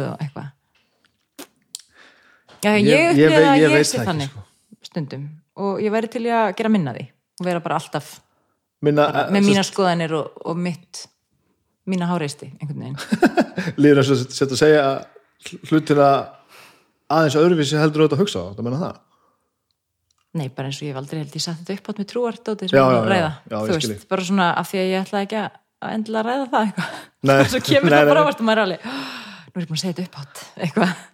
Það Æ, er, ég held samt að sé líka bara eitthvað að breytast í til hins betra sko það er bara svo stutt síðan að maður bara maður sagði ekkert einhvern veginn allt sem að maður var að hugsa. Og maður átti bara Nei. ekkert ekkert alveg að gera. Nei. svo kemst, kemst ég núna eins og með þetta veist, bara þessa þætti og þetta. Mm, að þú veist það hafa bara allir eitthvað svona að segja sko, og við erum öll með einhverja svona pælingar sko, mm og þegar upp í staðið þá veit fólk ekkert af hverju það er, er einhvern veginn að kannski ekki endur að skamma sín en svona einhvern veginn að forðast að, að horfast í augu við það sko, af því að hvað er þetta þegar upp í staðið, þetta er bara hlutið sem við erum búin að gera sko. Já, er þetta svona eitthvað ímyndartengt eða, þú veist, sko. ég veit það ekki heldur. Þú veist. Svo líka svona stundum eins og einhver, einhver þurfa að byrja sko, maður þorir ekki að Já. byrja. Já, svo um leið og ég fór eitthvað og það, sáum þetta svo skýrt með þáttin sem að Baldur bróður og Flós eru með. Já. Svo tók ég Er það hann fortíðar? draugafortjar Já, ég hef hlustað hans á það, já. Og svo kom Flósíðan til mér í viðtal og hann alltaf með þessa ægilegu kvíða og þunglindis sögu að bak, baki sko. Og svo fyrir ég að tala svona um, um minn kvíða og Baldur alltaf með miljandi aðtiklisprest sko. Og þá veginn þegar svona búið að stinga á þessum kýlum sko og ekkert bara með eitthvað svona eitthvað svona fokk heldur, bara alls konar hluti bara ég er ekkert góður að sjá um börnum mín, ég kann það ekki sko. Og þá allt í einu sko hrúast inn sko samtölum til mínum fólk sem að tengir við það ég sko. held að það sé svo geðvegt og það hafi satt upphátt af því að ég efast um þetta, er- þetta er aldrei í umræðinni þetta, ég hef bara aldrei heyrt þetta í umræðinni Þetta með- ég þetta með börnin? já, fyrir en ég heyrði þið tala um þetta. Og allt mér líður eins og sé líka kannski reyndar að því ég er nýlega orðið fóreldri hún er eins og hálsás, veist, mér líður ekki eins og fólk hafi talað mikið um erfileikana við barnaðipildi eða hvað þetta er, veist. Eða hvort ég hafi bara leitt það hjá mér af því ég ætlaði að eiga börn og ætlaði bara að láta það koma síðar bara hvað þetta væri ekki krefjandi ég held að þetta sé alveg rétt þér ég þurfti alveg að taka Tekur á mann, sko. ég þurfti alveg að anda djúft og, og, og takast á við þetta sko mm. og ég alltaf með Agnesi sem get, ég get talað við um svona hluti sko Mhm. -hmm. en nei, nei, mér fannst þetta fyrst bara óþægilegt, mér fannst bara eins og ég væri bara ófærum að gera eitthvað sem er algjörlega sjálfsagt að gera mm. og það er, þú veist, ég hafði enga sérstakka fyrirmyndur af því að það væri að maður segði það bara upphátt að maður get ekki séð um börni sín sko. Íkjæða þetta herningi gæt svo sem alltaf séð um þau en, en, en átti bara, þetta var mér ekki eð- eðlislegt sko, og er það að mörgulegt ekki ennþá sko. þannig að ég um leið alltaf um, um leið og, og umræðan komar að stað þá höfum við alltaf einhvern veginn þess að sögur að segja maður. Það er bara, og ef að ég væri þú í þessu tilfelli þá væri ég öruglega en dagmóðir að því það er alltaf að challenge sjálf á mér nei, ég er að tjóka það hljóma samt pínu þannig en hvað þú veist, með allt þetta sem þú sem þú bú, sem þú ert búin að gera já, hvað þú veist, ertu þú ekki búin að gera? Ég veit það ekki. Af því þú veist þá að fara svona frekar þú, þú, þú, er- þú er aldrei eitt löngum tíma í efast um hvað þú ætlar að gera. Meina, þú, þú hafi verið að vinna hand í Hollandi þá varstu samt alltaf svona einhvern veginn á, í, í, í, þessa, í þessa átt. Þú ætlar alltaf í þetta músidót og já, ég meina, það, sko, basically þá held ég að það hafi allt verið frá að til þess að- að ég að því að ég vil vera starfandi tónlistamæður og gefa tónlistina mína þú veist það bara og semja mína tónlist og helst bara geta komið henni sem mest frá mér sjálf einhvern veginn já, já. en ég meina það sem ég væri ósla til í kannski í framhaldinu setna væri að, að vera kannski starfa meira tónlistilega með öðrum þú veist, og vera Mhm. ekki bara í mínu heldur kannski hljómsveitar eða þú veist, einhverjum svona verkefnavinnu eða þú veist eitthvað semja fyrir leikhús eða, eða svona hópa eða eitthvað svolítið, ég hef svolítið verið að semja fyrir kóra og hérna þú veist, þeir verið að gera ímislegt svona, ég hef svona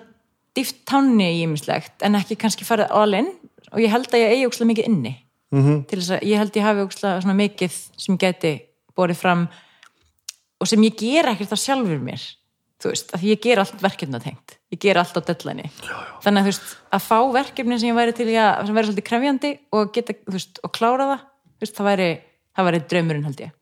Og ég sé alveg fyrir mig líka þú veist, núna er ég að kenna mjög mikið og mér langar náttúrulega bara að vera, að, þú veist, vera meira kannski fara að vera meiri flytjandi og kannski meiri svona skapandi vinnu. Fara kannski eftir að stjórna kór. Þú veist, gera svona, þú veist, bara svona að ég held að það sé óslega holt sem tónlistamæður að maður sé ekki gera bara einhvern eitt hlut sko. þetta er svo ógislega gott að halda sér svolítið á tánum og vera skapandi og mismunandi hátt sko. þannig að það er svona þannig sé ég fyrir mér framtíðina held ég, eða svona næstu ár eitthvað svoleiðis hvað er ég, hvað hérna, var þetta svarur spurningunni? Já, ég man ekki svona hvað er ég ekki búin en að gera já, ég veit það ekki og svo kannski bara fæ ég á söllu og þá kannski bara fer ég í MBA nám og verið stjórnandi einhvers staðar. Nei, djók. Er Ég samt djók? Ég meina- nei, ándjóks, ég held ég geti orðið geggjaði stjórnandi Já. líka. tala mjög slag upp. Eða svona, ég er svona, svona diplomatísk að því leiti ekki sé margra hliðar og, og ég er svona skipulögð og, og hérna. Og vinkurum minn djóka stundum með það því að veist, það er oft svona ímynda lista fólk sé svo kátíst og, og svo mikið að fylgja veist, tilfinningum sínum og eitthvað veist, og jú, ég geri það. Ég er alveg, þú veist, tilfinningarnar og þú veist, upplifunarnar streyma alveg inn í texta hjá mér. En á sama tíma vinn ég eins og Excel-skjál skilur Já. þannig að ég er bara eitthvað, nú ætla ég að gefa mér tvo tíma í sköpun, nú ætla ég að gera það. Þú veist, Já, alveg svona. Já, veist, ekki alveg kannski, því ég er ekki ég þarf alveg að setja mér fyrir tíman þetta er ekki bara eitthvað, ah, nú, nú kom andin yfir mig, þú veist, þetta er meira svona ef þú gefur ekki tíma að semja, þá semur ekki neitt. Þú veist, og það, þannig er það allavega hjá mér. Ég veit ekki hvort það, veist, ég er alveg vissum að margir tengi við það, Æ, Ég er eins, já, fullkomlega eins. Ég Já. hef aldrei fengið andan yfir mig á æfinni held ég. Nei. Ég þarf bara setjast niður og grafa skurðin sko.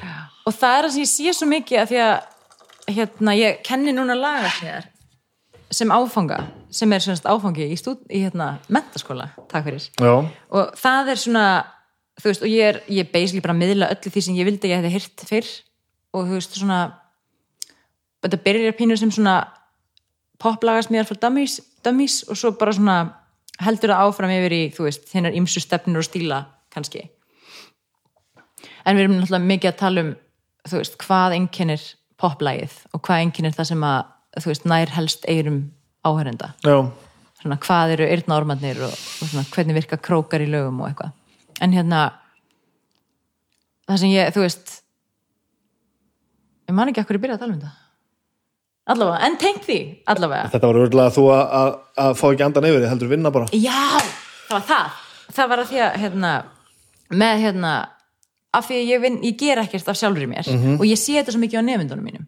Veist, þau hérna hafa kannski aldrei sami lag á æfinni Já. og svo koma þau í lagasmíðar og eru bara hvað, shit, þú þurfið sem ég lög og texta ég þarf að syngja og ég þarf að, þú veist, gera hlutina. Og svo bara opnast á einhverja gátt hjá þeim af því að þau fá fyrirmæli og deadline, já. og ég sé bara svona, ég hef séð lagasmiði fæðast þú veist, í gegnum þetta þessa, þessa tvo áfunga sem er náðu yfir heilt ár.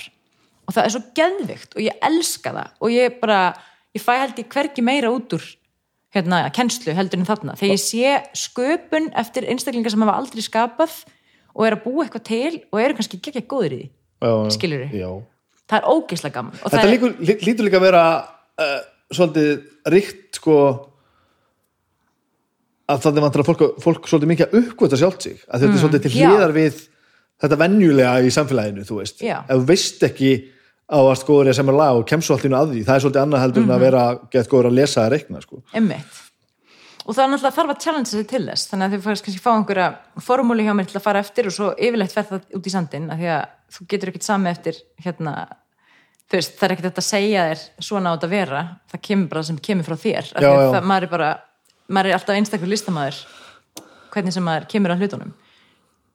Þú getur ekkert komin um að það sem er, kemur frá þér, einhvern veginn. Þannig að það, þá bara kemur allt í einu þeirra rödd út og þeirra stíl og, og það sem þau þurfa að segja og, og svona, það er og ertu svo að dæma það sem aðrir eru að gera er það ekki derfitt það? um, ég reyna að dæma sem minnst af því að það, ég er alltaf að minna þig á að það á allt rétt á sér. Uh, og allt, þú veist, en það sem ég geri er að ég hlusta á uh, sköpunarverkið og segi hvernig það geti hugsanlega verið aðeins formfastara eða já, já, eða hvernig það geti verið að brjóta það eins upp eða gera það áhugaverðara. Þú veist, með svona hvort það ætti að stytta einhvern kabla eða endur taka einhverja línur eða breyta einhverjum ljómagöngum þetta er bara svo að bara svo að hljómstræðingum með skálmöld sko. maður kemur með lægi sitt og henni byrja að benda á hvernig getur betra. Já, af því að betur heyra eiru en eira. Já, já, að þú færð alltaf meira þú alltaf, þú getur alltaf þú hefur alltaf tækifæri til að gera eitthvað betra með því að varpa, varpa því á einhvern annan til þess að þú veist, ó, gefa þér ef að feedback. fólk myndir nú almennt trúa þessu. Er bara, þú veist, þess vegna held ég að þú veist, samvinna margra skapandi einstaklinga getur búið til eitthvað trillt sem að einn kom kannski bara með helmingin af, þú veist, þú sér þetta bara í besti tilfelli, hérna, nú ætlum ég ekki að alhæfa, en þú veist, Paul McCartney og, og Lennon, þú veist þeir gerðu geggja hluti saman og svo gerður alltaf þessu hluti í sikur lægi já, þeir sömdu nú svona mikið hans lögum ekki saman þeir bara voru að samanast um að þeir skrá, voru- skrá sig saman sko. ok, ok, en eins og það sem ekki bílarnir næri tekst að dæmi en samt en, dæmi, það, en það sem skilur bílarnir samt gerðu Já. var að mæta yfirleitt í stúdíóið rétt eftir að að Paul var búin að semja lægi þá bara var mætt í stúdíó og þeir rifuð það í sig þar með pródusent já, sko. já, það var miklu meira þannig vinna sem var þar sko. Já, það er svona, það eru fleiri sem koma að þetta því. kollab sko, Algjörlega, það sem að algjörlega. einhver kemur grunn hugmynd og svo er bara allt opið bara, og öllu er kollvarpa sko. Já. það, og það er upp á að vinna mín sko. Mér finnst svo gaman að mæta með eitthvað sem ég samdi og henda því inn í hópin og sjá hvernig það kemur út úr vélinni á hinum endanum það er svo skemmtilegt sko. Það er geðvögt. Ég eftir að upplifa þetta svolítið. Ég er kannski meira, ég er alltaf að semja sjálf. En svo, þú veist, mitt kollab er alltaf við, með pródusentinum Já. sem að vinnur þetta áfram með mér, þú Já. veist. Eða jú, ef ég svona spegla á öðrum. Og ég, verið svolítið verið að spegla öðrum mínu lagasmíðar sittni ár af því að eftir hérna, eftir uh, þegar ég byrjaði semst náminu í Englandi þá fór ég að vera virkur þáttakandi í svona einhverju sem heitir Song Game sem er svona hópur af lagasmiðum bara svona sem þekkist eða þekkist ekki. Sem að hef ég aldrei hitt, þú veist. Og svo hefur þetta þróast áfram svona hópurinn er svona sem að startast í svona e-mail lúpu og allir geta tekið þátt og þú veist, þá er svona challenge að semja eitt lag á viku í x langan tíma. Ok, og senda það á hópin og hópurinn hefur sér allan við að hérna, kommenta á, senda þess að upptekið sem er eitthvað svona de- demo, de- demo bara, version, já. á hópin og þú veist, oft hefur þetta verið kannski svona 10-15 manns sem að enda á því að þú veist, senda á hópin einhvern veginn sem vilja taka þátt í þessari lúpu Mhm. -hmm. og svo er þetta kannski 8 vikur og þitt verkefni þá líka að gaggrina, að, rýna það sem aðrir eru að Já, gera þetta er, þetta er ekkit eitthvað þetta er ekkit formlegt, þetta er bara eitthvað sem einhver, einhver nefandi startaði sem var með mér í, í þú veist, Goldsmiths þetta er fárálega skemmtilegt Já, og þetta er geggjað og ég hef sko næstu því, næstu því öll lög sem ég sami senstu ár hafa verið í gegnum svona já, já. af því að þá var ég á deadline og Já. ég fekk kannski einhver svona inspiration prompt sem er svona bara einhver svona setning eða ljóð eða mynd eða eitthvað og svona eitthvað til að semja út frá og svo sem ég og það góða við þetta er að þú semur hratt og þú klárar og þú farið instant gratification af því að fá kommentin Mhm. -hmm. og það er held ég að sem að þú veist, hjálpar rosalega mikið ferlinu já, og þá líka gef ég mér tíman bara í þessari viku og næstu fjórar eða átta vikur er ég að fara að semja er ég að fara að klára lag á viku og þarf Já. ég að klára lág, já. Já, og þetta hefur bara, þú veist, það kannski virkar eitthvað annað fyrir aðra, þú veist, en þetta virkar svínvirka fyrir mig veist, ég ég, aldrei fyrirlestra sem að ég, þú veist, í alls konar formi sko -hmm. Mhm. og ég þeir heita, er að yfirtitlaðum öllum er yfir skorður já, og þá er ég að fjallum sko ég verðist alltaf skila besta stöffinu ef ég er í einhvern skorðum. Já. Ef ég er sko í tímaskorðum eða, eða ég má bara semja innan einhvers ákveðis efnis já, sem er ástæðan fyrir því að ég er frábær textasmiður en ég er ekki mikið ljóðskáld sko. what? En þú ert samt ljóðskáld Já, ég veit það, en, en ég, það sem ég geri frábærlega Já. er að semja í rýmið og stöðlana og höfustafina sko. ok, af því þú ert með formið á Fasta læginu formið, ég af því þú ert búin að fá laglínuna Já, yfirleitt, ég sem texta ón og, ón og það sko. ok. en líka það sko ég er ekkert að fara að semja einhver, einhver órýmuð ljóð Nei. um eitthvað flæði sko. ég bara, það er ekkert þá bara sest ég niður og, og, og horfum bara tómt skjalið og bara gerst ekki neitt en um leið og ég veit að það var að rýma við þetta helvits orðið þarna, þá fyrir allt já, að stað sko. það er geggjað og ég mitt segi fólki nota rím alveg óspart til þess að leiða sig áfram það er málið þú sko. veist, af því að það kemur með næstu hugmyndir og stöðlæðin, stöðlæðin og allt, Já. allt þetta og, og bara er eiginlega alveg að því að þetta var rosa ríkt í mér sko, að bara ég ætti aldrei að setja minn eina skorður, ég ætti að passa maður að vera inn í þú veist, bara hérna að allt væri opið og þess getið, þú veist, þá myndi ég ná svona einhverju svona, svona stærstu hugmyndunum minn, þá gerist ekki raskat maður. Um leið og ég bara, þú var að skilja þessu annarkvöld og þetta hérna er þessi kapli sögunni sem er um þessa person og þessa og þetta gerist. Og þá bara, fokkól, þá var ég bara að redda því sko. Og svona vinn ég alltaf best sko. Já, bara, og þú veist þú veist dásal með þann sem þráináni svo ég nefni hann nú aftur í þessu spjalli hérna. Hann er besti gítarleikari í heiminum. -hmm. hann var að spila í ballhljónsett og hún fannst það ekki droslega gaman á balli nummer 650 eða eitthvað, hann var bara svo- svo- svolítið búin að fá nóga þessu sömu lögin og bara þetta var ekki alveg hans þeng brjálaðislega góður hljóðfærileikari og músikant Mhm. -hmm. og hann fór það saga sem hann sagði mér svo lengur setna sko. Mhm. til þess að, að fá eitthvað útrúsu og, og bara læra meira og bara svona challenge sjálfa sig og hafa gaman þá gaf hann sér bara fjögur bönd á hálsinum samlíkjandi bönd -hmm. bara þriðja, fjóraða, fymta og sjötta band kannski já, Já. já, og hann mátti bara spila innan þessara banda já, alla hljómana, öll solo og allt sko. þú þarf alltaf að vera brjálaðislega góður í þetta sko. og svona hljómlega þengjandi og, og þekkja hljóðfærið útvegin sem hann gerir og lærði Mhm. ennþá meira sko. hann sagði, lærði ógæðslega mikið á þessu vegna þess að hann var komin inn í einhverja skorðu sko. Það er flott að gefa sér svona challenge bara, þú mátt bara semja frá þreymur hljómum Ó, það er svo bara, gaman, þú mátt aldrei fara á moll þú veist, það er eitt, eitt challenge sem að Vá. sem er hjá, fá hjá mér það er hérna að fyrirmynd Kate Bush Wuthering Heights hún samtiða 16 ára þú veist, og hún byrjar bara í dúrhljómum Mhm. -hmm. og þú veist, það er eitthvað sem að enginn gerir, veist, það er ógeðslega erfitt er að gera hægt, sko. það er ekki hægt, en hún, svo, svo lendir það reyndar og hún já. setna, en þetta er bara svona what? þú veist, þetta er, er úslega svona mjög niðurnjörfandi challenge að prófa að nota bara dúrhljóma til að byrja með eða eitthvað svo leis eitthvað svona Já. veist, og, þetta, og jafnvel, þú veist þó að þetta leiði mann svo eitthvað annað Mhm. -hmm. en þá í, í- öllu falli kviknaði einhver hugmynd eða eh, eitthvað verkefni komst eitthvað áleiðis Já. vegna þess að þú settir inn í einhvern kassa sko. og ég gerði oft í vinnun líka Aha, Já, maður, fullt af alls sko fólk veit ekki svona af því sko. Bara nota orð sem eru bara nota fjörasta orð eða eitthvað bara svona alveg, alveg galinn sko. ok. og stundu ferða eitthvað annað en að því að ég set mér einhverju svona reglur Mhm. þá fara einhverja aðrar, aðrar heilastöður í gang sko. Heyrðu þetta sem, teiknurum í vinnunni Mhm. ætla ekki að nota grænan Briljant og bara gerur eitthvað annað cool Það er ógæslega snið og er bara eitthvað sem að, eitthvað sem að virkjar eitthvað annað í heilanum maður og það er eins og maður fari af stað sko. En ég þarf líka, ég er eins og þú sko, ég þarf að hafa tímaramann en hvernig, hvað, hvað orðar þetta? Þú sagðir, ég skapa best innan hafta. Nei, En- hvernig sagðir innan, þetta? ég set mér alltaf einhverja skorður. Ég, en ef það var svona eins og þetta væri svona, þetta var eins og þetta væri orðatildegi þegar þú sagðir þetta. Skorður? Sköpun er best innan skorða. Nei, tjók til dæmis, það er að segja stuðla á allt.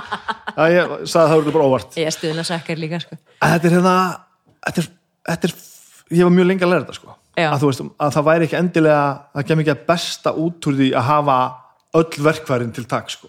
Já, þú mátt bara hafa skrújátt og skipti líki, hvað ætlar að gera? það er ekki kannski mjög, mjög patenti því Nei, en þú verður að gera En ég þarf hamarinn, ég er smiður Sorry, því miður, þú mátt ekki Þannig að þetta er svolítið skemmilegt sko. Ah, shit Hérna, Það er mér- gott. eitt sem við, hérna, mér langar að spyrja það á- áður Já. en við, hérna, áður en við, við, við hættum að tala saman Já, sem ég er mjög heitlaður af það er munurinn á hérna að því þú gerir mikið af hvortvekja það er að semja og, og búa þitt til og koma þig frá þér Mhm. -hmm. og svo að flytja músík mm -hmm. að því svo ertu náttúrulega bara, bara svo ertu jazzsöngkona, þú veist, bara svona það sem að ég hef séð, þú veist bara svona old school stíga á svið með hljómsveit að syngja alls konar jazzlög sem er bara svona púra fluttningur mishefi, skiluru mm. en það er dæmis eitthvað sem ég hef ekkert rosalega mikið í mér sko mm. að bara svona á ég að syngja fyrir ykkur lag þá verð ég bara svo kjáni sko. Ég syng fyrir börni mín, en um leið og ég um leið og ég á að fara að taka hérna bara eitthvað lag eftir sálina með kassakítar eða hvað sem er, jafnvel lög sem vi- mér finnst þokkalega skemmtileg sko. Ekki að mér finnst hvað sérstaklega illa við sálina en þá hérna ég finn mig sjaldnast í því sko. Mm. mér finnst alveg gaman að setja svona kannski eitthvað svona minn braga á hlutina og kannski svona velja einhver svona nördalög og sína fólk, já, ég er svolítið að sína fólki. Og ég sína ykkur þetta lag, það er rosa magnað. Ég tengi reynda við það. Að svona, að svona, það verður það kannski svolítið abstrakt svona, það sem ég vel já, ef ég er að velja. það, ég myndi mögulega geta munstra þetta þannig. Já, en að þetta dásamlega element sem ég öfunda þig og fleiri af sko, það er þetta bara að geta sungi fyrir fólk einhverja músík og maður fattar bara þetta er frábært. Ú, næs Já, hver er spurningin þá? uh, þú setur hvað er mismunandi skorður. Uh, þegar þú ert með þitt stöf þú er þetta sama er þetta sam, sami perform, er þetta sama sam, sama, sama lista stöðin í heilanum að Nei, mér finnst ég næstu að vera ég er alveg sikkur, svolítið, held ég. Þetta er, þetta er svona sikkur búningurinn. Og ég held að þetta sé alveg oft mjög sikkur búningurinn en ég, þú veist, einhvern veginn af því ég hef af því að ég hef einhvern veginn búin að bara kingja mér ofan í tónlist bara í víðu samhengi einhvern veginn, bæði í námi og, og vinnu og, og lífinu einhvern veginn þá er ég bara svona ég lærði jazz, þannig að ég elska að flytja jazz og svona kannski mest þetta hefðbundna svona gamal, gamla sem að fólk þekkir oft. Um, með mínu nefi af því að jazzin gefur mér nústum ekki frelsi til þess að þú veist koma með sitt inn í það. Þú ert ekki bara eitthvað röddin er ekki það eina sem þú berð fram. Þó að röddin sé þín þá ertu líka þú veist með þinn, þitt hrinskinn og þitt improvisation og þitt þína nálgun og þínar útsetningar. Af því að þetta verður alltaf þú veist, þegar ég vinn þegar ég er að undirbúa jazztónleika þá er ég að vinna með hljómsveit sem að, þú veist, vinnur saman að þú veist, hvernig final útkoman er og allir komi hugmyndir að útsetningum á læginu og eitthvað svona, það er það sem að ég elska þó að ég kannski komi hugmyndin að lagalistanum. Já, og hérna já, ég ætlum þess að fara að gera það á Djassat í Reykjavíkur núna sem verður í ágúst held ég. Ok. Ekkert held ég, hún verður vonandi bara í ágúst ef nema COVID alveg mm sprengjalt um, nei, september fyrir ekki. Já, og svo þegar þú veist, en svo þegar ég er fengin til að syngja eins og ég elska að syngja í brúðköpum og svona við aðtapnir hjá fólki þá er ég alveg bara þá finnst mér að vera í öðrum sporum heldur en jazzsöngununa því að það er veist, meira kannski fyrir aðeilina sem er að fá mig til að syngja. Þannig að það er svona þeirra val og þeirra já, og svona önnur nálgun sem er kannski veist, ég örugglega útsetja lægið allt öðru sig til að syngja á tónlöngum eða til að syngja það við aðtöfn, skilur við Já, það þarf að vera svo látlust og fallegt í eins og brúðköpsatöfn um, þannig að hann er farin að láta aðstæðunar stýra meira heldur en tónlistina sjálfa? Nei, tónlistin fær alltaf að stýra sko. já, ok, hún fær alveg að stjórna. En þú veist, það samt annað er ég á tónlingum sem ég, mm. -hmm. Marja söngkona. Hitt er ég sem keft vinnuafl, að ég fattar þau keft vinnu, að ég fattar þau mig? Ég, ég, skilji, Þannig að þá er, ég, þá er ég að vinna fyrir þig sem kaupandan já, já, já, til að gera þína veislu eða aðtöp sem fallegasta. Og þá er ég að bara leggja allt mitt í að gera það fallegt, mm -hmm. Og svo þegar ég er að flytja mína músík þá er ég kannski mest í elementinu af því það er mín tónlist og það eru mínar sögur -hmm. og það er það sem ég skapaði og þá er ég bara, þá er ég einhver annar þá er ég pínu meira svona einhver frumkraftur finnst mér, þegar ég er að flytja mitt efni en þú ert alveg allstaðar í, í komfortrónu, þið líður vel með þetta allt saman Já, ég hef jafnvel í meira komfortzónu þegar ég er ekki flytja mitt eigið efni af því að Ókei. það, þá finnst mér ég ekki það stendur ekki rosalega nærri mér já, það þarf ekki, ekki að bakka það mikið upp. Nei, já, já, já. af því að það hittir bara alveg ég og mitt. Hann er þetta rosa, rosa langt sem ég spilaði mitt efni finnst mér á tónleikum. Um, og ég hef ge- gert það í mismunandi útsetningum einhvern veginn, ég hef stundum verið að flytja ein með tölvu og hljómborð og mæk og eitthvað. Og stundum hef ég þú veist, eins og þegar ég held útgáfa tónleika fyrir plötuna þá þú veist, var ég með 16 manna band eða eitthvað, þú veist, þetta var Já, svona já, já, já. þú veist, þá tekur maður alla alla hljóm, þá fær, fær allt að vera á sviðinu, sko. Að því að, sko, ég held að flest lögin mín, þau þólaða að vera í mismunandi, þú veist, þau eru þú veist, þau geta verið sterk ein og sér, þau geta verið bara hljóðfærarödd eða veist, eins og góð lög bara yfir höfuð, Já. geta staðið í mismunandi útgáðum, finnst mér. Ertu að gera meira músík? Ég er að gera mínu músík Ertu að gera meira? Núna? Já, Hver- það er að koma næsta lag sko, ég var að, já, ég sem sagt sótt um nokkra styrki í fyrra í fæðingrólónu til að gefa út næsta memruefni Mhm. -hmm. og fekk alveg fjóra styrki á endanum til að gera plötu og ég var að klára saxlaða plötu sem memra af lögunum sem ég samdi þegar ég var nýflutt til Íslands ok, svona í svona rótleysi, bara svona finna mig aftur í lífinu, svolítið og var það saman svona þessari e-mail lúpu þannig að er svoleiðis, Já, svoleiðis flest lögin eru til þannig. Eitt lag var til reyndar sem hérna, gjöfti vinkunum mínu sem gifti sig. Það var svolítið svona óvænt til þeirra sagan þeirra. Um, en hinn lögin eru rosa mikið ég er svona kannski bara svona já á milli staða einhvern veginn, Mhm. nýkomin heim og sakna einhvern veginn.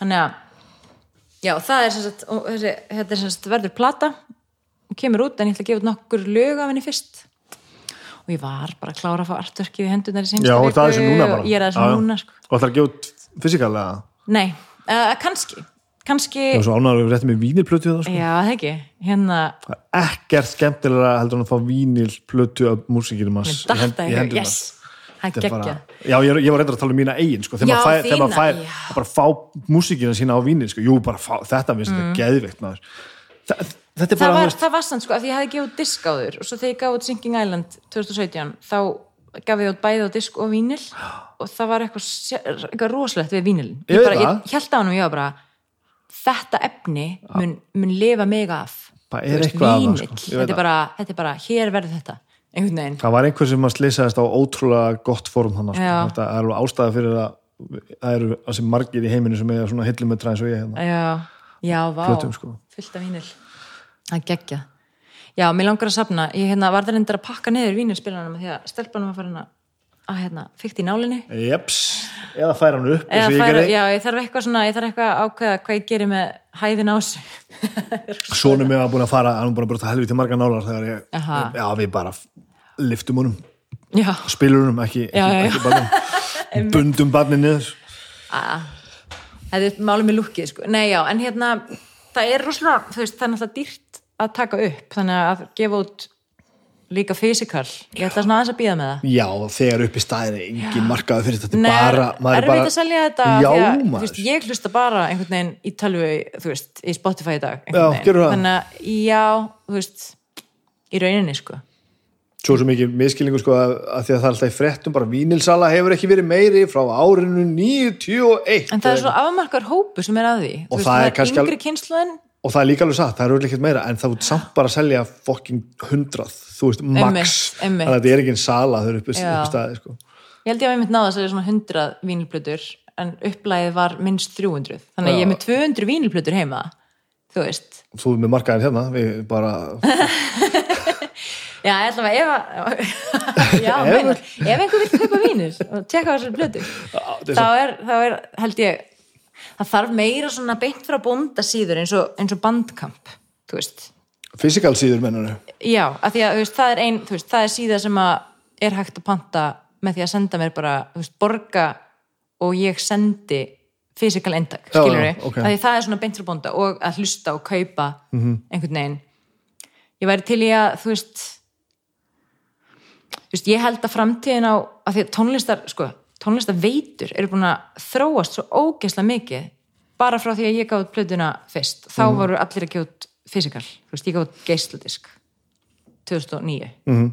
og þú veist og þú eru lifa þetta lengur eða eitthvað, en þú veist, þá voru svona geisladiskar og svo bara kemur allt í einu SoundCloud gett stert inn og það er allt og svo allt í einu Spotify alveg tekið yfir. Og þú veist, það er svo mismunandi þú veist, maður er að fara að finna upp hjóli í hver skilt sem maður gefur eitthvað út ég er bara búin að finna það með, þú veist, því ég er búin að gefa út cirka singul á ári, mm senstu ár. Og ég er bara, vá, ok, býtu já, þetta er besta leiðin í dag, já, hérna, já, ok. Þú veist, núna eru flestar auglýsingar frekar þarna heldur en þarna eitthvað, þú veist, þetta er algjört- að algjört maður er sko. sjálfstæður útgefandi leiðinni þó maður vilja bara vera tónlistamæður Já, það er ekkert skinsamlegt við neitt að þessu. Nei, Þetta er alveg- neitt, þetta er bara passion og, og þú veist, identity og, og bara þörf, sko. Já. það er bara þannig, ég hérna þetta er bara, þú veist, ég er bara um sætti með það, þú veist. Þó að hérna, hlustundahópurum minn stækki aldrei meir þá er þetta bara, þetta er svo sem ég er. Ég er tónlistakona, ég gef út tónlist. Og það er bara það er að því að það er bara einhvað sem þarf að komast út og, og verður að komast út einhvern veginn, í sköpun. Þetta er satt því næst, það er næsta sem þú þarf að gera. Já, þannig að, já, þess að því næst og, og svo hérna kemur fyrsti singull af plötinu út 8. september. 8. september? Já, ég bara ákvaða hefði getað komið út á morgun meina, af þú að veist, það út- bara gefur smá tíma og Þú ert útgefandi, það var bara já. 8. september nákvæmlega, svona ákveðingra það var svo fínt ef einhver myndi bara segja manni veist, þetta væri sniðut sem þetta og, Það er mjög og þetta væri hérna markaðs, ég veit alveg ég geti ráðið einhvern að gera þetta fyrir mig en þú veist það sagði einhver einhver tíman að þú veist, það gerir þetta engin betur en þú sjálfur af því að það hefur engin mikið passion fyrir þú sjálfur og ég bara reyndi að taka það til mín og, og reyna bara að vinna í þessu eins og maður þarf að gera. Það er, það er ein leiðin sko. Ég nenni því bara ekki. Ég veit það, Ó, það væri svo fínt að það væri fínt bara að vera með einhvern svona. Bara, það er kannski framtíðin, vonandi. Vonandi. þú veist, það kemur ljós. Þetta var ógæslega skemmtilegt. Æ, takk sem er leiðis, Takk fyrir að tala við mig. geðveikt. Ógæslega gaman að koma.